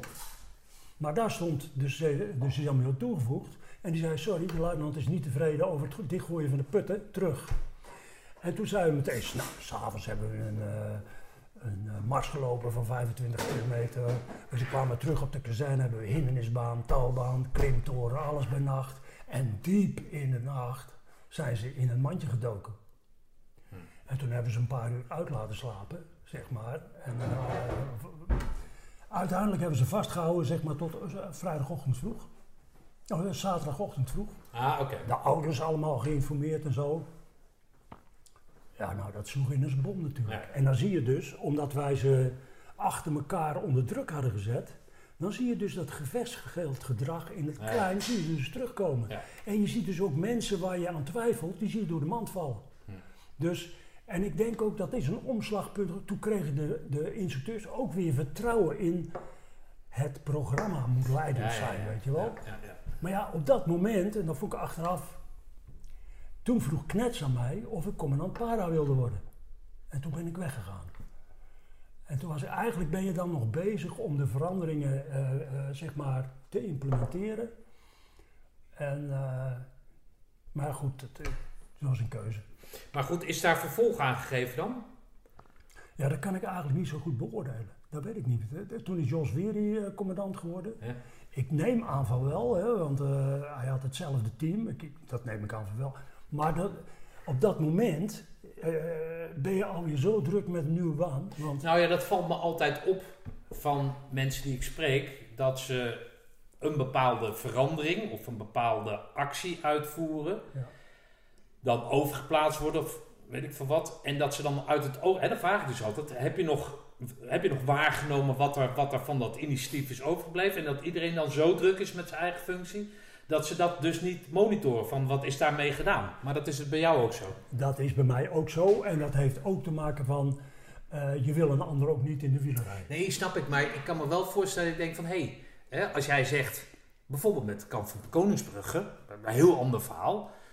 maar er komt nu een seizoen 2, komt er... ja, iedereen die die serie gezien heeft... die weet wat er gaat gebeuren. Dus ik ben zo benieuwd hoe ze dan die verrassing erin gaan terugbrengen. Nou, Wat? dat maakt geen bal uit. Want op het moment dat jij echt... Nee, dat snap ik. Tuurlijk. En, en je weet het. Nee, maar die Ja. onzekerheid... dat is toch hetgeen waar, mensen, waar, waar je mensen in toetst... Ja, Toch? ja. Dus wat op donderdagavond bij jou gebeurt of donderdagmiddag gebeurt bij het station, kan me voorstellen. Dan denk ik, hé, hé, lekker naar huis. Hé, wie, wat doet die Chamnior daar? Maar Hoezo moet ik uitstaan? Hoezo moet ik weer... Wat, snap je? Dat maakt mensen onzeker. Daardoor. Ah, sommige dingen zullen ze herkennen, maar als je door elkaar husselt. Ik denk dat eh, met een beetje creatieve eh, aanpak komt dat wel Ja. helemaal goed. Heb ik, Ik weet, Jos Weri, die heeft de laatste commando, dienstplichtige commandoopleiding eh, gedaan. Ja. Dus jij zat in, in dat eerste traject dat die, dat die maanden eh, eh, van dienstplicht naar beneden gingen. ja, Jij zat al van op 12 maanden dan of zo. zoiets ja. Maakte dat wat anders? Nee. Nee? Nee. Eh, ik, ik ben in die periode, die commandoopleiding, was ongewijzigd. Het was gericht op de 104. Ja. Putten graven, daar kwam het op neer. Waarnemen, verkennen. Ja. En dat was het. Precies zoals eigenlijk in mijn eigen tijd. Ja, oké. Alleen eh, bijvoorbeeld, eh, ja, welke invloed had mijn ziekthuis in de commandoopleiding? Ja, ik liet op een gegeven moment een man uit de put komen en die heb ik laten controleren op teken. Nou, die hospikken keken me aan alsof ze water zagen branden, maar elke cursist had 11 tot 15, 18 teken op de lijf. En de, en de hospikken wisten niet hoe ze die teken moesten vrijen. Andere tijd. Hm. Maar het hoort er wel bij. Oké. Ja. Dus dat in die zin, eh, ja, ik, ik hield dat medische toch ook wel een beetje in de peiling. Oké. En ik vond ook dat het hoorde. Hm. Er moet een, er moet een verstandige arbeidsrustverhouding zijn. Hm. Ik heb met mensen gesproken die in de zijn opgeleid. Toen was ik al sergeant. Ja. En die zeiden, in Eknekerry, in oorlogstijd, elk uur na 12 uur binnenkomen, was een uur later reveille. Dus eh, inspanning, rustverhouding. De arbeidsrustverhouding. Mensen hebben om. Als je mensen wil opleiden, moet je. Je kunt niet achter elkaar eh, fysieke dingen doen, maar dan breek je af. Ja. En je moet, je moet opbouwen. Oké. Maar dat was jouw eigen benadering. Dat stond Dat niet in die syllabus van... van Ja, natuurlijk was er een syllabus, maar er zijn ei- einddoelen in geformuleerd. En daarbinnen in het programma eh, had je toch behoorlijk wat vrijheid als commandant. ja, ja. Ja. Heb je goede opleidingen eh, opgeleverd? Of heb je goede pelotons afgeleverd? Dat denk ik wel, ja. Ja, dat is een beetje. eh, ja. Nee, maar als je daar dan zo op de appelplaats staat, de, weet ik van die hele ceremonie met, met zo'n bestman en weet ik wat, had je dan het gevoel van godverdomme, heb ik goed gedaan? Of hebben wij goed gedaan uiteraard? Ik denk dat wij het goed hebben gedaan, ja. Nou, oké. Ik heb er wel, eh, bijvoorbeeld, eh, eind van de week deed ik altijd een evaluatie. En dan vertelde ik ze wat dus de doelen waren die week waren geweest. Hm. En ik vond ook, eh, tegenwoordig, dat vind ik ongelooflijk knap, vind ik een mooie kreet. Wij hadden de, je hebt de vooropleiding en de commandoopleiding.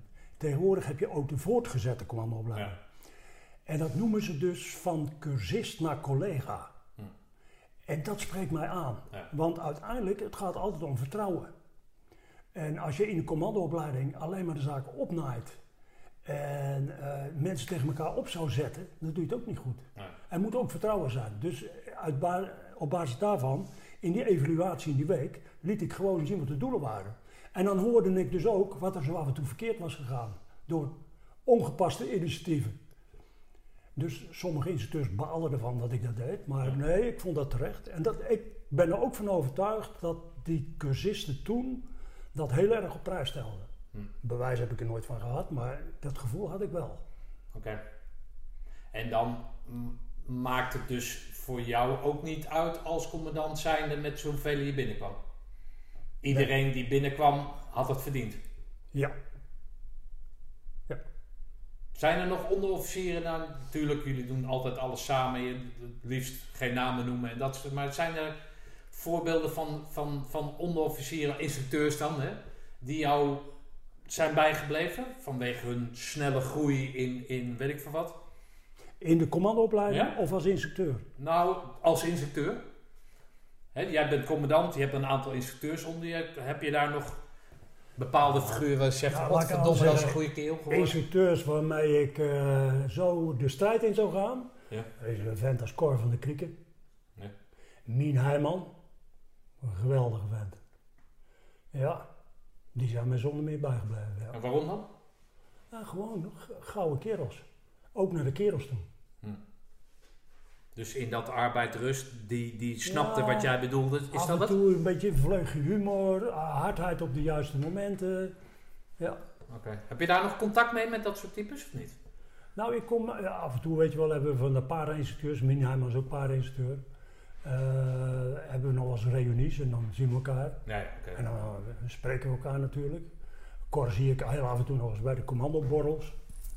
En de overigen ook trouwens. Mijn naamgenoot, Kees de Waard, Breed. Kees was ook instructeur in mijn Bree, tijd. Kees.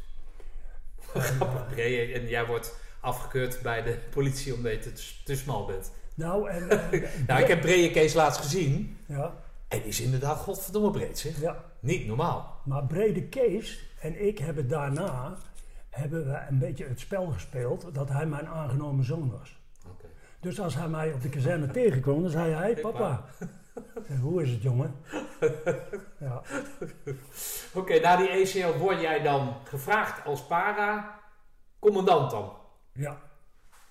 Dus dan zit je dicht tegen die oprichting van de 105 aan of zo. Of, de 108. Of 108. Dat was toen nog niet ter sprake Nee, natuurlijk. Maar De 108 kwam, Ad Derksen met, met Ed Oskam en met eh, Willem Melgers en met Rien Broeders. Die, en en, en, en eh, hoe heet die nou? Eh, de luitenant. Eh, Aldo Karis. Eh, die zijn daar opgestart en van meet af aan hebben we daar toch wel als para een innige band mee gehad. Want dat was al meteen duidelijk, we wilden dus die vrije valopleiding. Dat moest dus de grensverleggende activiteit zijn voor onze toekomstige operators. Hm. Onze toekomstige special forces.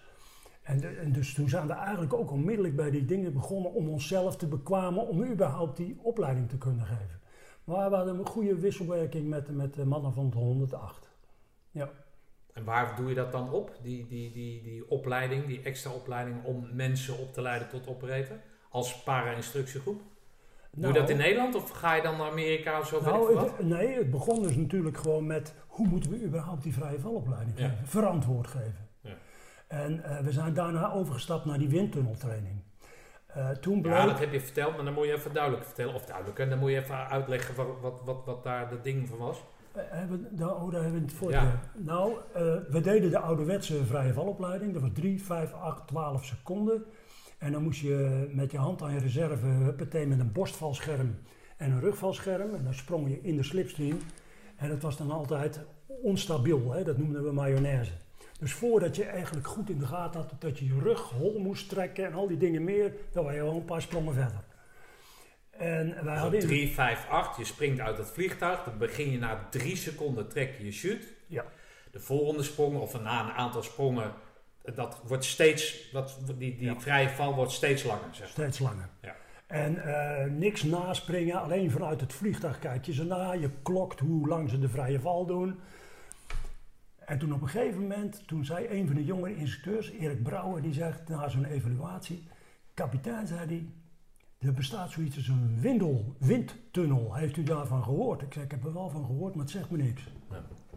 Hij zegt, eh, nou, ik zeg, zoek maar uit, dan gaan we daar gewoon eens kijken. Want als dat inderdaad zo grensverleggend goed is, dan moeten we er iets aan doen. Was hij al in Nederland dan, die Die windtunnel? was niet in Nederland, die stond ergens in Duitsland, Keulen, Waken. Toen zijn we met het hele team naartoe gegaan en we waren eigenlijk binnen, binnen één minuut overtuigd, dit is het. Hm. Dit is veilig, dit werkt tot een veel snellere eh, progressie in de sprongen. Dus voor de, voor de duidelijkheid, het is een grote koker, toch? Het is een koker, ja. Lucht komt van beneden. opstijgende lucht Ja. en daar ligt die op. En in die licht, in, in dat op de lucht liggen, leer je iemand hoe die uit onstabiliteit kan komen. Waardoor je altijd je valscherm stabiel kunt openen. Waardoor het, eh, het voorkomen van abnormale openingen is natuurlijk eh, dan gegarandeerd. Dus dat was geweldig. Ja, Toen dus jij we- vertelde mij dat je daarvoor met een beperkt aantal mensen die in de opleiding zitten in een vliegtuig stapt. ja, Wat, als ik je goed eh, weet, eh, 2500 euro per vlucht kost. Een C-130 730. bijvoorbeeld. Maar ja, in ieder geval 2500 euro. Nou, financieel, ehm, we hebben gewoon toen nadat wij in die windtunnel geweest waren, toen hebben we opgelijnd wat kost nou drie minuten in de windtunnel. Als een leerling dat drie keer doet, heeft hij negen minuten, eh, negen minuten vrije val. Dat kost bijvoorbeeld 1000 euro. 9 minuten vrije val is misschien, kijk, 1 minuut vrije val is een sprong van eh, pak een beet 12.000 voet. Verzin het maar even. Dan zou je 9 keer omhoog gaan met een vliegtuig. Ja. Nou, het is vele malen meer. Dus dat is 15 keer, 20 keer omhoog. Ja. Eén keer omhoog met een C130 is 2500 euro. Ja. Dus de financiële gewin wat je maakt is gigantisch. Ja. En toen hebben we de hele vrije valopleiding, die geënt was op 3, 5, 12 seconden, omgebouwd naar windtunneltraining vooraf. En dan eruit. En, nog wat details die ik verder want dat maakt het te, ingewikkeld. Maar toen bleek dat je in 20 sprongen met eh, windtunneltraining, 20 sprongen, nachtsprong met uitrusting. Nou, daar ben ik nog trots op. Ik weet niet hoe ze het nu doen, maar ook gekoppeld aan goed instructeursgedrag. Goed evalueren, tussen de mensen staan. Niet zo'n autoritaire huf te zijn. Nee. Maar als jij op dat, in die windtunnel, op, dat, op die lucht hangt, licht. Ja. ligt. Die instructeur die staat hè, aan de kant, zeg maar, net als bij een zwembad. Verstaat hij jou dan of niet? Of is het zoveel lawaai dat je niks hoort? Oh, je kan natuurlijk een oortje in doen. Ze kunnen je horen. En bij sommige windtunnels kan de instructeur ernaast liggen. Ja, oké. dus het- je kan op het moment Ja. zelf kan je coachen. En dan kan in Ja. de lucht kan dat natuurlijk niet. Jawel, kan ook. Want dat hebben we later ook gedaan. Kijk, als je goede instructeurs hebt en die duiken of zittend gaan ze een leerling na, dan zijn ze onmiddellijk bij hem en dan kunnen ze hem vastgrijpen. Ja, oké. Maar dat hoeft niet altijd. Maar als ik naast de leerling lig in de vrije val en hij moet verplichte dingetjes doen, dan zie je als instructeur precies wat hij doet. Precies. En doet hij iets verkeerd, kun je hem corrigeren. Ja. En dat laat je, naarmate de vent groeit, kun jij meer afstand nemen. ja. Plus En- dat het zekerheid inbouwt voor die kerel zelf natuurlijk, qua Ja, zelfvertrouwen. En wat natuurlijk ook wel belangrijk is, wij zijn toen ook begonnen met eh, de automatische openers op de valschermen aan te brengen. Want die hadden we toen zelf ook niet.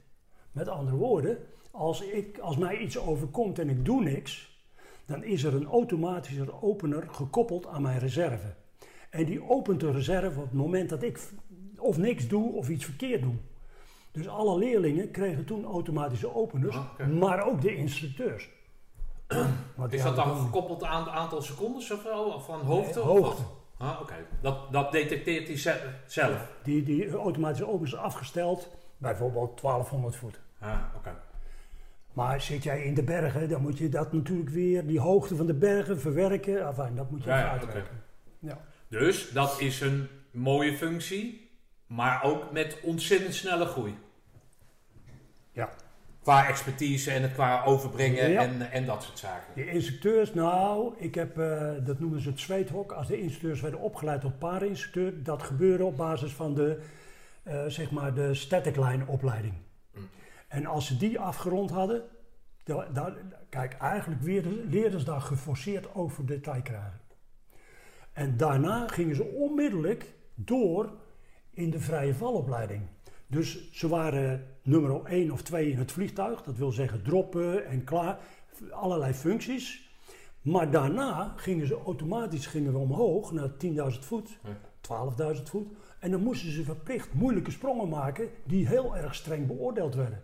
Dus onze jonge instructeurs die hadden het best wel behoorlijk voor de kiezer hoor. Oké. Ja. Hey, en waar selecteer jij dan die kerels op? Jij werd zelf ooit, hè, jij, ja, dat vertelde je, jij loopt eh, via, weet ik via Knetsch, eerste luitenant toen de tijd. Je stelt je je- voor als lange Kees, als je naar weet ik veel wat, maar in ieder geval, je geeft je visitekaartje af. Dan word jij tot je verbazing, word jij eh, als para-instructeur word jij, eh, benoemd. Ja. Nou ben je zelf de baas.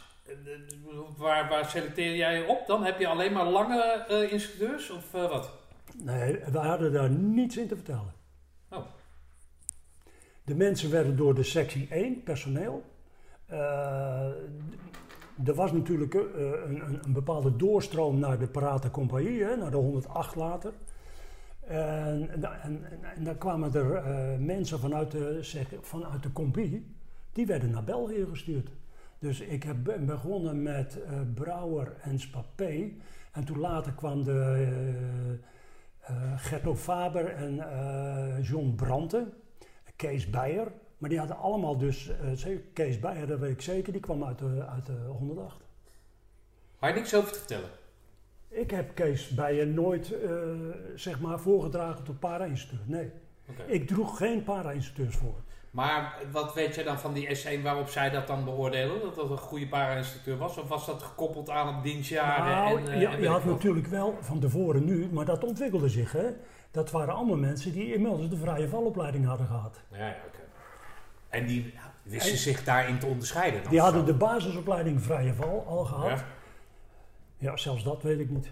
Ah, oké. Dus je kreeg gewoon mensen toegewezen. Ik kreeg gewoon mensen toe. Oké. Volgens mij.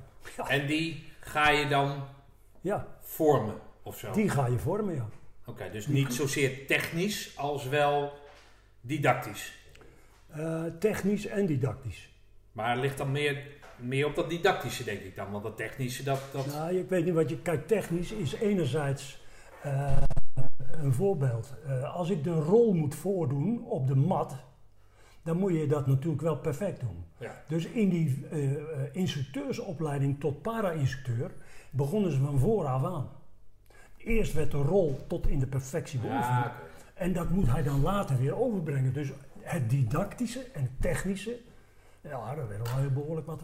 En daarnaast dan ook nog eh, de vrije valopleiding. Oké. Mooie tijd? Fantastisch.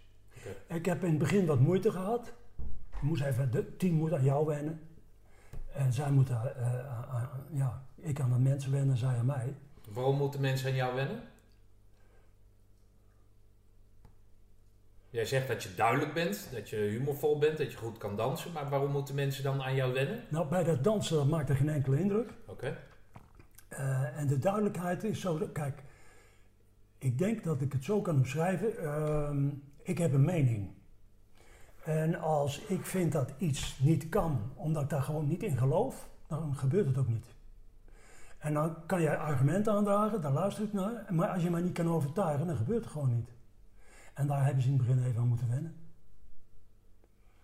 Maar was het de praatgroep dan of zo? Of wilde juist geen praatgroep? Wat, wat? Jij Nou, zegt aan de andere kant dat die chant... Nou, laat ik het anders zeggen. eh, Ehm, als je goede ideeën hebt, zeg je. voor En dan kwam die met die windtunnel. Ja, maar voor mij was eh, Herman Kuiper, eh Caro de Vijver was commandant eh, Para, die was weggegaan. Toen heeft het team een half jaar eh, zonder eh, commandant, dat was Herman, plaatsvervanger Herman Kuiper. En eh, dat werd allemaal onderling met de collega's besproken. Ja, tuurlijk. Dat waren ze gewend. Ja. En dan kom ik erbij en dan heb ik een mening en dan moeten ze in één keer eh, luisteren wat de baas zegt. Bij wijze, ik zet maar extreem. En ja, daar moesten ze even aan wennen. Ja, oké. Maar ik vind, je moet als baas je eigen niet verschuilen. Ik hoef niet mee te halen met de wolf in het bos. Daar ben ik niet van. Nee, maar jij luistert wel naar andere mensen. Ik Tuurlijk. net die sergeant aan, Tuurlijk. met dat goede idee. Ja, Dus dat, dat dan wel. uiteraard. Oké. Maar goed, daarom zeg Maar ben jij dan een eigenwijze kerel of zo? Want zo kom je helemaal niet over. Nee, maar als ik ergens niet in geloof, dan ben ik heel duidelijk. Oké, Ja. ja. de mannen noemen dat, dan word ik blijkbaar, dat heb ik zelf niet in de gaten, maar dan wind ik me op en dan, eh, blijkbaar krijg ik dan iets met mijn ogen. Ja. En dat noemde, de maten noemden dat Kees met de priemende blik. Ja. En dan wisten ze al, als ik de priemende blik in de strijd gooide, dan konden ze beter weggaan, want Oké, dus je hebt de dappere blik en je hebt de priemende blik. dat weet ik niet. Die dappere blik ken ik niet. Nee, maar dat heb je dan... Jawel, maar dat is andere, Oh, dat is een andere andere context. blik. Oké. Ja. Goed, en dan? Dan wordt die, die 108 die wordt dus ook daadwerkelijk ingezet. Ja, Hoe lang ben je commandant van die eh, paar uh, instructiegroep? Ja, 4,5 jaar denk ik. Oké, dus dat hele, dat, dat naar echte missies toe, dat heb jij meegemaakt? Ja, we hebben de zuurstof hebben we ontwikkeld. Hè. We hebben eerst dus die vrije opopleiding naar de windtunneltraining. Ja. En toen is de LMVV eh, geboren. En, eh, Wat is? De, de lage militair brevet. En eh, dat is ook op papier gezet. En met name Herman Kuiper heeft dat eh, in mijn ogen fantastisch gedaan. Lager is, tot welke hoogte is dat dan? Welke hoogte hebben we het dan over? Nou, dat gaat niet om het lage in het geval van de hoogte, maar je had lage, middel en hoge brevetvrijval. Oh, zo. En dat heeft meer te maken met wat je in de vrije val kunt. Ja. En eh, bijvoorbeeld wel of niet zuurstof met uitrusting zonder. Ja, ja. Het lage brevetvrije val was puur eruit springen, kunnen openen en met uitrusting. Gewoon A en B en C. Zeg maar een soort A zwemmen. automatiek. Ja, ja, oké. Ja. Maar eh, dat was geweldig. Ik kan niet anders zeggen. Nou, oké, maar zie jij die kerels dus ook veranderen? Want omdat het een beroepsleger wordt, Nou, komen daar misschien wellicht andere Nou, mensen op af? Of hoe laat ik zou het dat? zo zeggen. Wat ik, ik heb dat eerder al. Ik vind instructeursgedrag. En van vriend naar, van, van cursist naar collega, dat zijn, dat zijn dingen die mij aanspreken. Hm. En ik heb mij dus altijd geïnteresseerd, hoe gaan we met onzekerheid en met spanningen om? Ja. Dus wat wij ook in de, toen ik commandant para werd, toen heb ik in de, bij de automatiekopleiding, hebben we twee lesuren opgenomen van hoe ga je met onzekerheid om? Welke gedragsveranderingen zie je in gevechtsveldgedrag? En hoe zie je die in het klein bij het- springen, klimmen en duiken terug? En wat kun je daar nou aan doen? Hm. Dat hebben, dat, het gevolg was, die, alle instructeurs hebben op een gegeven moment die lessen moeten geven. En dan merk je dus, je moet je niet groter voordoen dan dat je bent. En dan zie je dus dat de instructeurs komen dan eh, gewoon tussen de mensen te staan. Dat vind ik eigenlijk zelf nog wel het mooiste wat toen heeft plaatsgevonden.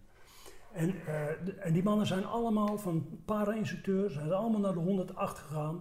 En, eh, en zo naadloos overgegaan in zo'n ploeg, weet je wel. Ja, dat vind ik schitterend. Dat vind ik echt mooi. Dus grensverleggende activiteiten gekoppeld aan die dingen, dat is een hele goeie. En toen kreeg ik die brief uit Srebrenica van een van de PC'en, waarin die zei dat de spanning die ze hadden gevoeld als ze ergens beschoten waren en de andere dag weer terug moesten keren op dezelfde plek, dat dat eigenlijk precies hetzelfde gevoel was wat, ze hun, had over, wat hun was overkomen bij de vrije valopleiding als ze weer zo'n moeilijke sprong moesten maken die een paar keer mislukt was. En d- dat was voor mij zo'n bewijs dat onze aanpak, dat dat een hele goede was geweest. Maar wil je daarmee zeggen dat in dat opleidingstraject met die moeilijke sprongen, dat je mensen de kans gaf om bang te zijn? Om dat te uiten? Waardoor de- je ze verder kon helpen? In de evaluaties kon die vent dus gewoon tegen zijn instructeur zeggen, ik neem me maar zo nou Oké, dus, maar daar gaven jullie opening voor. Jullie zijn, stonden daar open voor. Juist. Laat zien dat je bang bent. Juist.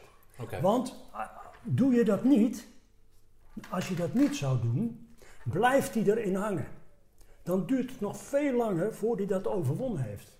Kun jij het bespreekbaar maken en zeggen, jongen, wat je doet is gewoon heel normaal. Alleen, je hebt er alleen maar jezelf mee. Als je dus dat en dat en dus zo leert denken, dan heb je er veel minder last van. Ah, maar dat is natuurlijk anders dan dat jij toen met die angina zeg maar terugkwam bij het korps, of bij de E- ECO, nadat je een week op bed had gelegen. Toen heb je je mond gehouden. Ja. En nu, of ten tijde van je ehm, commandantschap van, eh, van die para- en stichtgroep, geef je dus de ruimte om je angst te laten zien. Nou, je, mag, eh, je moet het feit dat je onderkent dat het gewoon gebeurt. Ja, snap ik, maar dat er dus opening is om dat te tonen. Ja, ja in die evaluatie. Hè, dus Ja. in die hele masculine Ja. wereld, in dat hele macho ding, moet jij dus als commando kunnen zeggen, kapitein, of weet ik veel wat, of ik zat even stuk. Ik was even bang. Ik knijp hem even.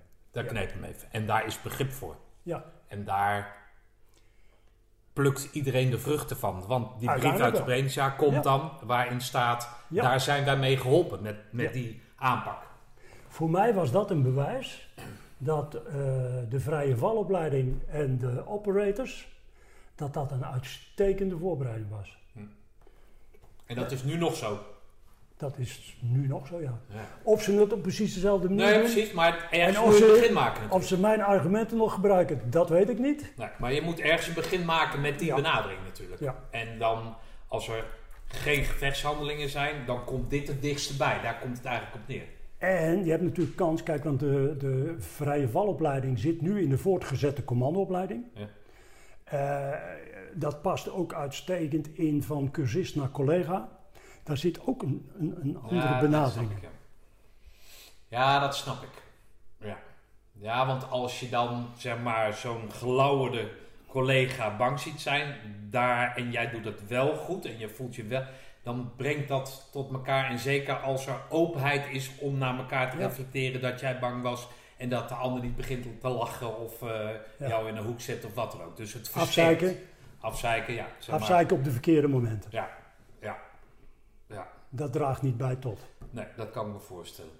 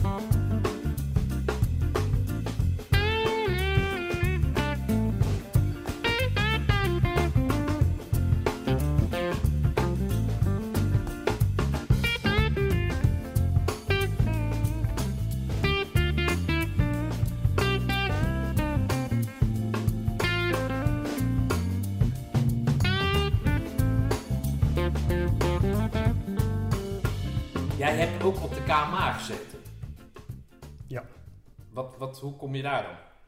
Nou, ik ben eh, in 78 ben ik overgeplaatst om sergeant-major te worden naar het 48e Panzerinfanteriebataljon. Daar eh, heb ik, eh, ben CSM geweest van een tirailleurcompagnie, infanteriecompagnie. Ik ben CSM geweest van de stafcompagnie. En toen ben ik als toegevoegd sergeant-major op de sectie 2 terechtgekomen. En, Sectie 2 is? sectie inlichting en veiligheid. En ik ben, eh, even kijken, van 78 tot 85 ben ik bij het 48ste blijven hangen. Daar heb ik een ongelooflijk respect gekregen voor de, voor de. En eh, ik heb ook geweldig naar mijn zin gehad. Daar ben ik dus sergeant-major geworden. En eh, toen moest ik daar weg. Want op een gegeven moment, dan in zo'n carrièreplaatje, weet je wel, Loopbaan. Ja, dus, dus, dus eh, je zit twee of drie jaar op functie en dan moet je weer een andere. En ik zat er natuurlijk al een tijdje en toen moest ik eh, ergens anders naartoe. En toen en zo is de KMA in beeld gekomen. Dat, ik werd daarvoor, eh, ze zeiden tegen mij, eh, ja, dat was wel een leuk verhaal.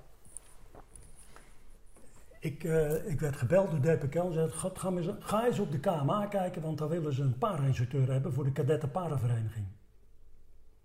Oké, ik naar de KMA, moest er om tien uur zijn, ben daar om kwart voor tien. Overste is er niet, ik wachtte. Kwart over tien, ruim kwart over tien, komt die overste in sporten nu binnenrennen. Ja, hij was opgehouden bij zijn partijtje tennis. Nou, dat vond ik toch eigenlijk wel kwalijk. Ik bedoel, eh, als je de prioriteiten stelt, dan vond ik dit wel een verkeerde prioriteit. Enfin, eh, maar Je zegt er niks over. ik zei even niks. En hij eh, kleedde zich snel om en begon het gesprek. En dat ben ik natuurlijk nooit vergeten. Hij begon het gesprek met van, u bent hier op zicht. De gouverneur en ik bepalen of u komt, ja of nee, eh, op basis van het gesprek. En eh, als u ondanks dat zelf zegt dat u wel wil en wij willen niet, dan heeft u een uitdaging. Nou, startvraag begint dan, hè, want zo begint er zo'n sollicitatie. Startvraag was, wilt u wel of niet graag naar de KMA? Dus ik zei, nou overigens, dat is een verkeerde startvraag. Ik zei, want ik ben gebeld door de luitenant Vinju van of kapitein Vinju. En die vroeg aan mij, Kees, ga eens op de KMA kijken of dat iets voor je is. Dus ik heb arrogantie met arrogantie beantwoord. Het klikte vanaf de eerste seconde absoluut niet met deze overste. Dus dat ging helemaal fout. Maar toen moest ik naar de gouverneur. De gouverneur is de directeur dan of zo. Wat De is dat? gouverneur van de KMA is dus gewoon toen de tijd was dat eh, een generaal. En die eh, was dan baas van de KMA. dus ik kom daar op het bureau en eh, dan heb je zo'n secretaresse. Ik stond op de drempel en op het moment dat ik daar sta, gaat de deur open van het bureau van de gouverneur en hij komt daar uit en voor hem loopt professor Scheffelaar. Professor Scheffelaar was een rugby-scheidsrechter. Dus die kende mij redelijk goed. Dus die ziet mij staan, verbaasd reageert en die zegt, hey Kees, wat doe jij hier? En ik zeg, ik ben op zicht voor een mogelijke functie, eh, professor. Oh, wat leuk man, goede zaak. En die gaat weg en ik moet met die generaal mee. Die verblikte of verbloosde niet, hè. Die gaat achter zijn bureau zitten. En ik begin met hem gesprek en ik mocht voor zijn bureau blijven staan. Staan. Oké. Ik denk, nou. Afijn, op een gegeven moment ging het er dus over dat ik dan ook, ik zou dan CSM worden, maar mijn nevenbaan zou dan worden eh, instructeur bij de kadetten paardenvereniging. Maar ik had mijn open dag, had ik mijn enkel gebroken. Daar heb ik, eh, een, ik heb een schroef dwars door mijn enkel gehad en een plaat. Enfin, ik heb behoorlijk in de prak gezeten. En ehm, Met springen. Of wat? met springen, ja. Ah. En eh, met een van mijn eerste square sprongen. Bij de open dag van de KL op Oorschot. En eh, ik zeg tegen hem, generaal, één ding. Het maakt mij geen bal uit wat u mij laat doen. Of het nou para-instructeur is of dit of dat. Maar alles wat ik doe is dienst. Laten we daar even duidelijk in zijn. En toen zei hij, ja maar u denkt toch zeker niet dat ik dat ga betalen? Waarop ik zei, generaal het is uw zakgeld niet. Daar gingen we dus ook niet als vrienden uit elkaar. Maar, Ik denk, dit wordt helemaal niks. En eh, ik die luitenant opgebeld van uh, DPKL. Ik zeg, nou, ik denk niet dat, dat, eh, dat zij enthousiast zijn over me. hoor. Ik zeg, maar ik zeg ja tegen de KMA. want je kon moeilijk functies weigeren. Hij zegt, je hoort van me. Wat, carrière technisch? Ja, dat was beter om... eh, Ja? ja. Althans, dat gevoel had ik. En eh, een week of zo, een week of later, word ik gebeld of ik in Den Haag mijn opwachtingen wilde maken. Dus ik daar naartoe en ik moest in DT, hè, het goede pak. Dus ik eh, kom op een gegeven moment bureau, tik op de deur binnen en dan moest ik in de deuropening blijven staan. En die luitenant, of kapitein die was, Henk Vignu, die kijkt naar me, die, echt, die bekeek mij van top tot teen en omhoog. Hij zegt, kom verder, zitten. Hij zegt, je bent inderdaad afgewezen door de KMA. En het argument eh, waarop jij bent afgewezen op basis van tenue en uiterlijk voorkomen. Ja. Wat laf. Nou, dat is gewoon laf. Ik had, eh, mijn schoenen waren wel gepoetst, maar er waren wat, wat van die kreukeltjes als je ze Ja. buigt. En met DT was, eh, was eh, het zag helemaal schoon, maar het was geen nieuw DT, dat had ook beter gekund. Waarmee ze dus volledig, volledig voorbij zijn gegaan aan de gesprekken die we hebben gehad. Volledig voorbij gegaan zijn de arrogante manier waarop ik behandeld ben. Want dat hij, had hij natuurlijk helemaal goed. Hij zei, maar maak je geen zorgen. Daar moet je niet naartoe gaan, want dat is gezien jouw papieren. Zou je jezelf alleen maar eh, daarmee eh, tekort doen. Hij zegt, er zijn andere mensen die jou graag willen hebben. Dus jij gaat naar Ermelo, want die kolonel die kent jou en die wil jou graag hebben. Ja. Prima. Daar gaat een maand overheen. Wordt gebeld door de overste van Harskamp. Die kende ik van het 48 die was daar plaatsvervangend commandant geweest. En die zegt tegen mij, Kees, wil je bij mij bataljonsadjudant worden? Ik zeg, ik ben net afgewezen. Op tenue en uiterlijk voorkomen. Hij zegt, dat meen je niet. Ik zeg, ja. Oh, zei hij, maar kun je niet komen praten? Ik zeg, ja, maar wat heeft dat voor zin? Dat was, het was weer op de, eh, op de. Die was inmiddels bataljonscommandant Van de KMA of zo? van het kadettenbataljon. Oh, zo. Ja, oké. Ja? Ik snap het wel niet. maar- Dus ik was bij een overste geweest, die was commandant kadettenbataljon. Die was inmiddels weg en was overgenomen door Frans van Haskamp. Dus ik zeg, ja, praten kan altijd. Dus ik eh, zeg tegen Yvonne, ik zeg, weet je wat, ik ga wel praten. En uiteindelijk is, eh, Heb je wel andere schoenen aangedaan dan? nee, Nieuw DT? nee. Ja. Dus ik ben teruggegaan en een gesprek. Nou ja, die vent, die mocht mij. Dan is elk gesprek verder, loopt altijd goed. Maar tot mijn verbazing kwam de nieuwe gouverneur, die ken ik ook niet, die kwam bij het gesprek bijzitten. Ik hoefde niet naar hem toe, die kwam erbij zitten. En eh, die was voormalig DPKL, di- directeur personeel. Dus die zegt op een gegeven moment, eh, hij had er vijf minuten gezegd, ik heb het gehoord, zei hij, ik ga eh, dit bellen. Hij zegt, ik ga regelen dat jij hier geplaatst wordt. Oké. Oké. Ik denk, nou, dat moet je nog maar zien te lukken. Binnen een week geregeld. En zo ben ik op de Kamer aangekomen. Maar is dat een, een, een, een, een prestigeplek of zo? Of hoe noem je dat? Staat dat goed op je cv als je bij de KMA... Nou, dat was toen niet zo. In die zin. eh, pff, Nee, maar achteraf gezien. Is, is, dat, is dat goed voor een loopbaan als je bij de KMA... Ik denk dat het bent? voor mij eh, is het heel goed geweest. Want ik begon als bataljonsadjudant en eigenlijk op een gegeven moment was ik academieadjudant. Door de dingen die ik eh, mocht doen en de ruimte die ik kreeg. Oké. Ja, dat was fantastisch. Ik heb Oké. KMA was geweldig.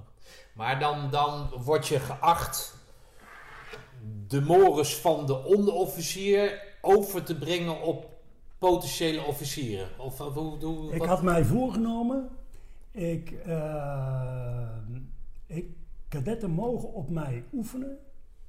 Die mogen gebruik maken van onderofficieren, maar wel met respect.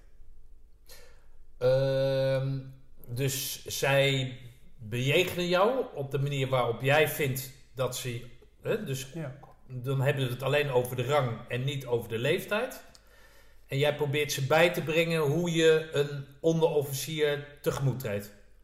Dus jij Ja. mag ze ook corrigeren of van hé, hey, eh, kadet, luister eens, even Ja. rustig aan, want zo doe je dat niet ja, met een onderofficier. ik kwam ze tegen op de kamer en als ze me zagen, dan, gingen ze een straatje om. Ja, ja, oké. Maar dat, was, dat is jouw, jouw taak Dat als, taak. als adjudant. Ja, Ja, ja, oké. Dus dat is goed gebleken, achteraf. ja, en dan had je een schaduworganisatie. Had dus militaire instructeurs, ze zaten in een instructieteam. Maar het kadettenbataljon was een bataljonscommandant met compagniescommandanten, allemaal beroeps. Die hadden een CSM, beroeps en verder niks. Hm. En dan werden alle pelotonscommandantenfuncties vervuld door kadetten uit een hoger jaar. En dat noemen ze kadettenkroon. Ja, die gouden kronen en zilveren kronen. Gouden kronen waren pelotonscommandant, plaatsvervangend bataljonscommandant, bataljonscommandant. Zilveren kronen waren groepscommandanten. En die, die hele schaduworganisatie, daar bemoeide de bataljonsadjudant zich dan ook mee. En zo ken ik bijvoorbeeld Jans Willens. Want die was in mijn tijd kadet bataljonscommandant. Hm. En zo heb ik er een aantal gehad. Lopen daar dan, en daar hoef je niet over uit te spreken hoor, maar dat, dat nou, wat ik al eerder zei, dat fascineert mij dan. Loop je dan mensen, of kom je dan mensen tegen die denken van, in godesnaam, wat doe jij hier? Kom je natuurlijk in elke bedrijfstak tegen, maar, maar, maar hè, je moet, moet solliciteren natuurlijk op een, op een functie of in ieder geval op die opleiding. Heb je dan wel, heb jij dan met, met, met de ervaring die je hebt, dat je denkt van nou, Nou, dat ligt niet. natuurlijk anders, omdat, kijk, zij volgen een wetenschappelijke opleiding. Daar kan ik niet van overzien of is ze. het wetenschappelijk, het is HBO of niet? Nou, Ja, is het wetenschappelijk? ja, het is wel ja, het is HBO. Je hebt in ieder geval hoogleraren die lesgeven. Ja, oké. Dus ze volgen colleges. Ja. En ik kan dus niet beoordelen, want het zijn natuurlijk allemaal jongens met eh, VWO, dus gemiddeld mannen en vrouwen vrij slim. Dat merk je al heel snel. Dus het is een beetje lastig om in te schatten of ze nou terecht of niet terecht zitten. Het enige waar je naar kijken, eh, waar ik naar kan kijken, is kunnen ze zich eh, inleven in het militair zijn. Ja. Daar kan ik ze op aanspreken. En Ja, anders gevraagd. Bijvoorbeeld de, de, de generaal-major of major-generaal, ik weet niet hoe je dat noemt. Generaal-major Generaal-major. Jan Svillens. Generaal-major Svillens. Zag jij dat toen al, met de wetenschap van nu, dat dat een goede leider zou zijn? Ja, Ja, waar, waar zie je dat aan dan? gedrag. Nou, hoe, hoe, hoe ziet dat gedrag eruit? Of hoe ziet dat Nou, eruit? eh, eh, natuurlijk leiderschap. Dus dat is charismatisch of zo? Wat- charismatische, charismatische manier om met mensen op te gaan. Om te gaan, eh, eh, gewoon het doel voor ogen, eh, heel snel oppikken van eh, bepaalde protocollen. Ja, gewoon, eh, daar, soms heb je van die mensen die hebben het van nature. En dat vond ik bij Jan zeker het geval. Oké. Ja. Lopen daar, liepen daar toen de tijd jaargenoten van de Swillens die hetzelfde hadden? Qua leiderschap? Zijn er nu mensen in de top waarvan jij zegt, ja, die heb ik daar toen gezien als eh, jong, eh, jong kadetje. Nou, en die, dat had in het vielen mij kadet- toen al op. Nou, je hebt natuurlijk die, die, die kronen, die werden dus gekozen op basis van hoe ze zich hadden gedragen in, in die tijd daaraan voorafgaande. Oh, die werden niet aangewezen. Nee, die, ja, ze werden wel aangewezen, maar op basis van voordracht van mensen Ah, die ze wat beter kenden dan ik. En eh, dan be- benoemde de bataljonscommandant ze tot Gouden Kroon. Dat was een of andere happening. En elk jaar gebeurde dat. Eh, dus daar zat een bepaald voortraject aan. En een van de kritieken op het systeem was natuurlijk... als jij als begeleider al die kronen hebt... dan maak je eigenlijk de kronen beter. Ja. En de kadet die eigenlijk veel meer aandacht nodig heeft, Nee, die zie je niet. Nee. Da- En daar zit natuurlijk wat in. Ja. Ja. hey, luister eens. eh Para-instructiegroep. Ehm, hoe oud ben je dan aan het einde daarvan? Dan hebben we het over 92, nee, 94 of zo, zeg jij? Eh, ik ben in 96 gestopt, dus ga maar na. Ik ben van 46, Oké. toen was ik 50. Oké, En dan is het klaar. Nee, toen, ben ik, eh, toen werd ik overgeplaatst naar de sectie 3 Ja. in december. Sectie 3 is? Sectie 3 is eh, opleiding en, en, en, en planning. Hè? Ja. En toen was het korps natuurlijk inmiddels van zeg maar een, een soort opleidingseenheid veranderd in een parate-eenheid. Ja. Want we vielen toen in 96 al onder het eerste legerkorps. Eh, we hadden in plaats van opleidingszaken hadden we een sectie 3. We hadden eh, nooit een sectie 2 gehad, maar we kregen eens ook een sectie 2. Dus, en we waren eigenlijk vanaf 93 onafgebroken uitgezonden. Dus ik kom in december, meldde ik mij bij de S3. En die zei, Kees, hartelijk welkom. Je wordt kapitein operatie, dat is een nieuwe functie. Hij zegt, maar je wordt in mei uitgezonden naar Bosnië. Hm. Oh ja, en tussen kerst en oud en nieuw heb je dienst. Hm. En toen hoorde ik, nou, wat, nou ja, ik, ik meldde mij en, ik, eh, ik- en toen hadden wij smiddags een, een, van de happeningen in de onderofficiersmes. En daar werd ik benaderd, dus dan hadden ze het over de uitzending, maar ik wist nog van niks. En toen daarna ze- zegde hij mij aan dat ik eh, naar Bosnië zou gaan. En dat was eigenlijk natuurlijk ook wel. Want Jos Hesp, die zou naar Bosnië gaan in Sarajevo, bij het hoofdkwartier. Alleen ik werd commandant van het KCT-detachement in Buzevaca. En dat waren eigenlijk functies voor mensen uit de 108. Hm. Dus er was binnen de 108 best wel even wat eh, commotie van... hoe kan nou de waard, die heeft de voortgezette actieve opleiding niet gevolgd... hoe kan die nou onze baas daar worden? Dus dat was in het begin even een dingetje. en, eh, maar goed, ik ben naar Nico Robel teruggegaan. Ik zeg, eh, luister, ik hoor dat ze vinden dat ik beter naar Sarajevo kan gaan. Ik zeg, mij maakt het niet uit. Sarajevo is... Het was het hoofdkwartier. Ja, oké, dat is dus niet geen gevechtsactie. Nee, geen dat, kans op. dat, was een, dat was een soort liaison-functie. Ja, ja, oké. En eh, ik zei, mij maakt niet... Nee, nee, nee, nee, nee, zei die, jij gaat... Dat is... Dus, eh, Maar wat vind jij daarvan dan? Als mensen, als, als je dan uit, eh, uit Nou, ik Ja. had, ik, ik, ik, in die, in die, in de, ga je het opwerkprogramma in, dus dan leer je de ploegen kennen. Dus ik had met een van die ploegen had ik een wat minder pro- positieve verstandhouding. Want die vonden mij maar een uiterst lastig mannetje. Maar ook oude lul dan bijvoorbeeld. Ook, vermoedelijk, ja. Nou, ook hier, dat, dat heeft wel licht te maken met eh, wat ik net vertelde. Op een gegeven moment kregen we het erover, je hebt een opdracht. En op een gegeven moment kan de opdracht niet doorgaan. Nou, dan zegt de ploeg, dan gebeurt, eh, dan gebeurt dan gaan we dat en dat doen. Maar zo is het niet. Jij moet altijd een alternatief zoeken in de geest van de commandant. Hoe denkt het hogere niveau erover dat in welke, op, in welke richting moet de oplossing van het probleem zijn? Dus ik zat achter in de klas, dus ik zeg, ik wil daar wel iets over zeggen. Ik zeg, ik ben het niet met jullie eens. De ploeg bepaalt niet in deze de lijn. Je moet in de geest van de commandant de oplossing zoeken. En als die niet duidelijk is, dan verliest de keizer zijn recht. En ik zie nog even die commando zich omdraaien, zo met een blik in van, en wie ben jij dan wel? Ik denk, ja, ik kan me wel verschuilen, maar ik zeg het gewoon. Zo zie ik het. En als jullie met mij in Bosnië zitten, kun je dat verwachten. Dus, afijn, dat is verder, eh, is daar niet meer over gesproken. Maar toen zat ik in Bosnië. En toen kregen we natuurlijk eh, een zware opdracht voor ons kiezen. En toen werd op een gegeven moment de stand-by ploeg, we konden het gewoon met één ploeg niet meer aan. Toen werd de stand-by ploeg opgeroepen en dat was die ploeg. Ik nou, daar heb ik echt, hoor, dan zag Die ploeg, sorry dat ik je onderbreek, maar dat zijn hoeveel mensen? Nou, acht. Acht mensen, oké. Dus eh, die ploeg kwam op en die kwamen s'avonds aan in, Bo- in. Toen hebben ze in de leslokal gezeten. Daar heb ik gewoon heel eerlijk gezegd, jongens luister, we zijn niet goed eh, uit elkaar gegaan in eh, Roosendaal. En jullie zijn hier nu op basis van een opdracht. En we hebben dus geen tijd voor spelletjes. Dus als je nou vindt dat wat we toen besproken hebben, dat je daar nog steeds achter staat, dan kun je het beste maar teruggaan. En toen? En als dat niet zo is, dan gaan we gewoon opnieuw beginnen. Maar wel in de, in de sfeer zoals we eh, dat toen geschetst hebben. Er is niemand naar huis gegaan.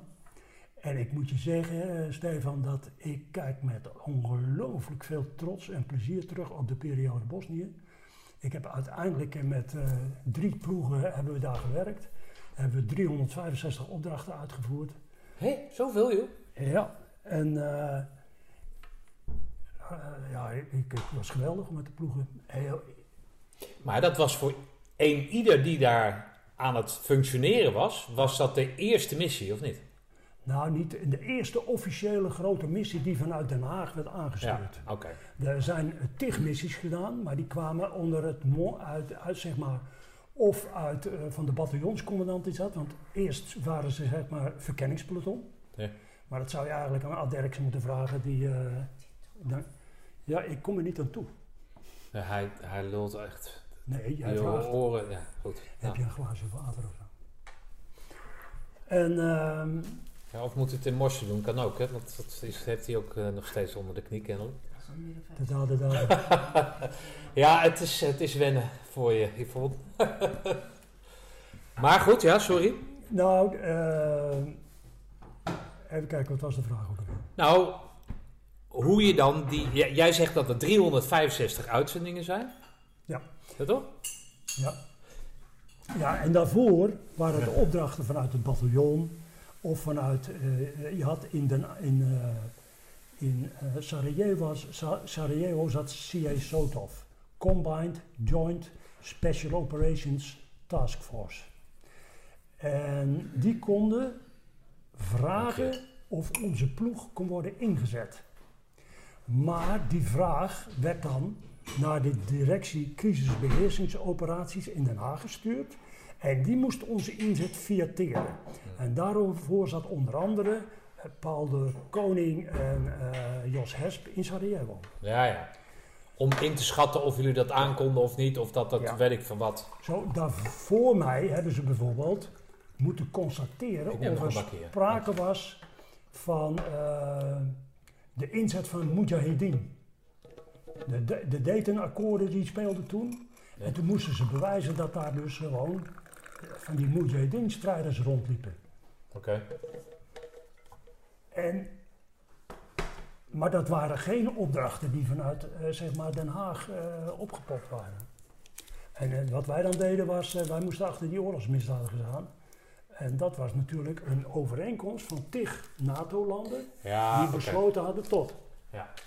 Maar goed, waar het om gaat is dat een ieder die daar zat, inclusief jezelf, voor het eerst, zeg maar, echte oorlogshandelingen of daaraan aan moesten, eh, weet ik ja, hoe noem je Nou, dat? ja, Eh, oorlogshandelingen, niet- we deden gewoon een stiekem operatie. Nee, oké. Maar alles wat onder dat ding valt, dat was voor de eerste keer dat Nederland daar wat, hè, wat ging doen, toch? Of niet? Eh, Ik denk dat je het wel zo kunt omschrijven. Ja, Nou, Ja, dat denk moet dan wel. toch... ja.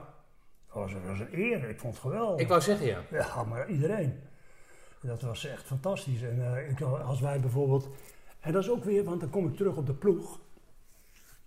Op een gegeven moment moesten we een eh, locatie observeren.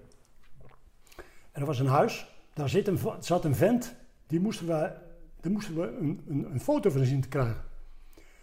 Want dan waren we ook daarachter gekomen. Dat wij eh, foto en video was onlosmakelijk verbonden met ons werk.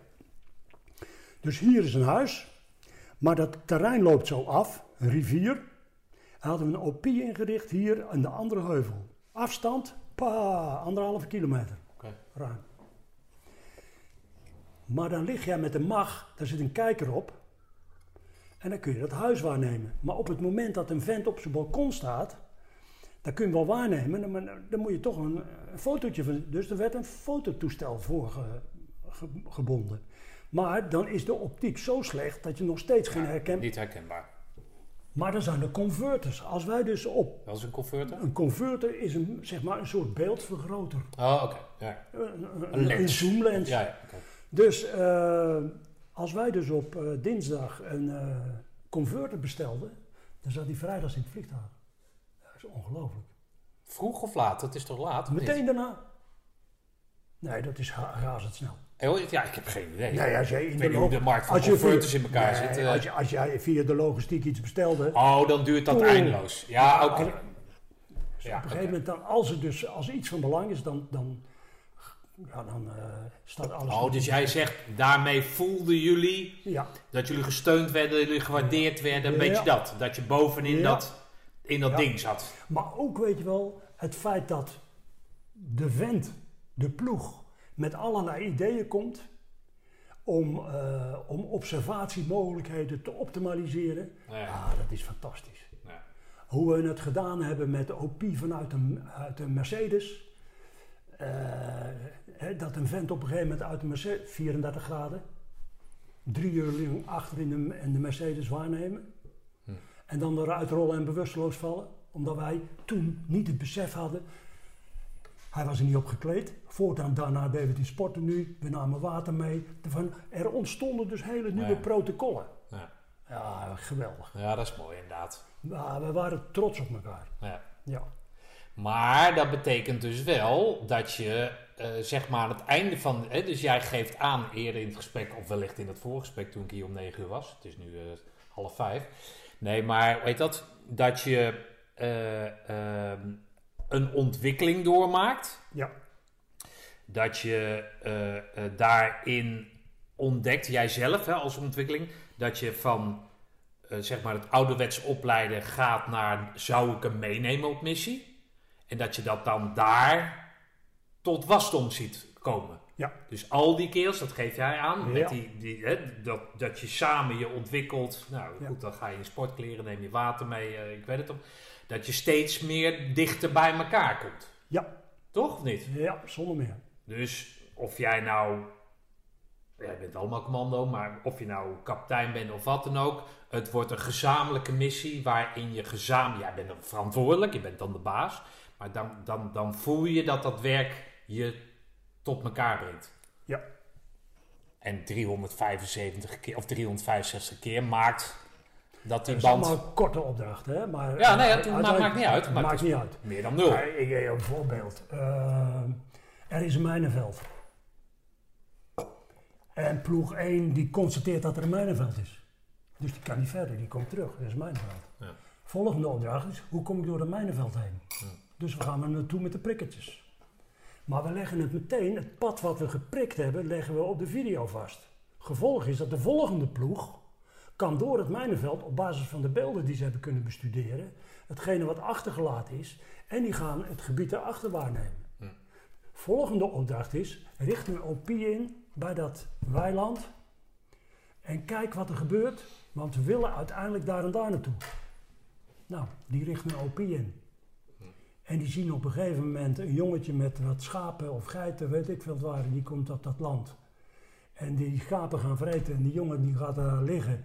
En die verveelt zich, die gaat op een gegeven moment met zijn jonge heer liggen spelen. En op het moment dat hij klaar kwam, hebben ze hem op zijn schouders getikt en gevraagd: hoe komen we bij die asfaltweg daar? En die heeft hun de route ge- getoond, wat gewoon hartstikke veilig was. Met andere woorden, soms gebeuren er dus dingen, en dat is op andere gebieden ook gebeurd, waarbij je dan je voordeel kunt doen. En zo kom je stapsgewijs steeds dichterbij. Ja, dat is geweldig.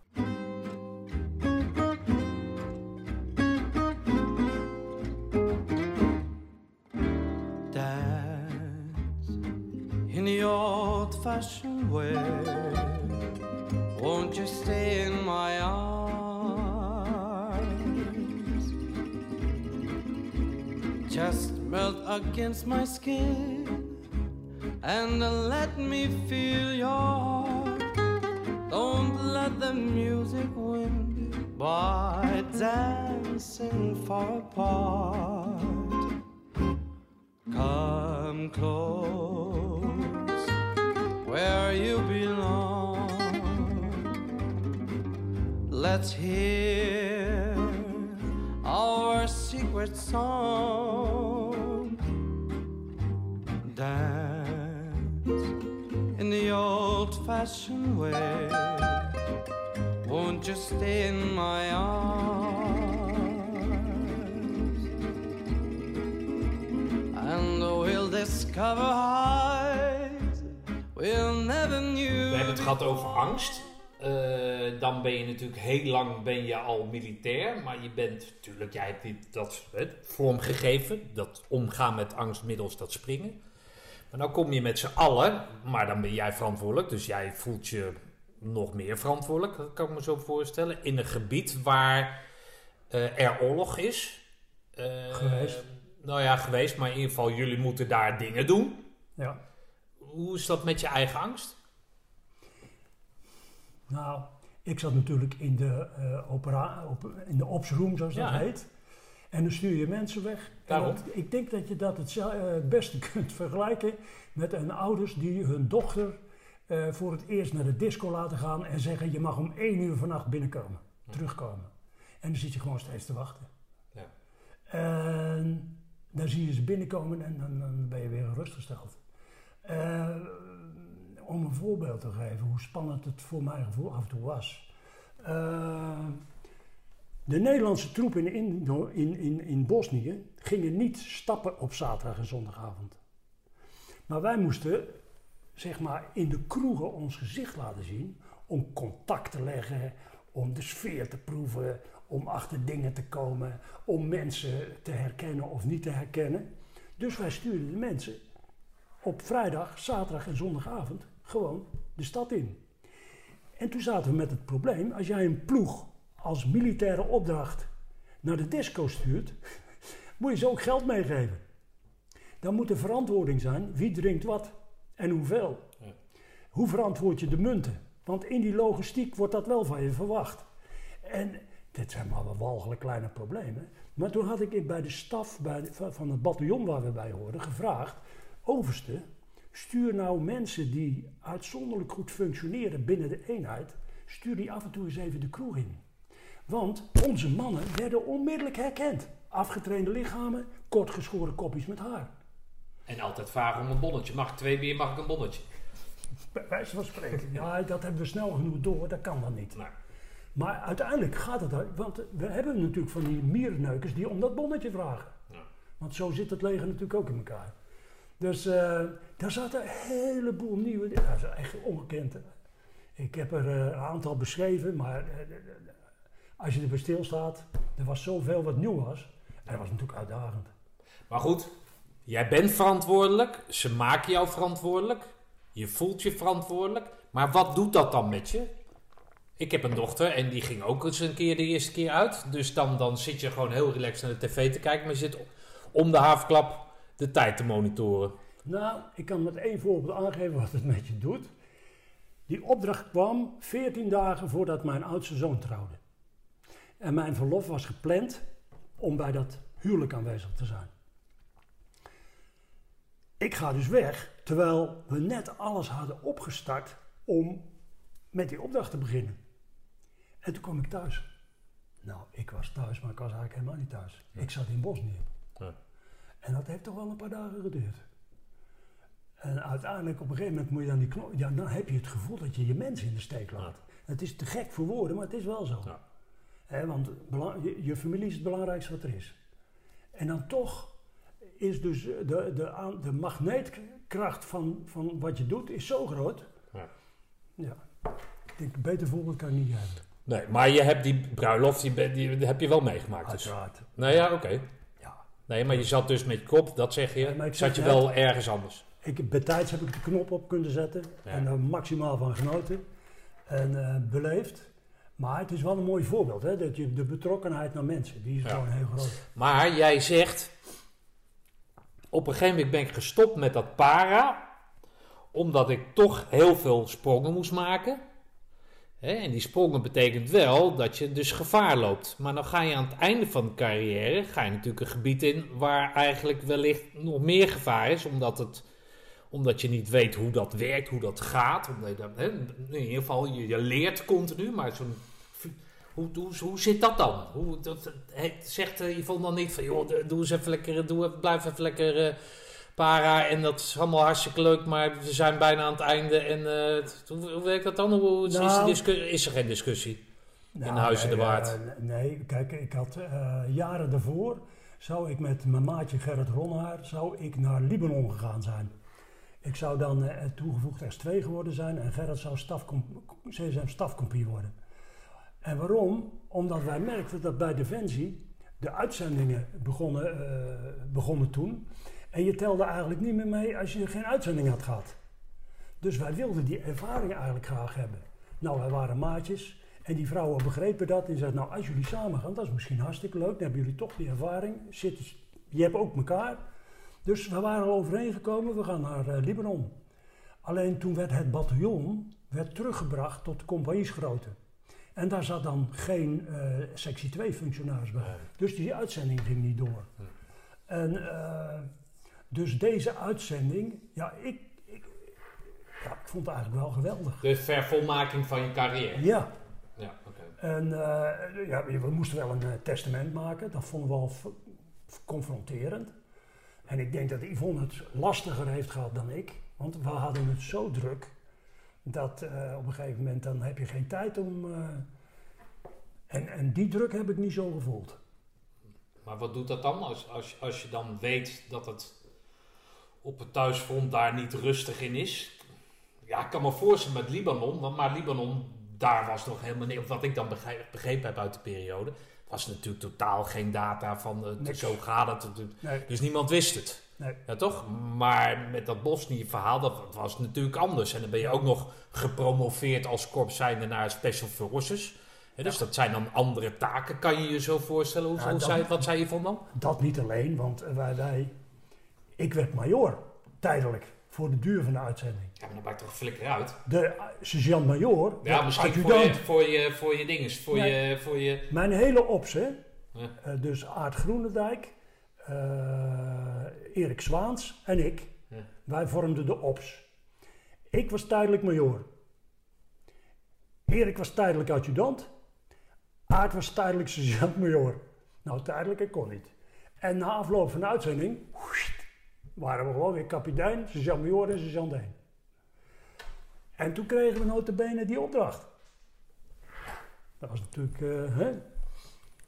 Nee, Maar wat doet dat met je, een hele andere vraag, maar wat doet dat met je salaris dan? Dus dan ga je voor die tijdelijke periode ga je omhoog in salaris en daarna weer terug. En dan heb je je vaargeld en weet ik wat, missiegeld heb je ook niet. jawel, dat kan je ook, maar dat... eh, Nee, maar goed, als je weer terug bent, dan Ja. ga je dus ook weer naar beneden. Ja, Dat gedoe joh. ja. Eh, Kees, eh, jij eh, zit tegen je eh FLO aan. Ik zie dat boek. En jij zegt dat je kapitein bent. Maar ik zie dat je geëindigd bent als major. Hoe, kan dat? Nou, dat komt, ik was de dienst uit. En voordat ik de dienst uit ging, hadden ze al geprobeerd om mij major te maken bij het korps. Was mislukt. En in december word ik gebeld door een oude bekende. Die hebben een keer bij mij gesprongen als major, weet je wel. En die kende ik van de KMA. En die zei, Kees, wil jij bij mij kopiescommandant worden? In de rang van major. Toen was ik drie maanden met FLO, twee maanden. Oh, je was al de dienst uit. Ik was de dienst uit in december, dus ik was in september de dienst uitgegaan. Ik zeg, eh, nou ja, als major, daar moet ik even over nadenken. Dus wij hebben samen thuis overlegd. Ik, denk, ik vond mezelf nog te jong om niks te doen. Als ik als major zou, eh, dan krijg ik een hoger pensioen. Ja. Eh, ik denk, ja, ja, dat is eigenlijk best wel mooi. Ja, toch? Dus, Maar is dan in die nieuwe, nieuwe, nieuwe krijgersmacht, om het zo maar te zeggen, is daar dan ruimte voor om mensen dus kennelijk terug te vragen dan of zo? was hij helemaal niet. Was, Oh. was gewoon uniek, Ah, eigenlijk. Dus eh, ik heb hem teruggebeld. Ik zei, nou luister, eh, ik ga akkoord. Hij zei, dan ga ik het proberen. En dus Heb je het dan ook over salaris of niet? Of? Nee, dat komt pas later. Ah, oké. Dus eh, op een gegeven moment, wij hoorden niks, hoorden niks. En wij zeiden al tegen elkaar, nou dat gaat helemaal niet door. En eh, op een gegeven moment belt hij op. Hij zegt, ik ga morgen naar Den Haag, ik ga het vlot trekken. Sorry dat ik eh, niks heb van me laten horen. Ik ga. En s'avonds belde hij om kwart over acht van, hé, hey, trek maar een fles wijn open, het is geregeld. Toen schrok ik. En ik denk, oh jee, terug in dienst. Hij vroeg nog wel de avond daarvoor, hoe hard is jouw eisen om als major terug te komen? Ik zeg, is 100%. Ja, dus, Geen eh, major, geen Kees. Ik zeg, want als ik dat als kapitein doe, en ik zou dus commandant worden van 150, ruim 150 eh rijinstructeurs, die waren allemaal sergeant. Als die dan horen dat ik major zou worden over hun rug, ja, dat draagt niet bij tot vertrouwen. En, eh. Dus dat wil ik niet. Dus ik zeg, die eis staat, eh, anders gaat het niet door. Nou, toen s'avonds belde die eh, de andere dag, het gaat door. En toen ben ik, eh, nou, alsof ik nieuw in dienst kwam naar Amsterdam. Ik zat in een groep van 60 jongelui die gekeurd werden. En op een gegeven moment zegt Oh, je moest opnieuw gekeurd worden. volledig alles. Ja? Ja, dat was... Was je niet bang dat je dan weer vanwege je gestalte... eh, eh, Nou, die- op een gegeven moment zegt die arts tegen mij, hij je zegt, bent heb, wel lang en wat eh, smalletjes... ik heb drie gronden om u af te keuren. Oh, wat dan? Je schoenen weer? Ik zeg, nou, ik, ik ja, nou fijn. Nee, maar waarom dan? Nou, dat, dat, dat weet ik al niet eens meer. Ik zeg, maar bepaal jij of is er iemand de bes- die beslist? Ja, hij zegt, dit is een beslissingsarts. Ik zeg, dan stoppen we nu met al deze onzin en dan gaan we nu naar de beslissingsarts. Ja. Nou, daar kwam ik bij en dat was wel een mooi verhaal. Die liet me op de gang staan. Op een gegeven moment riep hij binnen. Ik loop naar binnen, ging voor zijn bureau staan. Hij keek niet op of om. Want hij dacht natuurlijk, daar staat zo'n jongetje van 16, 17. Op een gegeven moment zit hij. Oh, nou daar schrok hij dus van. En toen ging hij dat dossier. Had jij dan je pak aan of zo? Dat- Nee, Oh, je gewoon burger? burger. Oké. Dus hij begint, het- hij zegt ja, zegt hij, eh, ja, ja, ja. Hij zegt, ik zal hier toch voor moeten bellen, want er zijn toch wel gronden. om. ik zeg, luister, ik ben drie maanden de dienst uit. Ik krijg een functie die qua fysieke inspanning, het enige wat ik moet doen is het fronsen van de wenkbrauw. En jij wil mij afkeuren? Tekenen.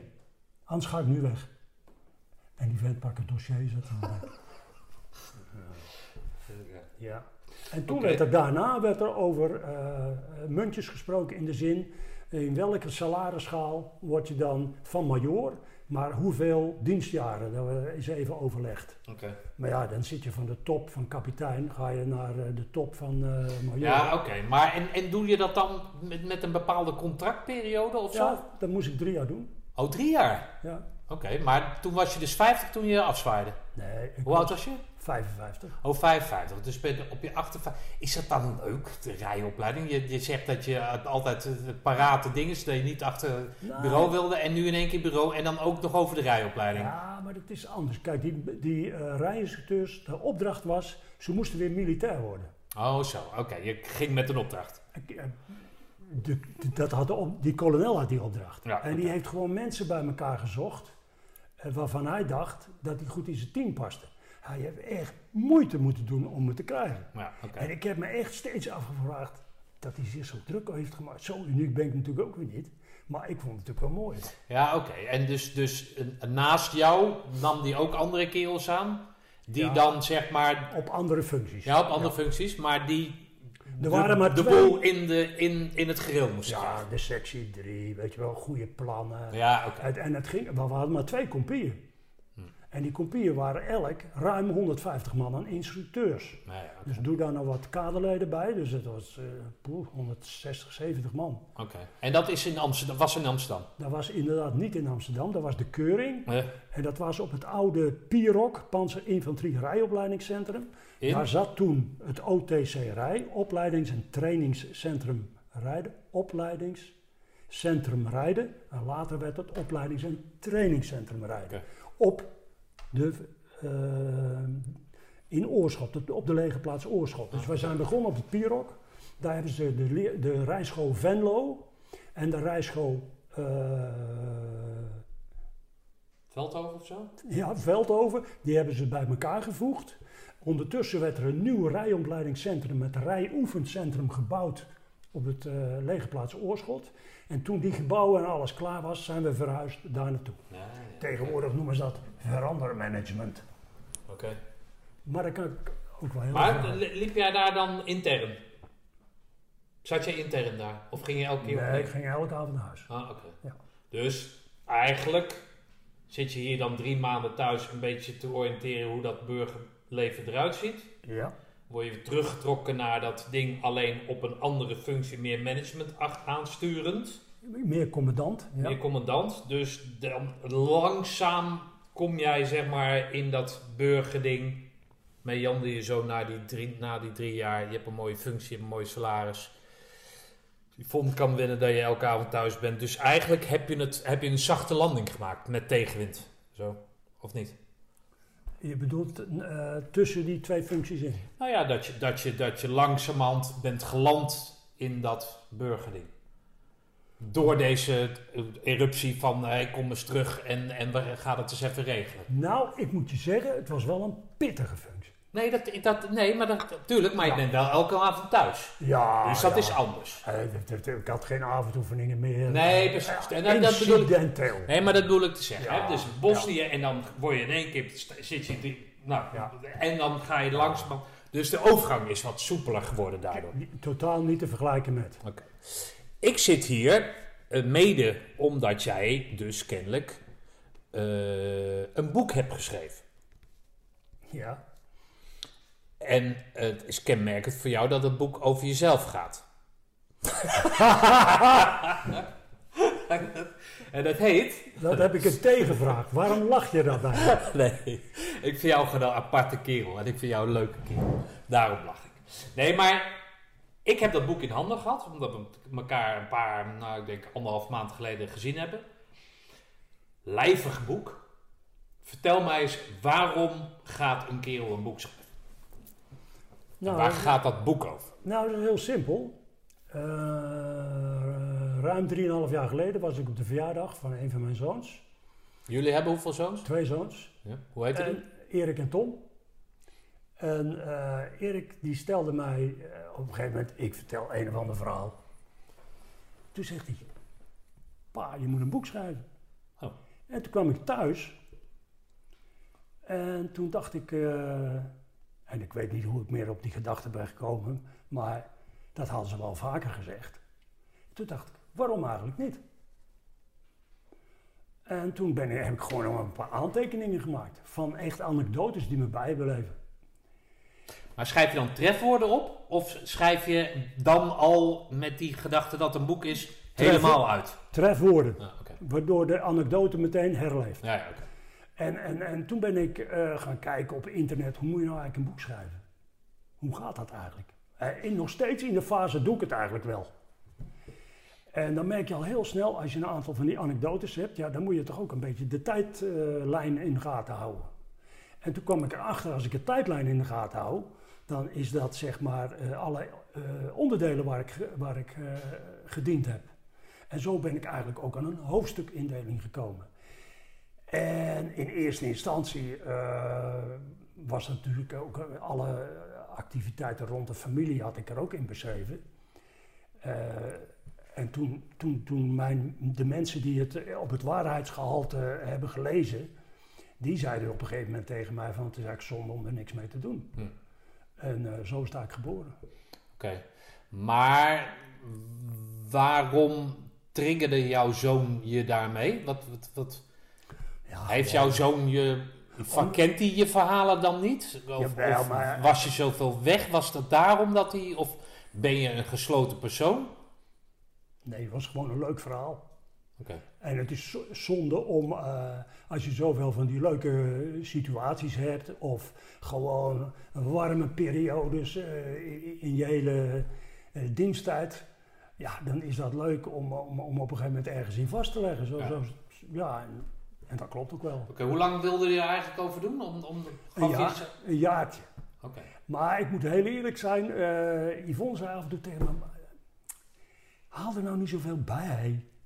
Hè, in eerste instantie had ik het helemaal geheim gehouden voor dat, maar je, moet, je geheugen is natuurlijk ook een zeef. En af en toe dan eh, had ik haar echt nodig om, eh, om in, in het spoor te blijven.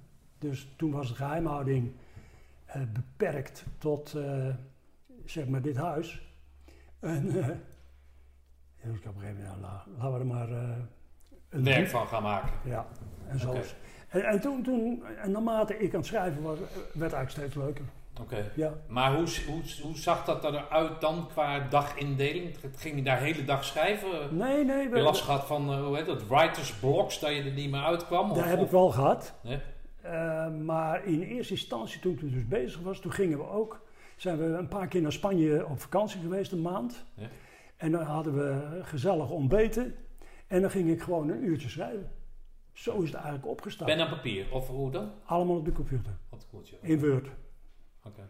En dan, dan kun je ook soms een beetje iets opzoeken in Wikipedia, hoe zat het ook alweer. Ja. Ik heb de, Maar dan heb je dus een bepaalde eh, anekdote in je hoofd.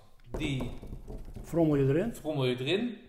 En omdat je in dat tijdsblok zit, ga jij dan op zoek in je eigen geheugen naar andere anekdotes. Hoe, hoe werkt Ja. dat bij jou? Ja, zo, zo doe je dat. Oké. En dan het gedaan. alleen maar leuke anekdotes of ook anekdotes waar je wat mindere herinneringen aan hebt? Eh, nou, ik heb geprobeerd en op een gegeven moment zie je dus die tijdlijn. En in die tijdlijn doen we dan de dingen op die nog in je kop zitten. En de een is positief en de ander is wat eh, minder positief. Ik heb bijvoorbeeld, eh, hoe ben ik bij het korps gekomen? Nou, ik zat bij het eerste depot infanterie. En op een gegeven moment moest ik de les putten geven. Putgraven, schuttersputten. En dat gaven wij vroeger aan met zoveel pionierschopjes. Dus twee pionierschopjes Ja. breed, weet je wel, en eentje. Maar ik had erbij vergeten te vertellen, dan moet je het pionierschop wel uitklappen. Nee. Dat was Kees vergeten. Dus toen de luitenant kwam kijken en controleren, zag hij ongelooflijke kleine tweeman schuttersputten. Dus toen kreeg ik onderuit de zak. Ja, dat soort, dat, soort- dat soort anekdotes, ja. Ja, die hoort er ook in. ja. En eh, ik heb ook eens een keer op de schietbaan eh, gaf ik de les doelaanduiden afstandsschatten, terwijl er geschoten werd op een andere kogelvanger. Maar ik had velddienst gehad met de ploeg. Ik, ik heb nooit een vlag gezien, dus ik dacht dat er niet geschoten werd. Dus op een gegeven moment, nou, dat waren ook minder. Dus dat heb ik ook wel verteld. Oké. Ja. Ik, ik, ik- ja, vermoedelijk zal ik eh, meer de klemtoon hebben gelegd bij de goede dingen als de minder goede dingen. Hey, maar hoe, hoe, hoe waarheidsgetrouw is dat? Want je overlegt dat met Yvonne, maar Yvonne die weet natuurlijk niks over militaire zaken. Hoe kan je dat Nee, verifiëren dan? Yvonne is natuurlijk eh, het klankbord geweest wat betreft de familieaangelegenheden. En eh, ik heb eh, de kolonel Constance, Jaap Constance, dat was mijn eerste kopiescommandant. Die heb Ja. ik eh, Oud-korpscommandant? KCT eh, laten lezen, die vond dat hartstikke leuk. En Herman Bokhoven, Ja. de, de latere generaal, die heeft eigenlijk alle hoofdstukken militair eh, tegen het licht gehouden op het waarheidsgehalte. Oké. Ja. En die wisten dat allemaal, zat dat bij hun, want die moet, die daar, de tand destijds slaat bij dat soort mensen toch ook toe? Ja, maar op, als jij dingen leest, dan, dan kan je altijd aan de hand van jouw ervaring bepalen: is dat zo of is dat niet zo? Ja, ja, oké. Dus je hebt meerdere mensen gehad die het met jou mee hebben gelezen. Om Ja. te controleren of bepaalde dingen Ja. kloppen of niet. Of Ja. dat ze vervormd zijn of, Ja. eh, of wat dan ook. Maar ik kwam. Zat je eh, er va- vaak ver vanaf? Of, eh, Nou, dat viel best mee. ja? Eh, wel een aantal keren, maar bijvoorbeeld, ja, de kolonel Constance en Herman Bokhoven stonden bij een commandoborrel bij elkaar. En ik had, eh, ik had de kolonel Constance om iets anders ook als een keer, want ik had presentaties gemaakt voor iets anders, voor de SFC. En toen was ik ook al bij hem geweest voor informatie. Dus hij wist dat ik ermee bezig was. Dus we raken aan de praat. Hij vroeg me iets over het boek. En Herman stond daarbij. Hij zei, ben jij een boek aan het schrijven? Ik zei, ja. Vertelde ik, dat was nog in het begin. Hij zegt, ik wil best voor jou redigeren, militair. Oh, wat leuk. Nou, graag. En we kennen elkaar van vroeger dus. Ja, zo komen die dingen tot stand. Hm. Ja. Tevreden over je leven en hoe je dat vorm hebt gegeven in het boek? Ik kijk met plezier terug. Op het boek of op, op, op je leven? Ik kijk met plezier terug. Ik heb een fantastische... Je hebt, je hebt toch nog het enige, het enige tijd in verschiet, hè? Dit, dit is geen afscheidsspeech, hoor. absoluut Nee, oké, nee, dat dat nee, even duidelijk nee, is. Nee, maar als je terugkijkt, militair, ja, geweldig uit. Ja. Ja. Ik zou het zo over doen. Oké. Ja. Hoe voelt dat dan als jij, als jij dan, dan zegt dat je bij die politie wordt afgekeurd dat je van de kogelagerfabriek in Zeist naar, terwijl je eigenlijk niet weet, de jongste chant wordt, daar overal bovenuit steekt. Qua fysiek, hè, voor de rest valt het allemaal reuze mee. En dat je, gemiddeld. En dat je dan eh, zo'n zo'n van die ploegen aanstuurt in Bosnië. Hoe, hoe, hoe, hoe, hoe rijk voel je je dan? Oh, dat vond ik me heel rijk. Ja? Ja, dat vond ik geweldig. Ik vond Bosnië ook best wel een, een toppertje. Ja. Hm. Maar ik vond de parapeloton ook een toppertje. Ik vond ESO ook geweldig. Ik vond het 48ste ook geweldig. Hm. En de KMA ook. Het zijn andere facetten. En eh, ja. Kijk, KCT'ers, die toen ik naar de KMA ging, er waren een heleboel die tegen me zeiden, Kees, hoe kun je nou in dat slangen, eh, slangenkuil, eh, weet je wel? Heb ik helemaal niet zo ervaren. Ik vond het geweldig. Hm. Ik, echt, ik heb goed naar mijn zin gehad. En ik heb ook geprobeerd, weet je wel, kadetten duidelijk te maken. Als onderofficier, dan stel je wat voor. Nee, wat is- Hm. En daar krijg ik ook alleen maar eh, positieve reacties op uit die periode. Afsluitende vraag. Wat, eh, wat is die waarde van die eh, groene beret voor jou geweest? Nou, die is voor mij wel heel van belang geweest, omdat ik altijd wel de druk heb gevoeld. Als je bij andere eenheden zit, is het verwachtingspatroon over jou is heel hoog. En daar moet je wel aan beantwoorden. En zolang je dan beantwoordt, is het goed. En tegelijkertijd ook, weet je wel, constateer je elders dat soms het KCT een ongelooflijke slechte naam heeft. Want? Nou, heel simpel. Eh, op een gegeven moment eh, eh, dan is een van de sociale happening met de vrouwen bij elkaar, weet je wel. En dan hadden ze het over commando's. Die vrouwen hebben het dan over commando's. En dan zei Yvonne bijvoorbeeld, hé hey, eh, jongens, doe even rustig aan. Kees is ook commando. Ja, maar Kees doet normaal, zei ze dan. Ja. Dus blijkbaar op de een of andere manier, als wij ons naar buiten uit etaleren, slaan we nog wel eens een keer de plank mis. Dat vind ik dan een beetje zonde. Dus het korps, niet- het dat- korps blijft je wel achtervolgen dus. In alle functies. En dat komt ook natuurlijk op de KMA. Ik zet er meteen mijn groene beret op. Ja, dat mag toch op zo'n opleiding? Nou, Nee? Ik, eh, toen ik, ik, ik, ging, ik kwam daar als sergeant-majoor. En de regeling was, één rang hoger als dat je bij het korps gediend hebt, mocht je je groene baret, blijven dragen. Oh, dus je ging als sergeant-major van het KST naar de KMA? Nee, Nee. nee, nee, nee. nee. Ja, via... Van de Ja. 48ste Ja. sergeant-major ging ik naar de KMA. Ja. Ik was de sergeant 1 bij het korps weggegaan. Ah. Dus zolang ik sergeant-major bleef, mocht ik mijn groene beret dragen. Ja. Maar toen ik tijdelijk adjudant werd, moest ik hem wel afzetten. Wat een gebied. Ik werd door de korpscommandant gebeld. Persoonlijk. Ik moest mijn Wat van het KST? Dat ze gezien hadden dat, eh, dat jij Ze je wisten, dat, op had. ze wisten dat ik eh, adjudant zou worden. En de korpscommandant belde mij, Kees, hou er rekening mee dat je je beret af moet zetten. En ik heb dat gedaan, ik was het er niet mee eens. Nee. En toen moest ik... eh, en mijn laatste onderdeel was natuurlijk het 48ste. En die hadden platte petten, weet je wel. En nou ja, platte pet op de kleine kop van mij, dat vond ik echt een, een ramp. Dus ik denk, ik moet een beret blijven dragen. Dus ik heb Den Haag gebeld. Maar er waren alle grote goden waren toevallig niet aanwezig. Er zat een korporaal, die nam de telefoon aan. Ik zeg, hoe staat de registratieve indeling bij jullie te boek? Hij zegt, dat is met potlood achter de naam. Ik zeg, pak een gummetje. En wat staat er bij mij achter? Hij zegt, 48e panzerinfanteriebataljon. Ik zeg, verander dat in de Limburgse jagers. Dus hij heeft dat in Limburgse jager eh, veranderd. En Kees had eh Limburgse Nou, mooi Kees. Dat boek dat is te bestellen via de commando toko, hè? Ja. Dus als, je, eh, als ik jou google eh, Kees de Waard boek, dan kom ik vanzelf bij de commando. We zullen hem ook op, de, op onze site even, even neerzetten. Dus als mensen eh, dat, eh, eh, dat lijvige boek tot zich willen nemen, ontzettend veel foto's, ontzettend leuke anekdotes, dan eh, weten ze waar te bestellen. Kees, ik wil jou bedanken voor dit eh, korte, korte gesprek. En eh, ik ga je volgend jaar zien Met een reunie. bij de reunie. Lijkt me gezellig. Gaan we een biertje drinken. Is goed. Dankjewel. Ik sluit twee niet uit. Dank voor het mooie verhaal, Kees. En blijf met die vonnen van het leven genieten. Interesse in het boek De militaire levensloop van paracommando Kees de Waard? Check de site van de Commando.